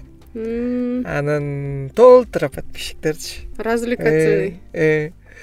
ооба. Эмне эмнеге жок? Аны көргөн көрүүчүлөр болсо. Мындай карап атсаң эмне мааниси бар бунун бирөөнө мааниси жөн эле сальто жасап атат жөн эле мынтип атат дейт да. То есть развлечение да? Мен бир бирок ал акча табат да эми баягы ютубтан монетизациясы бар болуш керек монетизация болуш керек. Мен бир психологдун бир эмесин уккам да. Интервьюсуна бир чоң бирби эки сааттык интервью эле да. Бирок ошол ошонун баарынан мен бир эле ой алып чыккам да. Ошол кезде мага ачылыш эмес бир аябай кызык нерсе болгон да. Биз мен эмеге аябай кызыгам да. Жана сайма саям деп атпаймынбы тигип жана кийим кийген ошол нерселер мага өзүмө жагат да. Анан ал нерсе менде эмне проявлениеси да. Кандай ошол жаккан нерсе мага кандай чыгат. Мисалы үчүн шоппинг кылган жанагы эмелерге барып кийимдерди көргөн сөзсүз эле сатып алып эмес кийип көрүп ар кандай стилдерди изилдеген жагат да. Анан ошондон мен эмени көргөм да. Ал интервью берип атып мынтип айткан да мисалы үчүн мен азыр фиолетовый ушундай аябай ачык түстөгү э, яркий ушундай рубашка кийип көйнөк кийип интервью берип аткан болчу да. Анан ал мынтип айткан да мисалы сен өзүң болгон турпатың менен эле көп маалымат алып жүрөсүң депчи мисалы үчүн мен азыр фиолетовый рубашка кийип турганым көйнөк кийип турганым бирөө үчүн белги депчи. Мисалы мен аны пландабашым деле мүмкүн бирөө мындай көчөдөн эле өтүп баратып мени көрүп эле өзү үчүн бир э, кандай сигнал. сигнал же бир маалымат алышы мүмкүн. Анткени мисалы бир э, ар бирибиздин жашообузда ошондой болот да. Мисалы үчүн бир нерсе жөнүндө ойлонуп баратып бир чечимге келе албай анан бир э, белги катары эмес бирок бир түрткү катарыбы мүмкүн. Бир мисалы үчүн мен кыздарда болушу аялдарда болушу мүмкүн чачым кырсамбы кыркпасамбы мындай тигиндей деп анан сөзсүз бирөөнү көрүп анан ушунукун да кылгым келет деген мааниде да. Кыркышы мүмкүн же болбосо деген ушул сыяктуу бир майда нерсе бирок сен өзүң турпатың менен эле ошо тирүүлөй туруп эле ошондой э, бир көп өзүң билбеген нерселерге түрткү болушуң мүмкүн да. Сен аны билбешиң деле мүмкүн. Мисалы ал деген мояңа тагып алган жөн элекке жөнөкөй значок деле болушу мүмкүн да мисалы. Ошон үчүн биздин жашообуз бул жөн эле биздин айтканыбыз сүйлөгөнүбүз кылганыбыз э, колубуз менен жасаганыбыз эле эмес биздин э, жашоо образыбыз биздин басканыбыз э, мисалы үчүн бизде бишкекте жакшы эле ушул маданият өсүп атат го. Жанагы чуркагандар көбөйдү велосипед менен жүргөндөр көбөйдү дегендейчи. Ошону көрүп деле ошол башкаларга мотивация бериши мүмкүн. Ал жөн эле өзүнүн жолу менен велосипед теп кетип бараткан болушу мүмкүн. Бирок сен ошону көрүп ии мен да велосипед тебишим керек деген ой келет да. Анан ал жагы анын ары жагы чоң болуп атпайбы мисалы үчүн ушу бишкектин абасы ошол эле үнөмдөө дагы эмне ден соолукка пайдасы дегендей дагы көп нерселери бар да анын артында. Анан ошол нерсе дагы эмнеге алып келет? Сен ошондой коомго кириштер болосуң. Мындайча айтканда бул жаңы жаңы кишилер жаңы коом жаңы билимдер көп нерсе билесиң да анан ала жаңы дагы ааламдар деп койсо болот да анан э, сен ошо жашоодо басып өткөн сайын ошончо чөйрөлөр башка башка чөйрөлөр да бул башка деңгээл алар да түрлүү болот. Мисалы үчүн ошол эле э, велосипед тепкенде мисалы үчүн менин өзүмдүн бир тууган иним аябай көп жылдан бери тебет анан э, эгер салыштырып айтсак мен такыр теппейм. Кээде тепип калам. Шаар ичинде анан аныкын алам да аныкы бүт баары бар да шлем жанагы эмесин барчы мындай атайын эме кийиминен бери рюкзагы да болот атайын велосипедисттердин анан э, ошо мен андан көп нерсе угам да анан ал тээп бир жолу шаардын четине тетиги ата бетке чейин тээп барам деп э, велосипед арендага алып берди да мага анан мен беш саатта сейил паркына бараң жеттим да. Элестет велосипед тегипчи анткени ал жерден баштап мындай бийиктеп кете берет экен да өөр экен. Улам өөрлөп кете берет экен кете берет экен бийик бийик болуп анан мен тээп жетип анан э, кайра ылдый түшүп түшөйүн деп анан ага чалдым да. Анан каяка жетип калдым эле резиденция жака жетип калсам керек. Э, анан ага чалып анан кайсы жерге велосипедти алып барыш керегин билбейм да. Анан чалып айттым да мен ушул жерге жеттим. Сен мага деген жол көргөзчү же болбосо велосипедти алып барып өткөрүп бер дедим да десем. Мен ошол жерге тээп баратканда эки жарым саатта жеткем. А болсо жарым саатта келди да элестет ушунча көнүп калгам да анан мен үчүн бул ошол нерсе эле ошол факт эле мен мээмде переворот жасады эмне үчүн мен ушинте албайм дегенчи эмне үчүн мен ушунча кыйналып теп анткени эми ал тажрыйбасы бар дечи көнүп калган да. Бирок деген бул реалдуу эле нерсе экен да ошол канча расстояние эмне? Расстояние ошол аралыкты э, жарым саатта эле басып өтсө болот экен да велосипед менен эгер машинаны алсак автону алсак ал деле бир светофор анын эсеби менен бир жыйырма сааттык жол эле да. Жыйырма мүнөт э жыйырма ой жыйырма мүнөттүк ооба жыйырма мүнөттүк жол да. Ошондо мисалы үчүн ушундай нерселер мындай көп ачылыштарды кылат да мээни да иштетет билбейм нейрондорду жаратат жаңы жаңылык жаңы э, ракурстан э? Ый анан ал ошол велосипедти ээп жүрүп эле ал э, эме кылат да мисалы триатлон триатлеттер бар го бизде федерация. Ошол жерде судья болуп э, катышат. анан ал жерде жалаң мындай эме жок да ал жердечи мисалы үчүн ошо спорт объединяет деген иштеп калат да мисалы үчүн спорт бириктирет дегенчи ал жерде э, аябай чоңдор бар байлар бар жөнөкөйлөр бар анан ошолор аралашып анан менин оюмча бул аябай байытат да дүйнө дүйнө таанымыңды байытат ошо сүйлөшөсүң ошондой кишилер менен таанышасың. Дагы ошол аркылуу байланыштар аркылуу көп нерсе жаралат деп ойлойм да. Мисалы үчүн эгер идеялуу кишилер болсо ошол жерден идея ойлоп чыгарып мүмкүн бир нерселер жаратат. Ооба эми э, негизи жакшы ойлор айтылды?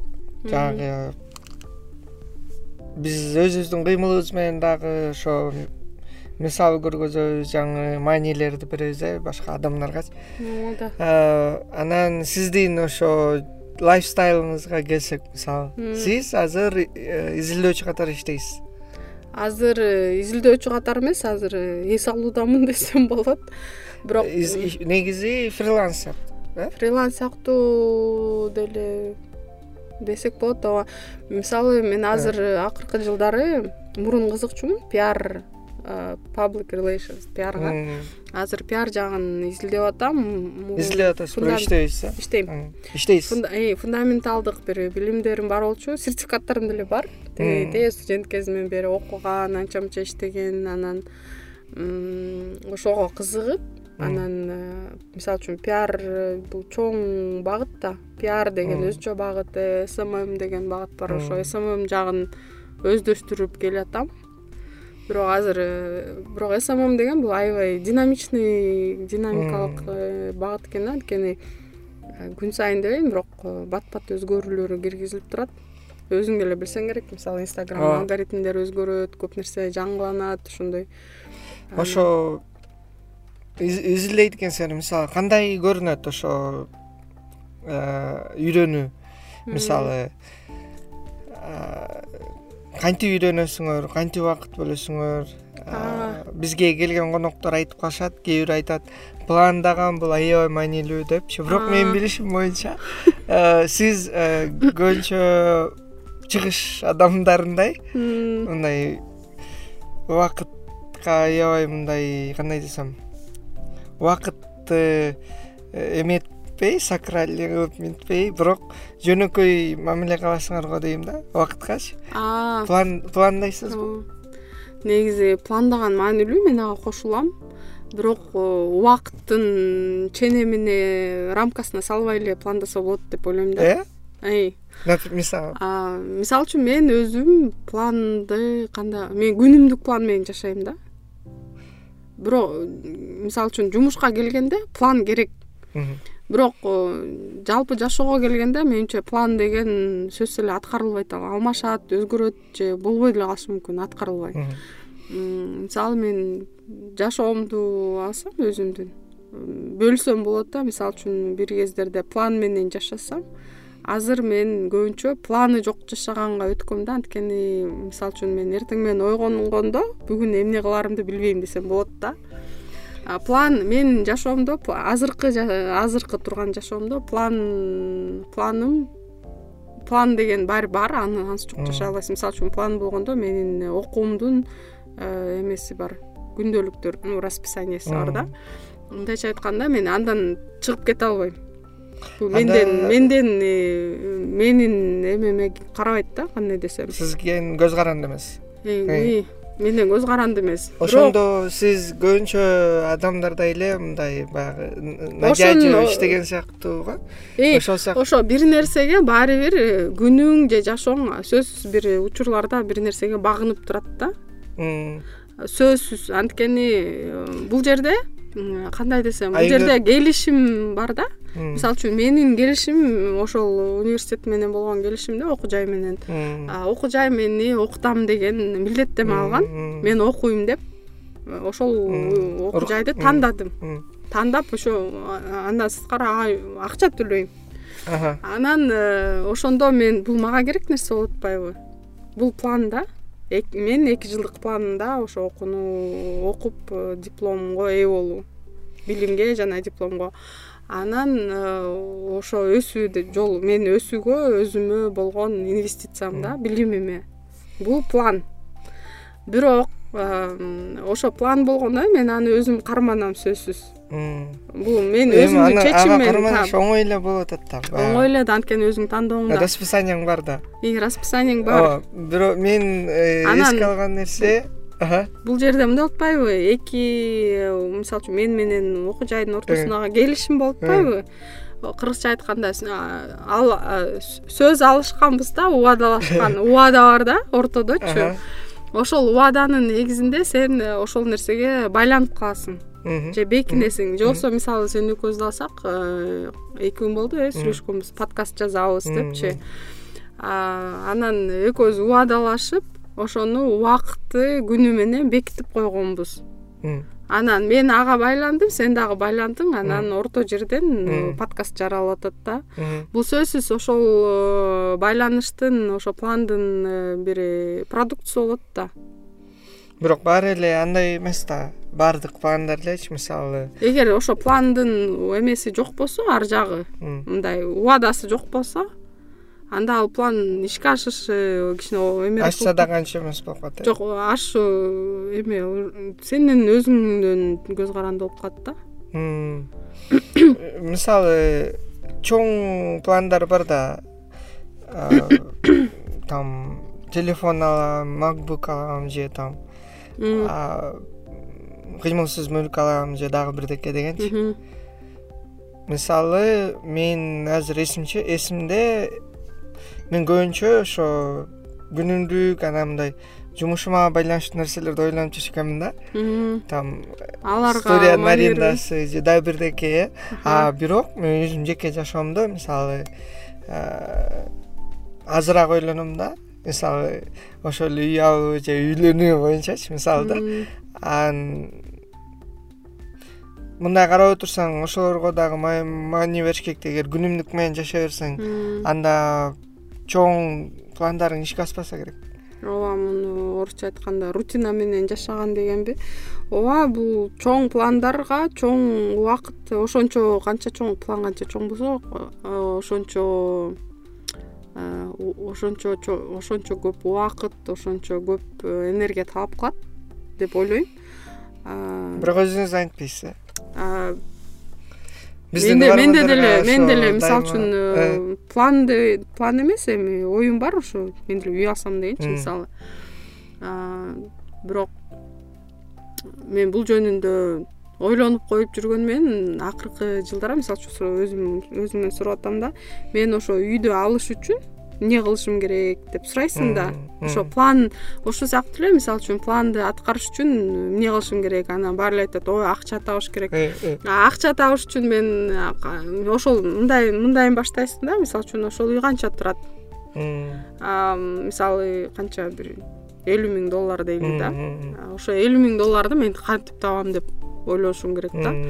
Анан азыркы менин тапкан э, тыйыным ошого жетиштүүбү же жетишсизби эгер жетпесе мисалы үчүн мен ошо элүү миң долларды топтош үчүн мисалы үчүн менин азыркы айлыгым элүү миң сом болсо мейли же он реалдуу жерге түшөлүчү он беш миң сом болсо айына. Анын ичинен мен э, мисалы үчүн үйдөн э, тамак аш анан баскан турганым анан көп нерселер бар да кийингеним тигини муну менен болсо анан ошондо бир мындай акча чогулта алсам ошондо канча жылда аны чогултам анан ошо мен чогулткучакта ал акча андан да көбөйүп кет баасы көтөрүлөт да дагы э ошондо мен эмнени ойлошум керек? Мен акчаны көбүрөөк табышым керек. Көбүрөөк табыш үчүн мен эмне кылышым керек деп ойлонушум керек. Ошондо бул жерде суроо туулат да мен көп табыш үчүн э, кайсы жөндөмдөрүмдү чыгарып мисалы үчүн мен азыр өзүмдүн билимиме кылган инвестиция бул ошол эле тапкан акчамдын көбөйтүүсүнө кылган салым да. Мен азыркы учурда акчамды коротуп убактымды коротуп мындай жакшы төлөнгөн жумушка иштебей аз төлөнгөн жумушка макул болуп бирок ошол эле учурда инвестиция. инвестицияга убактымды тыйынымды ошого инвестициялап атам да. Анткени бул бир чети мен өзүм каалаган профессия окуйм деген мен изилдөөчү катары дагы өсөм ошондо бул бул бул андан сырткары эмгекти да талап кылат да интеллектуалдык түрдө. Анан ошону ойлонуш керек да анан дагы бир э, нерсе бар жана сен сага жаккан кыргызчылык темасын алсак мисалы кудай берет деген нерсе бар го. Ошол эле манасчыларга кайра келсек кечээ мен жакында эле бизде белгилүү болгондой манас театры ачылды улуттук э? деген. Э, бизде манас театры ачылган. Былтыр президенттин жарлыгы менен буга чейин андай болгон эмес. Биздин тарыхта биринчи жолу манас театры ачылды. Анан ал театрды жакында эле улуттук деген макам улуттук макам дейби эмне дейт улуттук деген статус берилди. Ага ошондо кыргыз улуттук манас театрыбы толук аталышын билбейт экенмин анан берилгени менен алардын да көйгөйлөрү бар да кайсы жерде болот ал театр. Имараты тигинси мунусу дегендей. Анан э, ошо жетекчи кылып азиз э, биймырза уулу деген манасчы бар ошол коюлду. Анан менин билишимче вот азиз манасчы э, манасчы болгонду тандаган бала чагынан бери келген бир мындай жолу бар да. Анан анын жолун алсак мисалы ал ошол жолдо өсүп келатат да анан ошо ошо өзүнүн жолу менен келатканына байланыштуу мисалы анын ошо окуганда дагы ал кыргыз тил адабият эмне эле филология филологдун окуусун окуган анткени бул манас бул эң биринчи сөз өнөрү. Э анан мындай багыты бир болуп атпайбы. Окуусу окуусу да туура окуусуна да бекер окуган контракт төлөбөй дегендейчи. Анткени ал жакшы окуп анан ошонун негизинде менин билишимче ал контракт төлөбөй окуган. Анан азыр менин билишимче илимдер академиясына этнографкабы кайсыга тапшырган? э, кандидат э, эмне эле илимдер кандидатын иши кылып аспирантурада окуйт экен элем анан бул мындайча айтканда жөн эле манасчы болбой ошону билим илим жагынан да алып кетип баратат. Андан сырткары ал үй бүлөлүү жакшынакай келинчеги бар өзүнө жарашкан мындай билими деңгээли ошондой эле сөзүмөр билимдүү мындай мамиле курганды билген ушундай жакшынакай келинчеги бар. Балалуу эки балалуу болгон азыркы учурда анан мунун жолу мисалы үчүн жашоо жолун баскан жолун алсак мындай бирок ошол эле учурда мисалы азиздин өзүнүн жеке сапаттары да ал качан гана аны менен сүйлөшпөй көп жерде жүргөн болот да. Ал көптөгөн долбоорлордо жүрөт манас дегенде жата калып өзү өзүнүн бир айткан сөзү бар жеген ашымды таштап деп жеген ашын таштап коюп жүгүрүп мындай кызмат кылып мисалы бизде көп иш чаралар болуп өткөн. Жети күндүк манас айтуу деген иш чаралар болчу да. Жыл сайын өткөрүлчү азыр өткөрүлбөй калды ошо качан барба мисалы ал деген жети күндүк манас айтуу деген мындай иш чара да. Жети күн жети түн нон стоп манас айтылат да. Бир манасчы айтып анан ал бүткөндөн кийин экинчиси уланып ушинтип кете берет да. Ошондо бир жерге барып алып мисалы манасты угуп кетсең болот да жети күн жети түн. Түндү барып угасыңбы күндүз барып ушундай болчу да анан ошол жерде көпчүлүк келгенден кийин ал жерден тамак ашы бар тигиси ошонусун уюштуруп тиги бир жерден чай сунак алып бир жерден ошондо кызмат кылып жүгүрүп жүргөнүн көп көргөм да. Мисалы мындай өтө жөнөкөй да ал деген ой мен манасчымын мен мындай болушум керек деп мындай төрдө отуруп алган же бир өзүнө бир каада күткөн көргөн жокмун такырчы. Каада күткөн жакшы сөз экен э, ошонусун бир да жолу көргөн жокмун качан көрсөм ошондо мындай соответствующий мамиле кыл дегендейби э мындай өзү жөнөкөй да. Ошол эле учурда мен андан да кичүү бирок анчалык э, эми бөлбөй эле коеюн манасчылардын там укмуш жакшы айткан бирок мен эң биринчи азиздин мисалы манасын сыйлайм да. Ал манас айтканда чындап эле жакшы айтат да. Бир билбейм мен же манаска кызыкканданбы мисалы э, өзүмө жаккан анан анча уга албаган манасчылар бар да. Эми аттарын атабай эле коеюн. Бирок кээ бирөө манас салалы же? кээ бирөөнүн манасын уккандачы ии кулагым ай дейсиң да. Кан кан акпайт эми бирок кээ бирөөнүн маанасын уккандачы бир моундай моундай демим кысылып мындай кыйналып кетем да бир унутуп атпайбы унутпай мындай мындай элге кадимкидей эле угулуп алышым мүмкүн бирок энергиясы жокпу же бир иттей кыйналып эптеп айткандай мындай сезилип кетет да. Кээ бирөө ушунча жакшы айтат тим эле аябай уккуң келип ушундай мындай аябай рахат аласың да. Бирок антип айткандар тилекке каршы бизде аз да андан көрө мен саякбайдын манасын алып эле ошону укканды көбүрөөк жакшы көрөм да. Бирок ошолордун арасынан чындап эле азиздин манасы чын эле чындап жакшы да аябай жакшы айтат. Бир ырааты менен бир эмеси бар да бир энергиясы чындап. Анан э, азиздин рекламасы болуп кетти окшойт бирок э, мен эмнени айткым келди? Ал аябай жөнөкөй жүгүрүп чуркап жүрөт э, кайсы гана иш чара болбосун?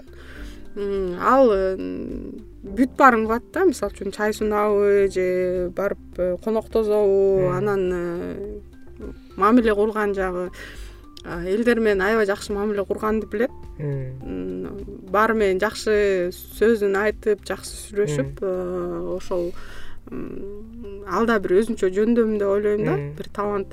Анан сөз байлыгы укмуш да анан мага эмеси жагат да мындай кээде мындай эле жолугуп э, эмне кылып атасың деп анан ал мамбет э, урукаш мамбеталиев деген манасчы атабыз болду эле го. Ошонун э, манасын текст түрүндө китеби бар экен варианты.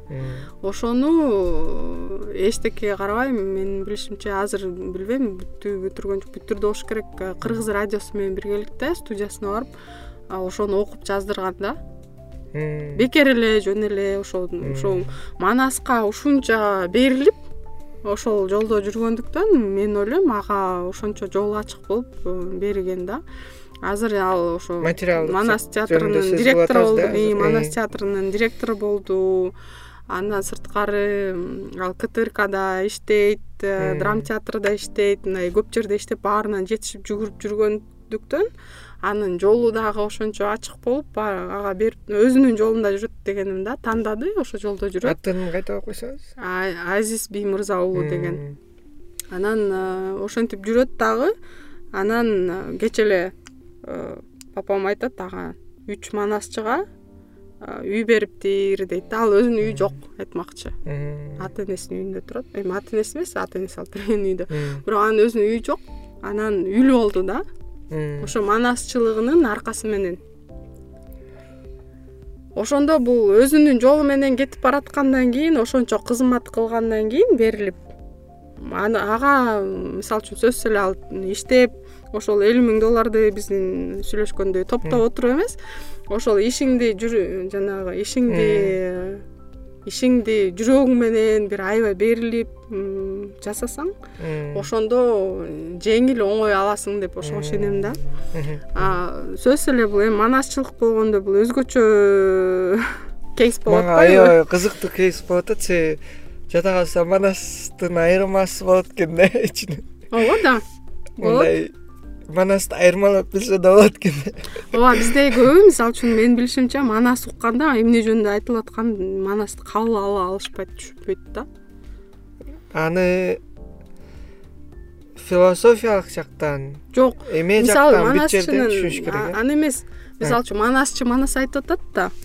Ошону угуп туруп ошону угуп туруп эмне жөнүндө айтып атканын кайсы жерин эмне жөнүндө айтканын айтып бере албай атсагачы ошону кабыл алуу жок экен бизде көбүндө мен билем сагынбай орозбаковдун манасчын окучумун кичинекейимде оозун көбүргүчө окучумун жатып алыпчы ушунчалык жакчу да мындай.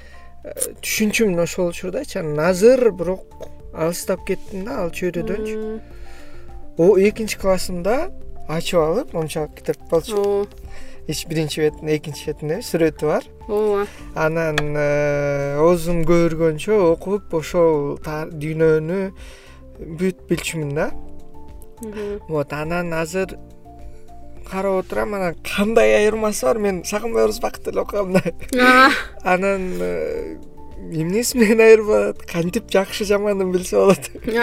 Ошого угуп алып таң калып отурам мен да. айта албайм азыр көп эле талаштар көп. Э, чыныгы манасчы анан жаттама манасчы анан азыр манасчылар деле жок чыныгы илгери болгон азыр жок дегендер бар. Анан ой азыр бар укмуш мына азыр бизде отуз штук кечирип кой. Штук деген эме. Жүздөй манасчыбыз бар кыргызстан боюнча дегендер бар анан саны бар сапаты жок дегендер бар. Бир эле кыйын манасчы чыгыш керек арасынан тандалат иргилет дегендер бар иши кылып көп нерсе бар. Анан бул теманы андан сырткары аябай кандай десем кандай десем ии ушу сөздү таппай атам бир аябай сакральный кылып сакрализация деген сөз бар. катылган бир сакрализация кыла берген э, сыр кылып бир укмуш э, аян сыр дегендер да бар. Анан э, мындай бул бул чоң аябай философия дүйнө тааным да өзүнчө эле. Мисалы мен өзүм үчүн манасты кандай иреттеп алгам десемби манас деген теманы. Мисалы манас сен үчүн эмне ким?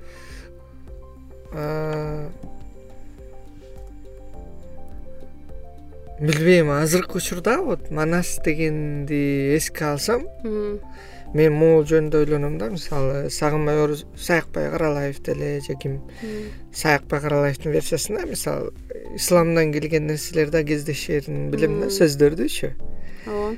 Билбейм салам дегениби же кайсы сөз иши кылып бирок менин оюма ушул нерселер келет да бул манаста чыныгы эле баягы кыргыз оозеки чыгармасынын бир баалуулугу барбы же ошол айтып аткан адамдын дагы ички дүйнөсүндөгү баягы баалуулуктары дагы кошулуп кеткенби депчи? Ооба бул аябай чоң кызык суроо. Ошондо сен үчүн манас эмне? мен үчүн манас азыркы этапта. Мурда мен үчүн бул чоң окуя экшн болчу да мындайча айткандачы мындай кызыгып баягы дүйнө болчу да. Азыр э, манас боюнча сөз кылсам алыстап кеттим бир чети. Бул мен политик катары дагы карайм да бугачы эми политик сыяктуу. Баягы бул адамдарга бир баягы таянган мен билем германияга барганда мисалы ар ким ар бир участник өзүнүн национальный немесин жасаган болчу да улуттук э, бир тамагынчы. Анан еще вообще эле сам факт ошо факт чет жакта жүргөнүм. Мени ошо ушундай ойлорго түртөт да мисалы менин дагы ушундай бир өзөгүм бар да деген сыяктуучу баягы. Мен деле мындай а бул немистер силер да. Анан биз дагы барбыз дегендейчи анан мындай э, манас бул капитал сыяктуу да баягы бир жанагы мисалы банкта. Алтындарды мындай акча менен алтын бири бирине неметип турат го. руханий баалуулук э, ошол сыяктуу манас бул ички баягы шарттуу болгон күндө дагы вдруг шарттуу болуп калсачы шарттуу же ойлоп табылган күндө дагы антип айтпайм бирок в любом случае бул адамдарга мындай э, фонд да мындай бир ооба. э, баягы кайрылса болот если что. Ошо мен сага кошулам бул чындап эле биздин кыргыздын э, чоң эң негизги десем деле болот баалуулугубуз анан мен өзүм канча классификация десем болобу мындай өзүм үчүн бир мындай иреттеп алгам да оюмда. Мисалы манасты көбүнчө үч үчкө бөлүп караса болот да. Кээ бирөө үчүн? Мисалы үчүн биринчи эң биринчиси бул көп үчүн манас бул болгон болгон реалдуу киши болгон бул каарман жашап өткөн тарыхый инсан деп ишенгендер бар. Ишенбей тургай мен билем бир топтор бар. Керек болсо илимий тарыхчылар кирет аларга илим изилдөөчүлөр алар ошо манастын болгондугун далилдөө үстүндө иштеп китептерди жазып изилдөөгө тиги кытайдын архивтерине чейин барып бир нерселерди издеп бирдемени казып бир нерсе археологдор менен мындай табылыптыр дегендерден бери ошону далилдейбиз деп ошонун үстүнө өмүрүн ошого арнаган дагы ошондой кишилер да бар экенин билем. Азыр деле бар. Анан экинчиси бул ошого ишенгендер бар ии тарыхта болгон чын эле депчи. Экинчиси бул экинчиси бул манас бул жомок болгон бул миф болбогон нерсе бир атайын биз коллективдик түрдө биздин коом бир каякта бир байыркы коомузбу ойлоп чыгарып э, кээ бир азыр деле э, бир константин деген бир тааныш досум бар. Ошол бир изилдөө тобунда иштеп калып анан ошол менен э, бир эки жыл болду го сүйлөшүп калып айтат. Манас деген бул курама миф дейт да ал деген өзүнө бүт дүйнө жүзүндөгү мифтердин баарын бириктирип туруп бир манас кылып чыгарып койгонсуңар деп ушундай дагы эме бар экен да. Анын анан ошонун да далилдерин ошону далилдеп анализдеп иликтеп илимий негизин илимдин негизинде далилдеген дагы кишилер бар экенин билем да. Ошого ишенгендер. Бирок кыргыздардан кыргыздарда андай жок. Ошого ишенгендер. Бирок азыркы биздин э, поколение деген кандай болот? Э, биздин азыркы курактагылар азыр бизден кийинкилер бизден кийинки жаш курактагылар мисалы мектеп жаңы университетте окугандар ошолордун арасында ушул идея жайылып ошого ишенген биздин эле кыргыз балдар кыздар бар экенин билем.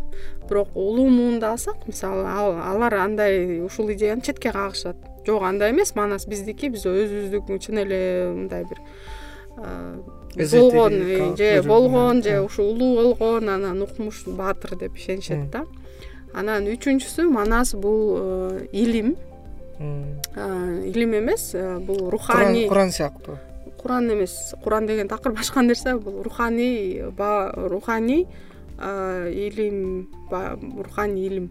Мындайча айтканда мисалы э, индустардын комплекс этических и всяких э мисалы мисалы индустардын махабхаратасы бар го. Ошол сыяктуу эле биздин манаста экөөнү параллель кылып э, салыштырып алсак ошондой эле сыяктуу баалуулук деп мага ушул идея жакыныраак мен үчүн. Анткени мисалы манастын текстин эле алсак э, мисалы текстинен сырткары мындай сюжеттерин алалы да мисалы кошой менен жолойдун күрөшү. Кошой Э, кош ойду алсак э, кош ой дагы жолой дагы экөө тең ой болот да. Ой деп мындай сөзүн сөзүн алып сөз аттарын алып чечмелесек кош ой жол ой. Мындайча айтканда кошой бул мисалы ааламга туташкан же кудайга туташкан ой болсо мындайча айтканда разум подключенный к богу десек орусча. иши кылып ошол кудайды тааныган ой десекпи иши ушундай же жараткандыбы кимге кандай. Ошол ой болсо ошонун символу болсо кошой ал эми жолой жолоочу ойлор жел ой дегенди билдирсе мисалы жел ал кандай мааниде жел ой деген ну ветреный кереги жок. э? жолоочу ой жел ой мындайча айтканда чужий чужий негативный темный десек деле болот. Анан ошол эки ойдун мындай алты күн алты түн күрөшүп атпайбы мындай физикалык э, деңгээлде бул эми апыртма болуп атпайбы алар алты күн алты түн күрөшөт дагы э, токсондон ашкан э, сексенден ашкан кошой тиги жаш отуз алты жаштагы жолойду жеңип коюп атпайбы? Анын үстүнө эгер ошол эпизодду алсак кошой кошой жолойду алты күн алты түн күрөшүп жеңип атат.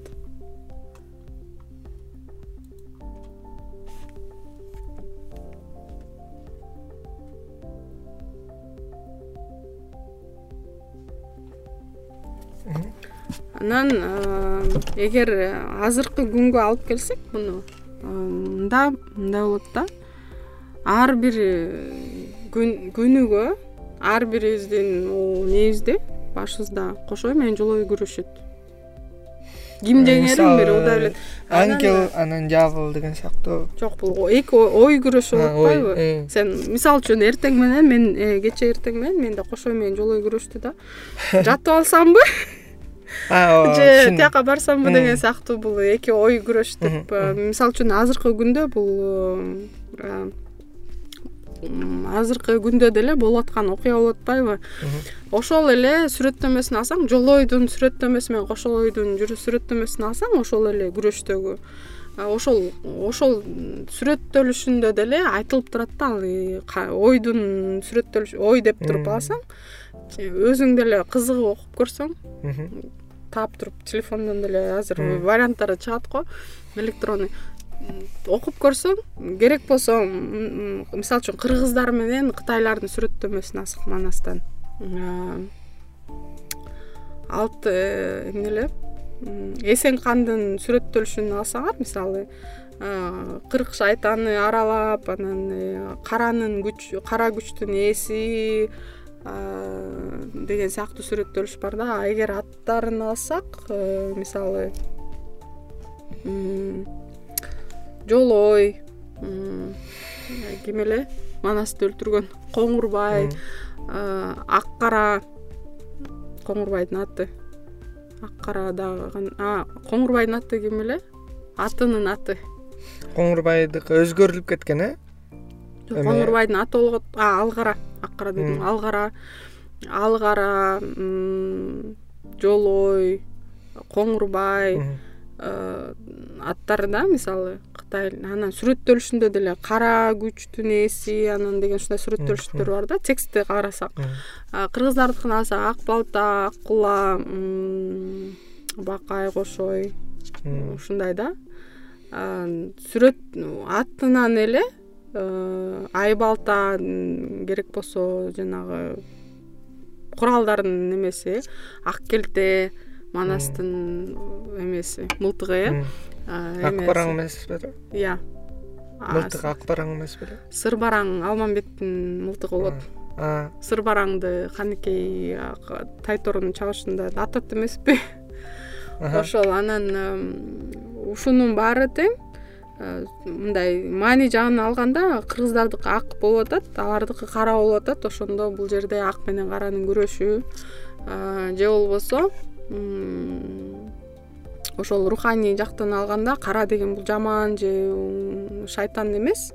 Мындайча айтканда бул ак кыргыздар бул акыйкат жолунда жүргөн эл болгон акыйкат үчүн күрөшкөн. Ошондо бул ак менен каранын күрөшү тиреши десек болот да. Ошондо бул ак деген ак кара дегендин дагы чечмелениши бизде ак деп э, мындай эметип айтышкан да тергеп. Ошондо бул кара деген бул материалдык э, нерселер да. Материалдык жашоо же материалдык э, материалдык нерселердин чагылышы ошол эле учурда ак бул руханий э, нерселердики да. Анткени манаска тең карама каршы койсо болобу э? Мисалы ошол экөөнүн карама каршылыгы эмес да мисалы ошол экөөнүн айкалышы да болот атпайбы мисалы үчүн материалдык биз материалдык жашоодо жашайбыз да. Анан ошол Э, манастын башталган саптарын алсак мисалы үчүн улуулардын жомогун айтпай койсок болобу жана теңи жарым теңи чын деп манасын өзүндө эле бар го деп айтышат го өзүлөрү значит мунун жарымы чын жарымы калп анан апыртма деп көп айтышат го. Ошондо теңи жарым теңи теңи э, жалган теңи чын деген бул биз бул жашоону көбүнчө кыргыздарда эмне жалган жашоо деген бар э. Анан чын жашоо деген бар. Ошондо бул жалган жашоонун дагы чын жашоонун дагы айкалышын чагылдырган э, произведение. э, чыгарма биздин баалуулукта мен үчүн ушундай мисалы үчүн ошол эле мисалы үчүн эгер манастын каармандарын деле алсак аябай кызыктуу да. Мисалы чубакты алсак манастын чоросу. Чубак деген төрөлгөн эмес да. Аны ак балта таап алат. Бир куюн ал ак балта алтымыш аял алса дагы балалуу болбогон деген жери бар го. Мисалы үчүн э, алмамбеттин атасы дагы ошондо алтымыш аял алса дагы балалуу болбой анан ошо алмамбеттин энесин алып э, балалуу болот да. Анан бул экөөнүн окшоштугу эмнеде экөө тең мисалы бирок алмамбет төрөлгөн чубак төрөлгөн эмес. Мындайча айтканда жөн эле пайда болуп калган да биздин жердечи анан э, манаста бар эмеспи туудум деген туудум деген эне жок туудурдум деген ата жок деген бар да сүрөттөмөсүндө анан кайыптан келген деп айтылат. Анан ошо ак балта таап алганда ага эме келет периштеби эмне келип айтат аты чубак болсун деп чубак деп коет. Анан чубакты таап алганда ал этегине катып алып жанаг мазардан куюндан чыгып таап алат го анан аны этегине катып алып барып байбичесине төрөдү деп той берет го ошо байбиче балалуу болдук деп той бергенде чуунун багы келди деп той берет да чуунун багы деп. Анан чуу деген багы чуунун багы деп. Чуунун багы келди деп той берип анан атын чубак коет да. Чубак дегенди алсак э, бир манасчылардын бирөөсү айтат чуу деген мындай чечмеси бар дейт да. Чындыктын улуу уңгусу анан ошонун багы депчи. Мындайча айтканда чубак бул чындыктын энергиясын алып жүргөн э, күч же түшүнүп атасыңбы буну кандайча ошондой ошентип ошентип айтат да анан эми бул эми манасчылардын айтып интерпретацияланган да. Ошондо мисалы үчүн ошол чоң улан деп деле которуп койсо болот да анан ошондо мисалы үчүн э, эгер ошол чубактын арманын алсак чубак деген чуу салып эле басып жүрөт да манастан чубак кем беле деген сөздү чыгарганда чубак да. Эмне үчүн ал манаска өзүн тең коюп ага тиреше берет деген суроо да. Анткени чындык ал дайыма мындай чындык деген улуу кичүүнү карабайт да ал деген чындык деген чындык. Ал баарына тең дегендейчи. Ошон үчүн чуу чындык бар жерде чуу бар деген жана чуу чыгат чындык чыккан жерден дайыма чуу чыгат го ошо ошол нерсеге мисалы ошондой салсак ага деле окшошуп кетет да. Ошон үчүн аябай ар бир каарманынын атын э, чечмелеп ошонун э, мындай сүрөттөлүшүн алып чечмелесең бул эме болот да бир кандайдыр бир сапат же энергиясынын сүрөттөлүшү чыгып келет да ошол эле мисалы үчүн кошой эмне үчүн жолойду жеңе алды мындай физикалык жактан алсак ал реалдуу эмес да. Может жолой вообще кичинекей неме?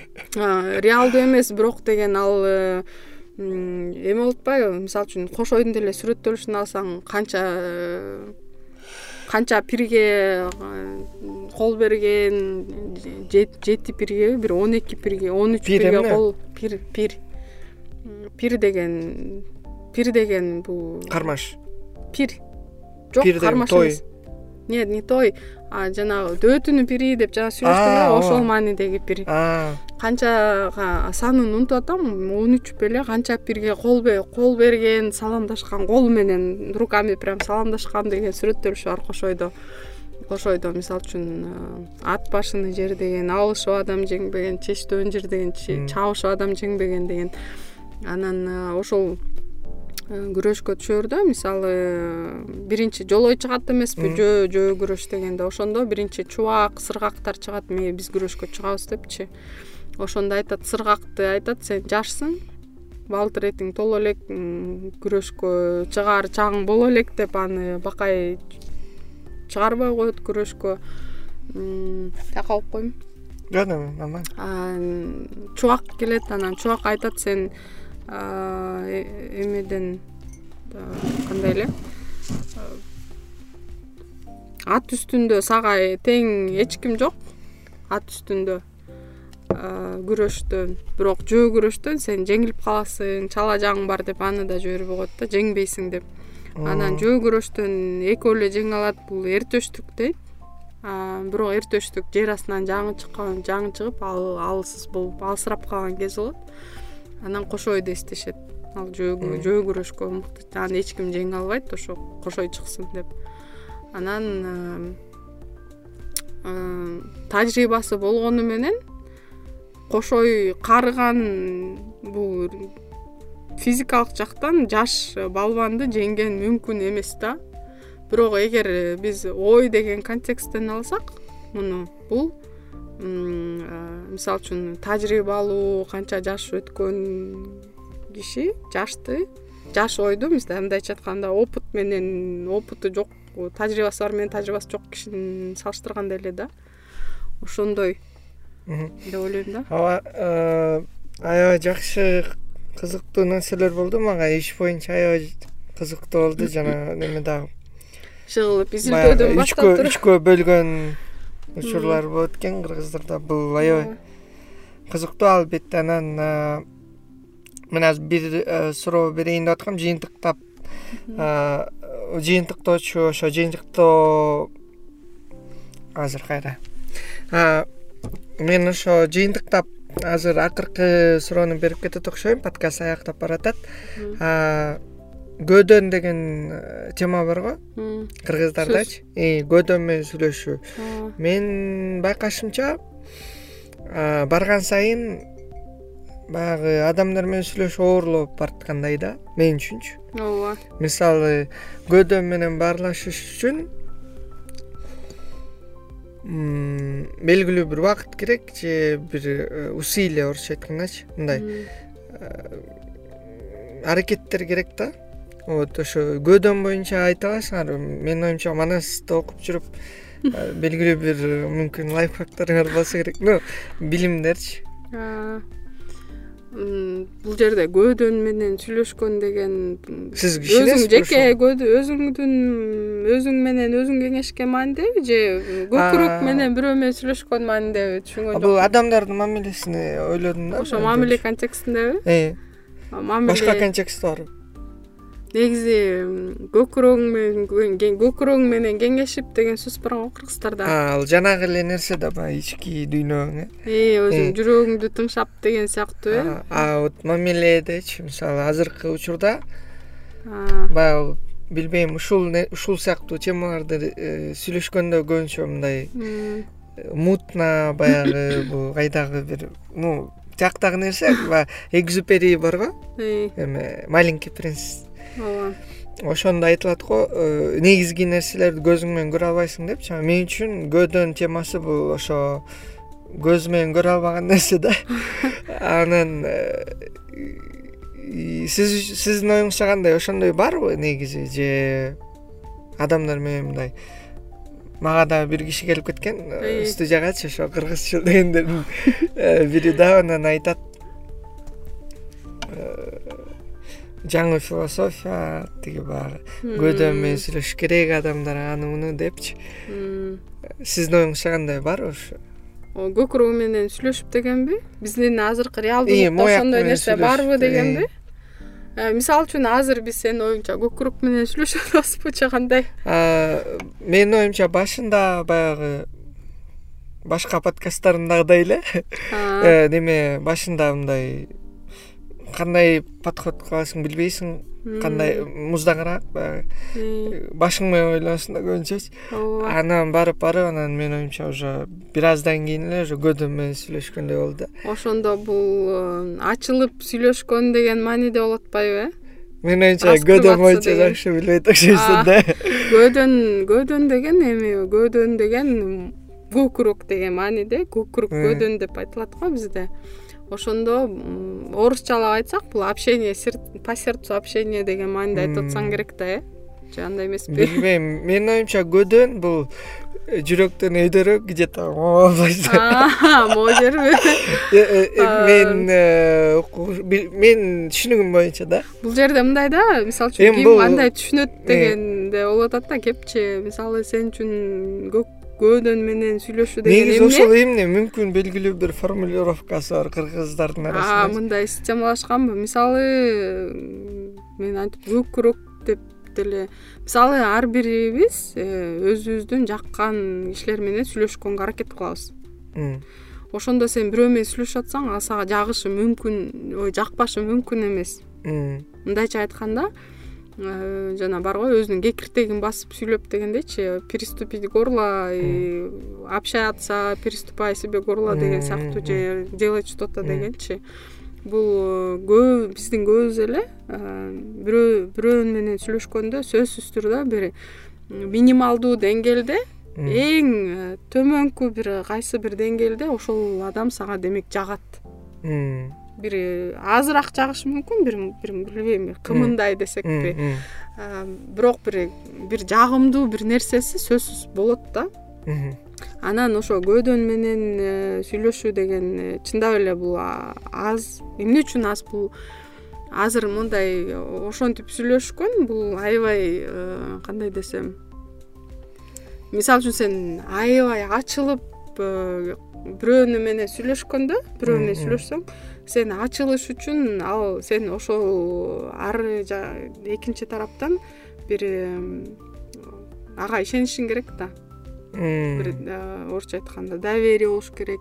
Бир эме сезим болуш керек да сен. Ишеним деле эмес безопасность деген кандай болот кыргызча. Коопсуздук. Бир коопсуздук мисалы үчүн.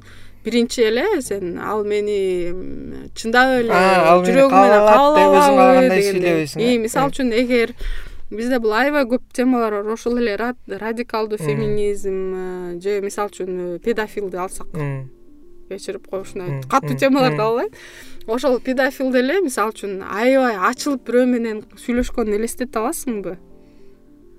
Ал эмне үчүн ошол нерсеге барды? Ал үчүн ал норма болуп атпайбы сен аны угуш үчүн сен аны эң башында кабыл алышың керек да.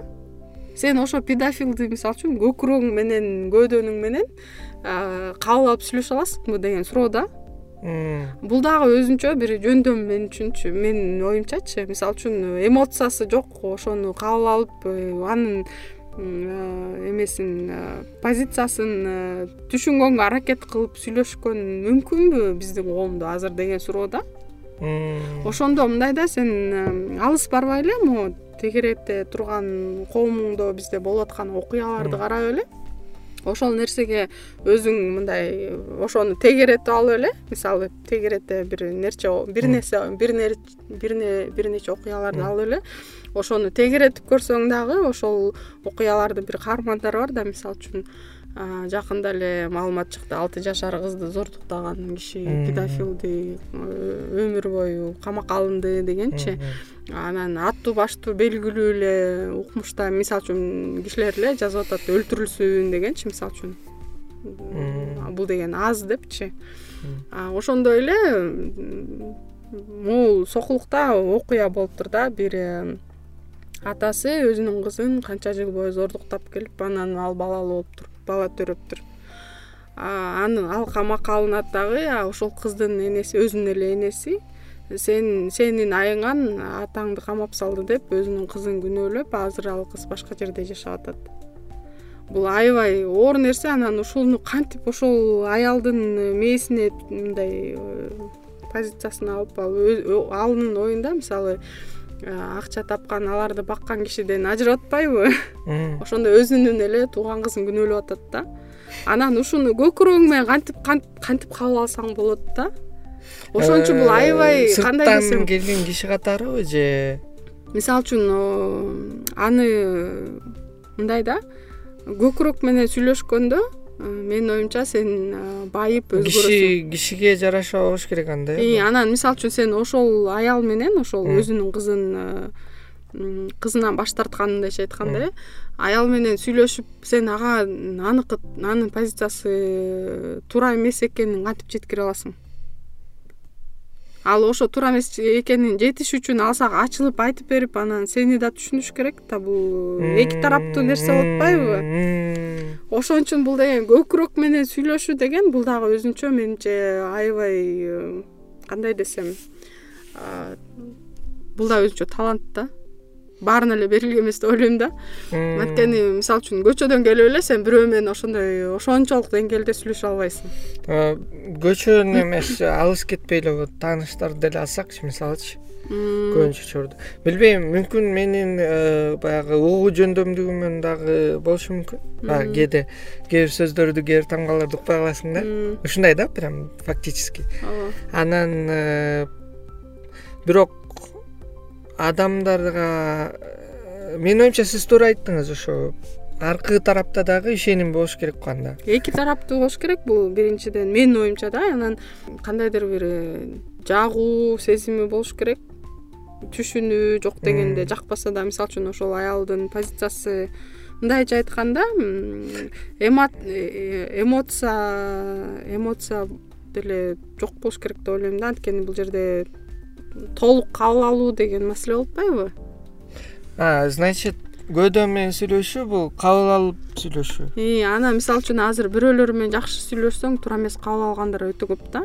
Өзгөчө мисалы үчүн бул аял кыз кишилерге аябай көп э, тиешелүү да. Мисалы үчүн мен өзүмдүн эле жашоомду тажрыйбамды алсам бирөөнү аябай мындай сый мамиле кылып жакшы сүйлөшүп койсоң мындай чектен ашып кетет да. Жакында эле жакында эле мага бир э, үй бүлөлүү эле киши чалып алып э, жолугалы деп мурунтан айтып жүргөн. Анан мен ага мындай аябай сый! Эми сизди сыйлап анан сиз ушундай мындай анча мынча белгилүү эле киши анан сиз жөн эле коюңуз деп э, сизди сыйлап жакшы айтып атам деп жакшы эле айткам да. Анан ал аны токтоткон жок дагы симпатия катары кабыл алып анан кайра чалды да. Анан мен ага аябай мындай катуу түрдө мындай кандай десем орусча айтканда грубый айтканга туура келди менин номеримди унуттуңуз башымды оорутпай бир жерге барыңыз депчи. Ошон үчүн бул биздин коомго азыр э, чындап эле мен сени макулмун бизде жок жок эмнем жок дебейм такыр бар болуш керек. Бирок э, менимче муну эме менен тапса болот да жанагы э, бир эле критерий бул бар го дейм. Жагат жакпайт деген. Мисалы эң биринчиден мисалы менин опытым бар да. Мага жакпаган адамдар бар да. То есть жакпаган адамдар бар бирок менин э, көтөрүмчүлдүүлүгүм көбүнчө учурда чоңураак. И ошол адамдардан э, ачык айтпайм бирок э, мен чоң тажрыйба алгам да. Жашоодо аябай пайдалуу бир нерселерди алгам. Анан ошол адамдын э, трансформациясын да көргөм да. Кантип ал адам өзгөрдү кантип уже сага жаккандай мамиле кыла баштады да. То есть э, билбейм бул мүмкүн убактылуу бирок э, баягы кээде көңүлүңдү көтөргөн бир нерсе сөздөрдү айта алат да. То есть менин подходум көбүнчө ошо экзистенциалдык баягы философиялык да кээдечи баягы. Өтө консервативдүү эмес баягы көөдөн момундай деп туруп момундай жашаш керек депчи. Бир чети философиялык көз карашта бар да бирок менин ички сезимимде бир ой бар мындай баары адамдарда бир биз көрбөгөн бир нерсе бар. Э, баягы адамдар сезилет го. Жанынан эле мындай уже отношения как не складываются уже сразу видно да? Э, менин оюмча э, баягы диалог түзүүгө багыт алган адамдар азайып калды окшойт деп ойлоп атам да мен. Просто баары эле фокусу башка жакта ар кимдин өзүнүн лентасы бар анан мындай точка соприкосновения табыш үчүн белгилүү бир убакыт керек же баягы билбейм мисалы мен э, дубайда иштеген бир таанышым бар. Кыз да. Мен э, унутуп койчумун да. Анын туулган күнүндө эле там же унутуп кое берем да эми баягы мындай. Мен өз ишиме идея там мондай кыргыз тили эмне эмне деп коюп жүрө берем бирок тааныш кызым жөн эле мен чогуу окугам да. Адам катары э, үйрөттү да. Мага жазып өзүм кадам жасаган жокмун ошо көөдөм менен сүйлөшкөнгөчү ал кадам жасады анан мен э, андан кийин баштадым да. Мүмкүн менде бардыр белгилүү бир көөдөм менен сүйлөшүү мындай иммунитетчи. Бирок мен изначально э, жакшы сүйлөшөм деген оюмда да жок болчу да. Анан көөдөм менен сүйлөшүү с душой баягы жүрөк менен сүйлөшүү эмне экенин ошондо мындай мен дагы ошол жакка кадамдар жасай баштадым да. Сүйлөшүпчү. Анан бул эмне деген неме деп аябай таң калып калдым да себеби менин оюмча бул аябай оор болсо керек адамдаргачы сүйлөшүү бул деген менин оюмча сеники эме болуп кетти окшойт жанагы мамиле куруу анан бул деген никак не про там не эме отношения эмес. баягы кыз эркек эмес вообще эле. жок мамиле түзүү деген бул. Адамдар жумушта деле болушу мүмкүн ар кандай да. Эме жагын алсак руханий жагын мисалы бизде салттуу түрдө аял менен эркектин өзүнүн жашаган ну төрөлүп жашаганда өзүнүн э, кандай десем способы выражения деген кандай болот. Э, өзүн көргөзүү өзү проявление ошо ошо өзүнүн э, жашоо ыкмасы ошо жашоодо жашаган ыкмасы кабыл алуусу башкача болот да. Мисалы мындай айтылат экен да. Аял киши толук болуп жаралса эркек киши жашоо жашоону жашап өткөнчөктү Э, бир сабактарды алып анан өзгөрөт дегендей эме бар экен да. Мындай салттуу да. Ошондо эмеди айт менде өзүмдө эме болгон мисалы үчүн ошон үчүн аял кишини аяш керек анан бирдеме сирдеме деген бир ушундай эмелер бар го. Анан эмне үчүн мисалы үчүн эркек киши э, аялынын үй бүлөсүн багыш керек дагы аял киши анте албайт. Э, эмне үчүн аял киши мисалы үчүн үй оокат үчүн э, милдеттүү.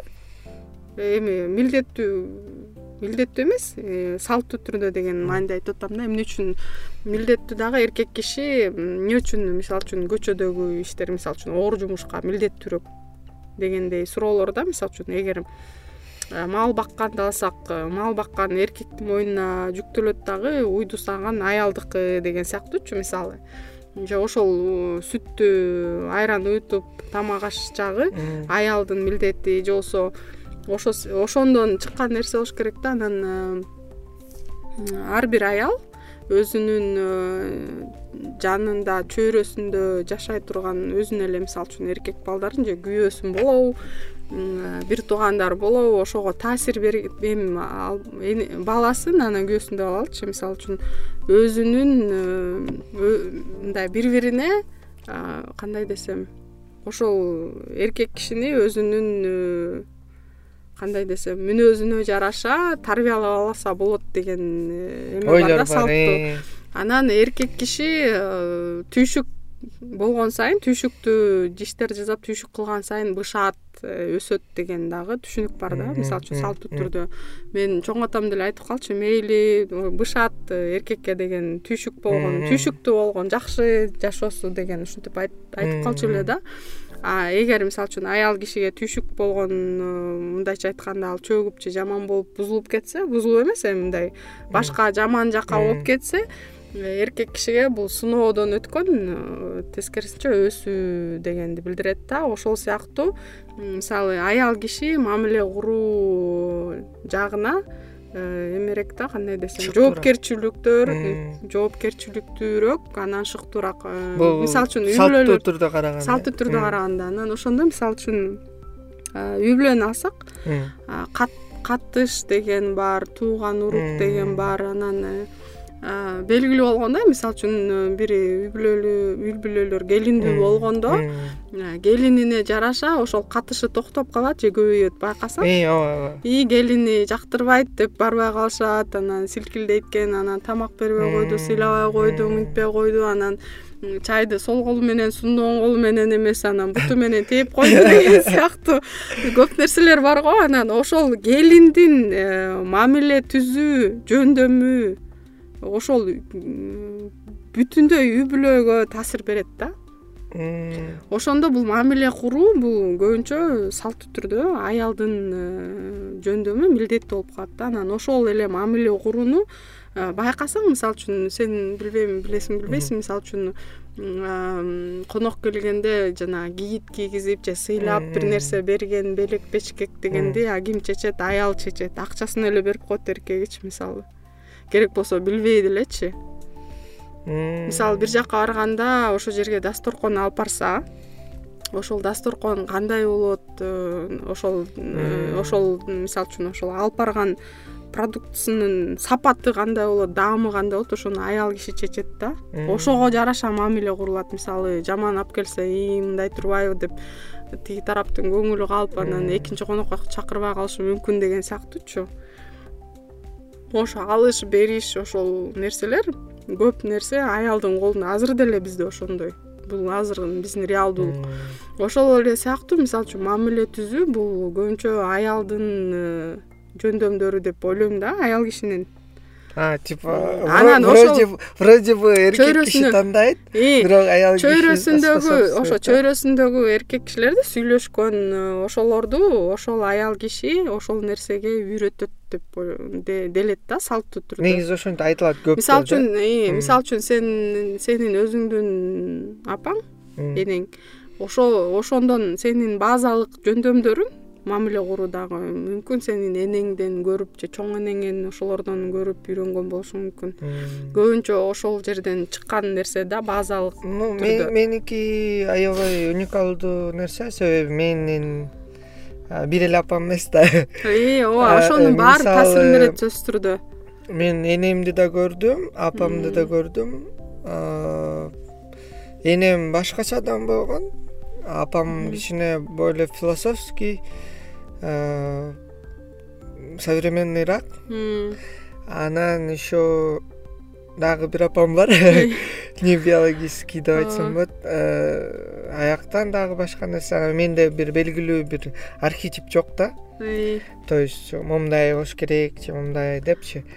Анан э, ошо кээде адамдар менен сүйлөшкөндө билбейм. Кичинекейимде эле менде оор болчу да адамдар менен сүйлөшкөндө мындай баарында эле мага өзүмдүн ровесниктерим мындай кичинекей мындай чучелоодо ойногон эле мындай жөнөкөй көрүнчү чоңдор менен жүрчүмүн да дайыма элечи анан алар менен сүйлөшкөндө дагы же жакшы сүйлөшө албайсың баягы. Кызыгы бир волнада эмес да анан алардын приколдорун көп түшүнбөйсүң күлөт тиги бирдекени башкача айтып атсаңчы шылдыңдап билбейм дайыма эле ушундай бир умтулуу менен жашап өттүм го дейм. Окуу күндөрүн особенно переходный өтүүчү возрасттачы ошон үчүн ушул тема да аябай кызыктуу да вот анан подкасттын акырында сурап кетейин дедим. Менин оюмча аябай пайдалуу болду жанагы салттар жөнүндө менин түшүнүгүм жок.